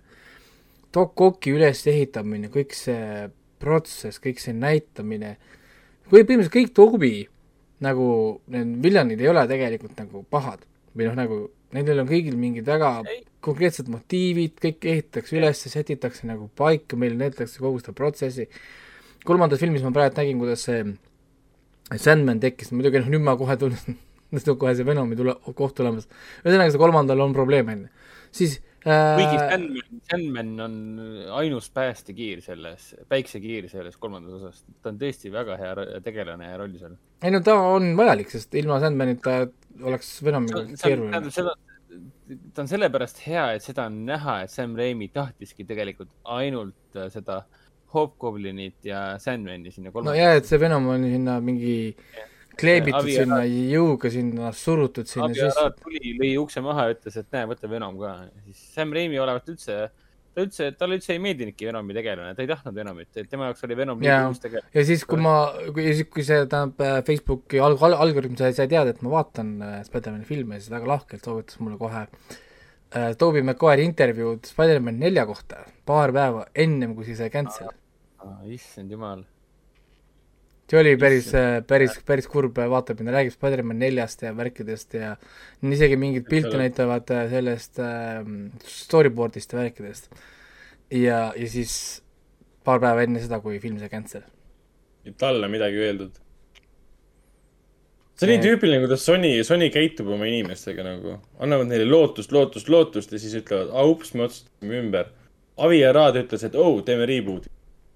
ok. Aga lihtsalt, lihtsalt mõtle korra Garfieldi peale, Garfield tegi kaks tuhat kaksteist ja kaks tuhat neliteist ja äkki kaks tuhat kuusteist on uus Spider-man. lihtsalt, lihtsalt nagu fuck you, Garfield, lihtsalt fuck you Jah. and your girlfriend, fuck your face, fuck, fuck everything about you. me, me, me teeme, me teeme uue Spider-man'i. Homecoming oli end kuusteist, seitseteist. kaks tuhat kuusteist oli see äh, Civil War. Civil War, jah. aa, Civil War, selles mõttes jah, ja, ei tea, sest Sony tuli ja ütles mingi Fuck your dead girlfriend, nobody gives a shit anymore. ja, ja et, et nagu, et ma ei tea, lihtsalt nagu vot, noh. ma ei, ma, ma ei, ma ei tea, mis tal inimestel peades toimuvad või asjades, aga mul on hea meel ikkagist nüüd näha, et kõik asjad trendivad, kõik äh, Spider-Gwenid ja asjad, kõik jutud trendivad, Sony teenis palju, palju, palju, palju raha äh, Spider-maniga, nii et nendel on praegu motivatsiooni tuua tagasi Tobid, tuua tagasi Garfieldid, mul on jumala suva, anna mulle Spider-man fucking neli, anna mulle The Amazing Spider-man kolm, anna mulle uus triloogia Tom Hollandiga, mul jumala pohhu, ma vaatan neid kõiki ära. ma lähen, annan, ma annan teile raha, ma ostan omale, omale sinna Spider-mani kujusid. Sinna juurde, näed, seal on Spider-mani kujud, mul on jumala suva, ma panen sinna Tobi, ma panen sinna Garfieldi, ma panen sinna värgid. Ja ka veel parem, veel parem, andke mulle Emma Spider-Gweni kostüümis, liibuvas ilusas kostüümis, easy buy, ma ostan kolm tükki. nagu kostüümi või, või nuku? kostüümi ka või nukku või, või whatever, selles mõttes, et ei, see on see koht, kus sa lihtsalt annad raha. seal ei ole enam nagu, see ei ole see koht, kus sa hakkad lugema mingit viis euri, kümme euri, viiskümmend euri, lihtsalt nagu annad. Emma, Emma, Emma on ju väga nooruke veel, nii et äh, ta võiks ju vabalt siin seda Spider-Gwen'i mängida. ema on minust aasta noorem, nii et issand, ta võib panna kümme aastat veel sujuvalt, nii et äh, aa, absoluutselt. Prime time siis nii-öelda. ja ei, ei, selles mõttes pole midagi, tõmmake veel Anya Taylor ka sinna. mul on äh, paar head ideed, millist Spider-mani ka ka liibuvates riietes karakterit ta võiks mängida. nägin mingit artiklit, et Anja, Anja Taylor-Joy soovitati selleks äh,. Banshee. kes see kass, kes see kassi, kassitegelane seal on Oh, Spider? ongi, ei, Black Cat on, Black Cat on, Black Cat äh, ta võiks küll olla muidugi, aga, aga Banshee sobiks paremini. guugeldage ühte kostüümi, guugeldage teist kostüümi, siis te saate aru, miks ma. mis asi, Banshee või? no olgu. aga, aga, aga, aga olgu, me lõpeme tõmbame siin, Let me google that for you.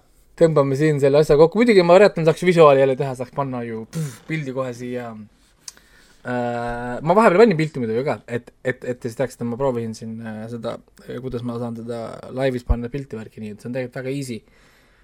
tuleb ainult guugeldada, guugeldan pildi, ma saan panna pildi kohe siia pff, ekraani peale. et äh, mida ma tegelikult võikski ju teha, võtame kohe. nii, võtame kohe, kus sa, ma leian sealt mingi hea äh, kostüümiga pildi.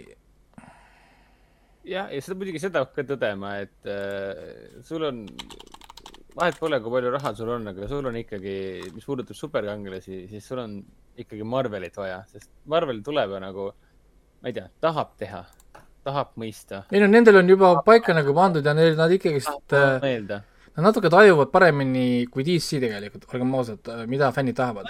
DC-l oli seda muret tegelikult palju, kui nad DC universumit hakkasid üles ehitama.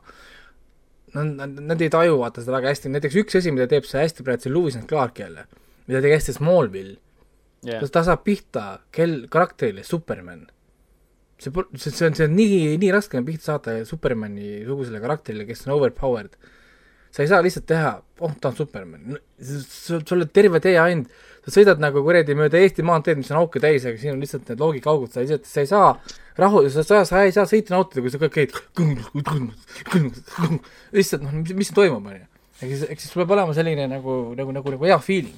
ja siis näiteks Lewis and Clark või BS, nad annavad nagu teistsuguseid probleeme lahendada, võtavad välja selle niisuguse selle overpowered elemendi. aga noh, see selleks äh,. nii et jah äh,, aga nüüd on meil ju äh,, kõik on nüüd ju ka kanon. Jessica Jones'id ja värgid, Daredevilid, nii et väike spoiler, aga jah, vastab tõele. et äh, Wilson Fiskid ja muud, kõik muud asjad ja. ja ehk siis kõik, mis, ärme, ära selles kõva häälega räägi, aga kõik, mis puudutab Netflixi Marveli seriaale on kena. võib-olla ka muid asju. see on ju tore. kes ütleb, et see on, piirdub ainult sellega äh, ja Netflixi sarjadega, äkki see läheb tagasi vana Punisherini, äkki see läheb tagasi Elektroni, Daredevilini. oh püha jumal, nad toovad siis äh, kolm erinevat Puni-, ei, neli erinevat Punisheri või? näiteks. Dolph On Lundgren, Thomas Jane, Ray Winston ja siis Aa. John Berntal. jah, on vist neli jah? animatsiooniversiooni ka muidugi. Jaa, jaa. Daredevil kaks praegu või? Daredevilil on rohkem. Dare, Dare, Daredevil on ka käinud ju kõrval, kõrvaliste karakteritena hü- hüpanud läbi. ta ei, ta ei ole ka äh, niisama aa, nagu live action versioonides äh,. peaks küll olema ikka rohkem neid, ma ei usu, et need on ainult kaks tükki, see tundub mul veider, et meil on nii pika ajalooga karakterid, on ainult kaks korda ekraani peal olnud. muidugi, muidugi ma ei tea, seda saab kohe guugeldada, aga noh. aga olgu, meil on saade, saade, saade pikk, autokraavis, naine roolis autokraavis, nii et, et aga mainime selle huvitava noodi. asi, mida ta mainida tasub.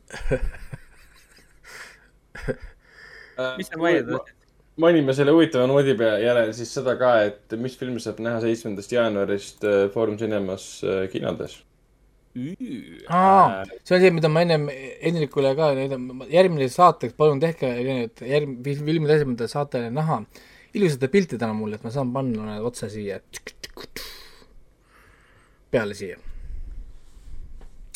oota, mis asja? pildid või noh, mingi info vaata, mida ma saan ekraani peale visata, sa pead mitte lugema seda, vaid kui keegi vaatab seda nüüd ju videona ju, Youtube'is või laivis või kuskil. ma panen ta siia lihtsalt suurelt otse ekraani peale selle pildi, ja, filmid ja asjad, see on ju tegelikult väga nagu easy-peasy, lihtsalt mul on vaja neid pilte ennem või noh, ühesõnaga keegi peab, peaks tegema need.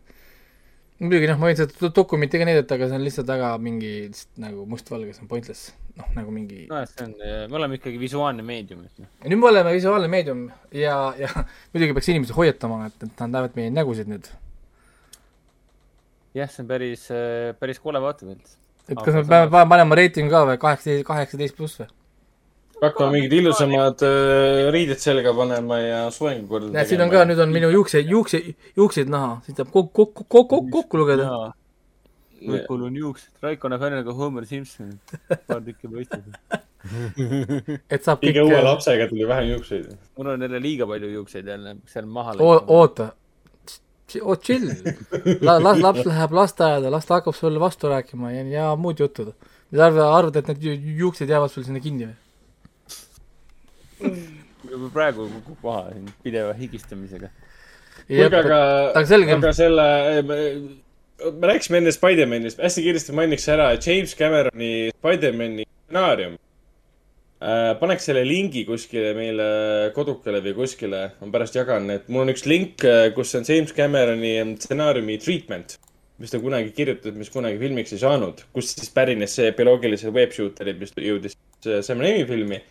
James Cameroni selles ähm, äh, filmis oleks olnud siis näiteks äh, niimoodi, et see oleks olnud väga gritty, realistlik film äh, teismelisest ämblikmehest, pidi olema, seal pidi olema hästi palju äh, heavy on profanity and highly sexual.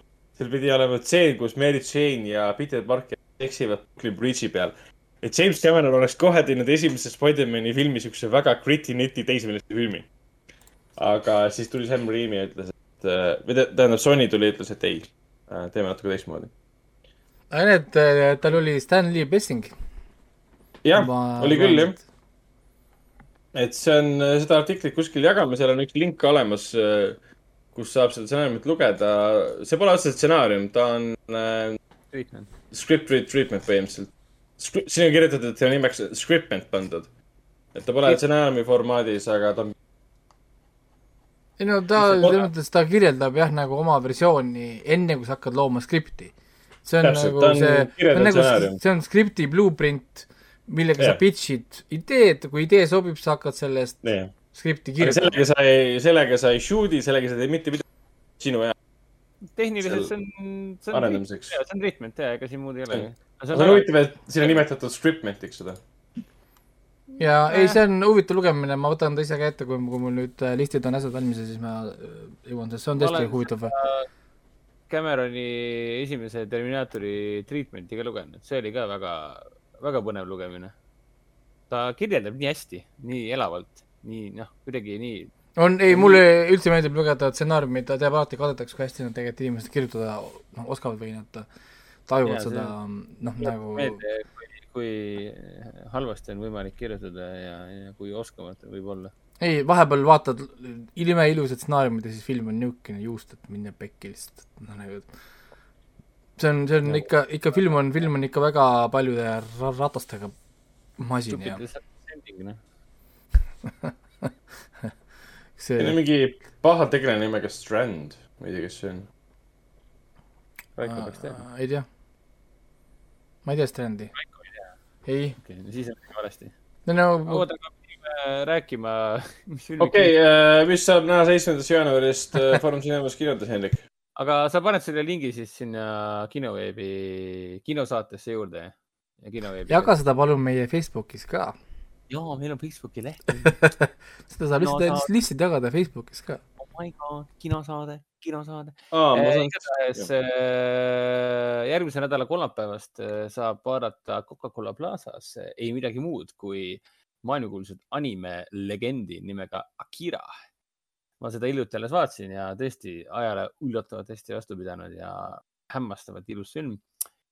klassikaline ulmeseiklusfilm, mida, mille taolist ei olegi enam tehtud. Ei. ei, ei live action'is ega ka ani-, animeena või noh, animeena tõenäoliselt ikka on, ma ei tea animist nii palju, aga live Mhm. action'is ma arvan küll, et ei ole midagi nii ägedat tehtud kui see.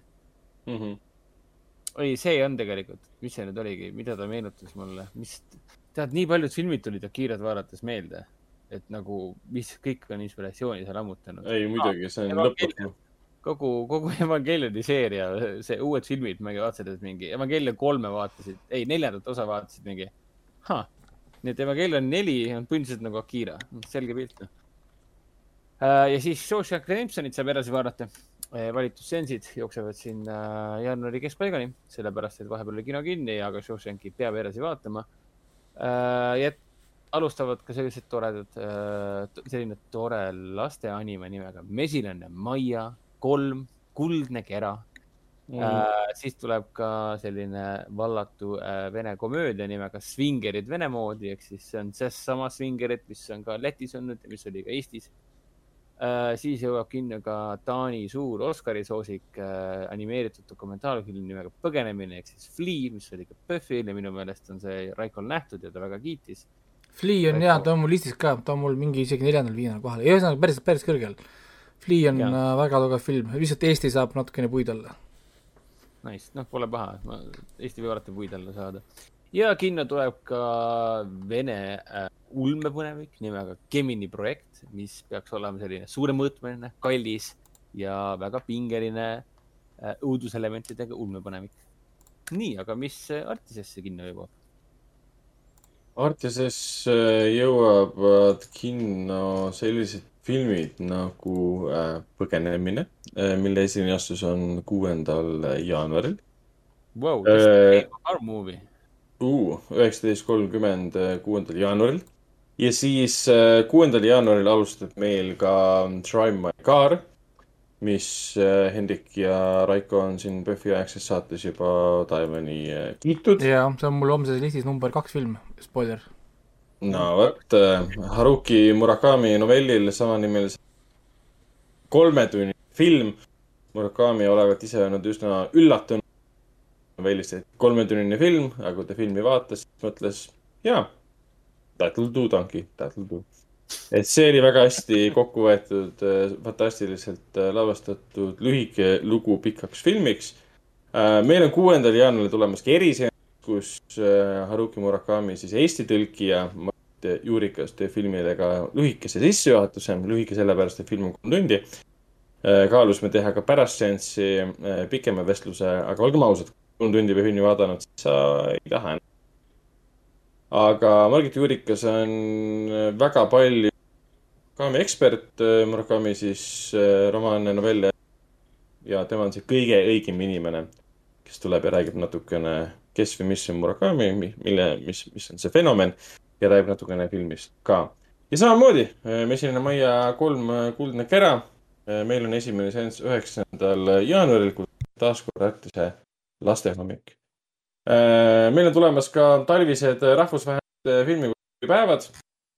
näitamisele tuleb üks, kaks, kolm, neli, viis, kuus filmi, millest kaks filmi on juba Vaalapüüdja. neli filmi on siis täiesti, täiesti uued filmid on aastates kaks tuhat üheksateist kuni kaks tuhat kakskümmend üks. tegemist on meil iga-aastase, eelmine aasta jäi küll ära, sest koroona. vanasti ta oli iga, iga aasta, iga-aastane selline põhjarahvaste kinokunsti mm, tutvustavad, tutvustavad filmipäevad. filmide arv seekord õnneks väga palju alla ei jää varasematele päevadele, aga toimub see siis meil üheteistkümnendast jaanuarist kuueteistkümnenda jaanuarini. Ja seda ma luban, et äh, kahte neist ma olen näinud. veel vaatan. nii palju kuni Burjaatia, Sahhade ja siis äh, sinna Beringi väina juurde jäävate rahvaste filmi vaadata, siis äh, need on hoopis midagi teistsugust ja hoopis midagi muud äh,. üks dokumentaalfilm on ka siin hulgas. Et soovitan tulla ja kogeda natuke teistsugust filmikunsti.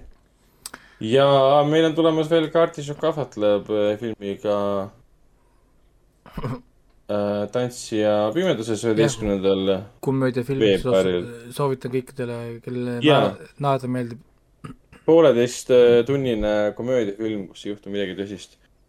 ei, tegelikult on väga tõsise, väga kõrgetatud äh, kahe ja poole tunnise. ei noh, Björki, Björki elu eluroll ikkagist, et Õnneks, õnneks eluroll, mitte, mitte elulugu, et see, see oli ikka väga karm film Wow.. hoiatame ka, et kohe see, niimoodi või? et see film ei ole kindlasti traditsioonilises äh, filmikunstil omases stiilis üles võetud, tuletame meelde, et see on ikkagi Trieri film, see on Dogma üheksakümmend viis film. See on väga, see on, see on selles mõttes vanem film ka, kaks tuhat algusest tulnud ja see on digitaalse kaameraga üles võetud, väga näiliselt justkui rohmakalt lavastatud. et kui te arvate, et te näete siin mingit kahekümne aasta tagust äh, klassikalist kino, siis seda ta ei ole, ta on väga-väga eksperimentaalne film isegi tänapäeva võtmes. väga palju eksper-, eksperimentaalseid filme olnud. mul on tunne, et inimesed unustavad ära, mida, mida Trier vanasti tegi, mida ta täna, tänapäeval juba nii palju enam ei tee uh,. vot, ja meil on tulemas veel tegelikult siin saladuskatte all üks Fellini seanss on tulemas uh,. Grünbergiga seoses on tulevad, tulemas filmid, Dostojevskiga seoses on tulemas filmid ja Trieri filme saab ka veel aasta jooksul näha. aga sellest me saame ka hiljem rääkida. vot, aga loomegi siis äh, saate saateks. selge, vaadake nüüd äh, meid Facebookist, Twitchist ja Youtube'ist, Youtube'is muidugi videod kõik jäävad alles. Äh,, Twitch'is kaovad ära, lihtsalt see Twitch on siis üks lihtsalt live äh, viewing platvorm, üritame siis teha ja, ja ma üritan siis jooksvalt äh, klipitada teile mingeid asju, Ragnar Hendrik keerab midagi pekki, siis ma olen seal, et ilusti videost välja lõigata, jäädvustada forever.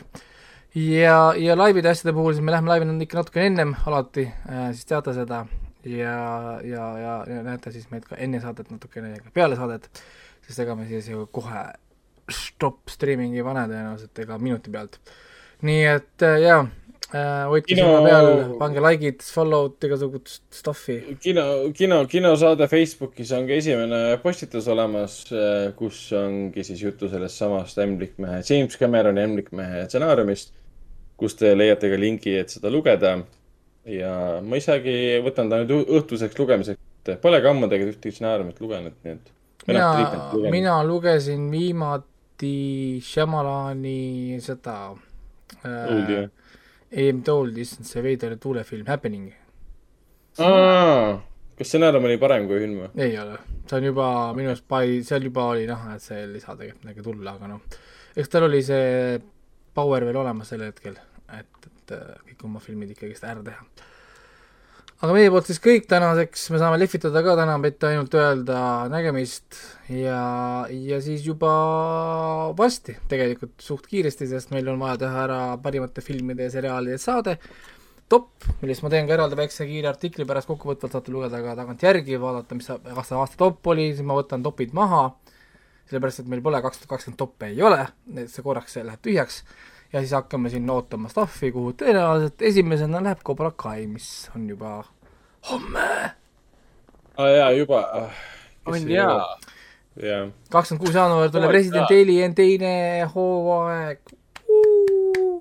kuule, aga siis äh, hommikul teen plõks silmad lahti, pojule puder suhu ja Cobra Kai tööle, noh. milles probleem on? Strike, Strike First, kõik episoodid korraga. strike first.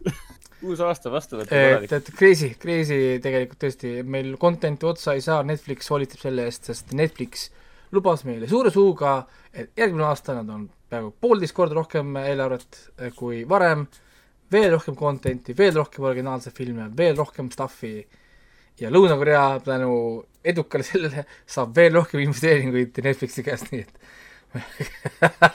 ei ole normaalne. kes see seda? vaatab, kes see seda vaatab? kuidas ma jõuan esimeseni jaanuaril välja tulnud mingit suurt seriaali ära vaadata äh, järgmise aasta lõpp, lõpuks? kuidas ma jõuan selle? kui samal ajal tuleb. ega, ega ei jõuagi ja tegelikult ma arvan, et me peaksime tegema mingi süsteemi, et me jagame omavahel ära varsti, mida keegi meist vaatab, meil pole mõtet samu asju vaadata, sest me muidu lihtsalt, meil palju lihtsam oleks, kui te vaatate ja räägite ja siis me saame nii-öelda nagu divide and conquer stiilis Vaadata, jaa. hak- hakata, hakata nagu tegema, et me saame rohkem vaadata nagu kollektiivina ja vaatame vähem indiviidina, siis me saame vaadata paremaid asju, ehk siis me saame üksteisele soovitada head kraami. ja mitte ainult muidugi üksteisele, vaid ka vaatajatele. siis me saame küsida teineteiselt, et uh, are, are you an effective team? Yes, we are siis ma, siis te kuulete minu käest ainult, et see anime on hea, see anime on hea, see isekai anime on hea. Uus aasta uue hooga, kuule poisid, vabastasin uue žanri no,. oot, oot, kuulge, kuulsite seda, et vaata, talvisel hooajal, mis nüüd kohe hakkab, talvine anime hooaeg, neli uut isekai animet kohe tuleb. ongi nii, jah? issand jumal. ja sa kavatsed kõigile pilgu peale heita või? Äh, võib-olla, võib-olla. äkki me peaksime tegema spin-off podcast'i, mis räägib äh, ainult iseka animest. ei, kus Raiko üks, üksi räägib. jah, kusjuures, aga aasta kokkuvõttes ma räägin ka oma num- numbrites ka. palju filme, seriaale ma vaat- olen vaadanud ja mm, igasugust muud huvitavat stuff'i. nii et äh, jah, ma olen äh, lihtsalt, kui kedagi pakub huvi numbrid äh, meie aa, saame ka rääkida vennaga. tähendab, mina vähemalt saan rääkida, ma hakkasin ka ju sellest aastast alust-, alustasin INDB-d, INDB-tamist.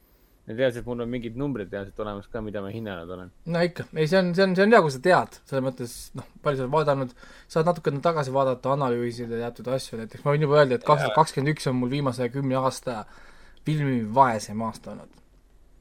ma pole nii vähe filme vaadanud äh, viimase kümne aasta jooksul kui see aasta, samal ajal ma olen vaadanud rohkem seriaale, rohkem kui kunagi varem, ja suur põhjus on sellest, et seriaale tellitakse rohkem kui filme, artiklitena. Seda küll. nii et, et äh, jah, aga seriaalide vaatamine võtab, võtab, võtab kauem aega. aga selge, kuule ka, tegelikult ka aeg läheb, meil on väga pikalt saade olnud, ma ei teagi, kui pikalt juba, neli tundi, viis tundi, sest äh, mul on see mitmes jupis tead, aeg lendab. vahepeal siin juhtub sada asja. kuule, sa no ootas mõttes, ma käisin saate ajal vahepeal üldse kuskil teises kuradi vallas autot välja ja välja tõmbamas. noh, nagu, noh.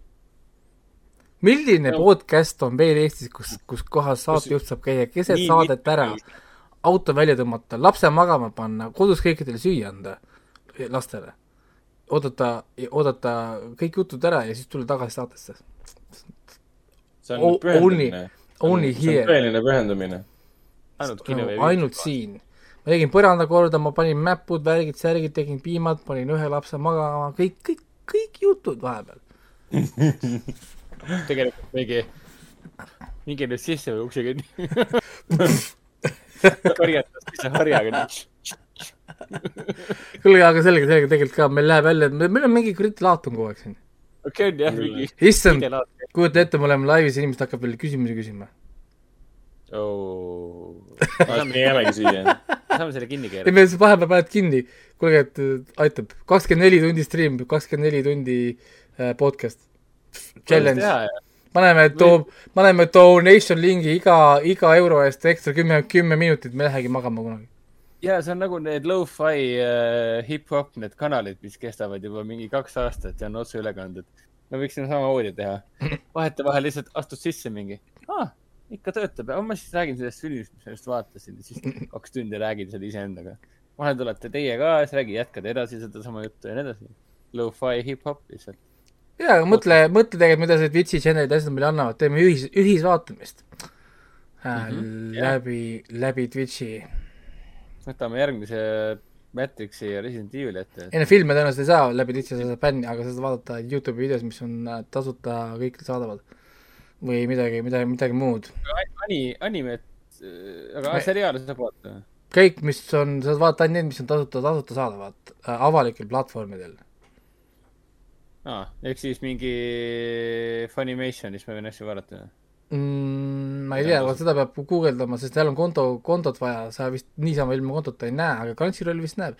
sellepärast, et see on guugeldamise niisugune stuff ähm,. sest jah, ma ei tea, ma ei tea, ma ei tea, kuidas see käib, seda peab nüüd guugeldama, see on mingi advokaatide teema.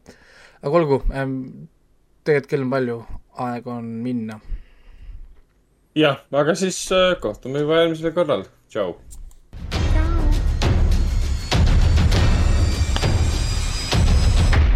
Kinoveebi Jututuba podcast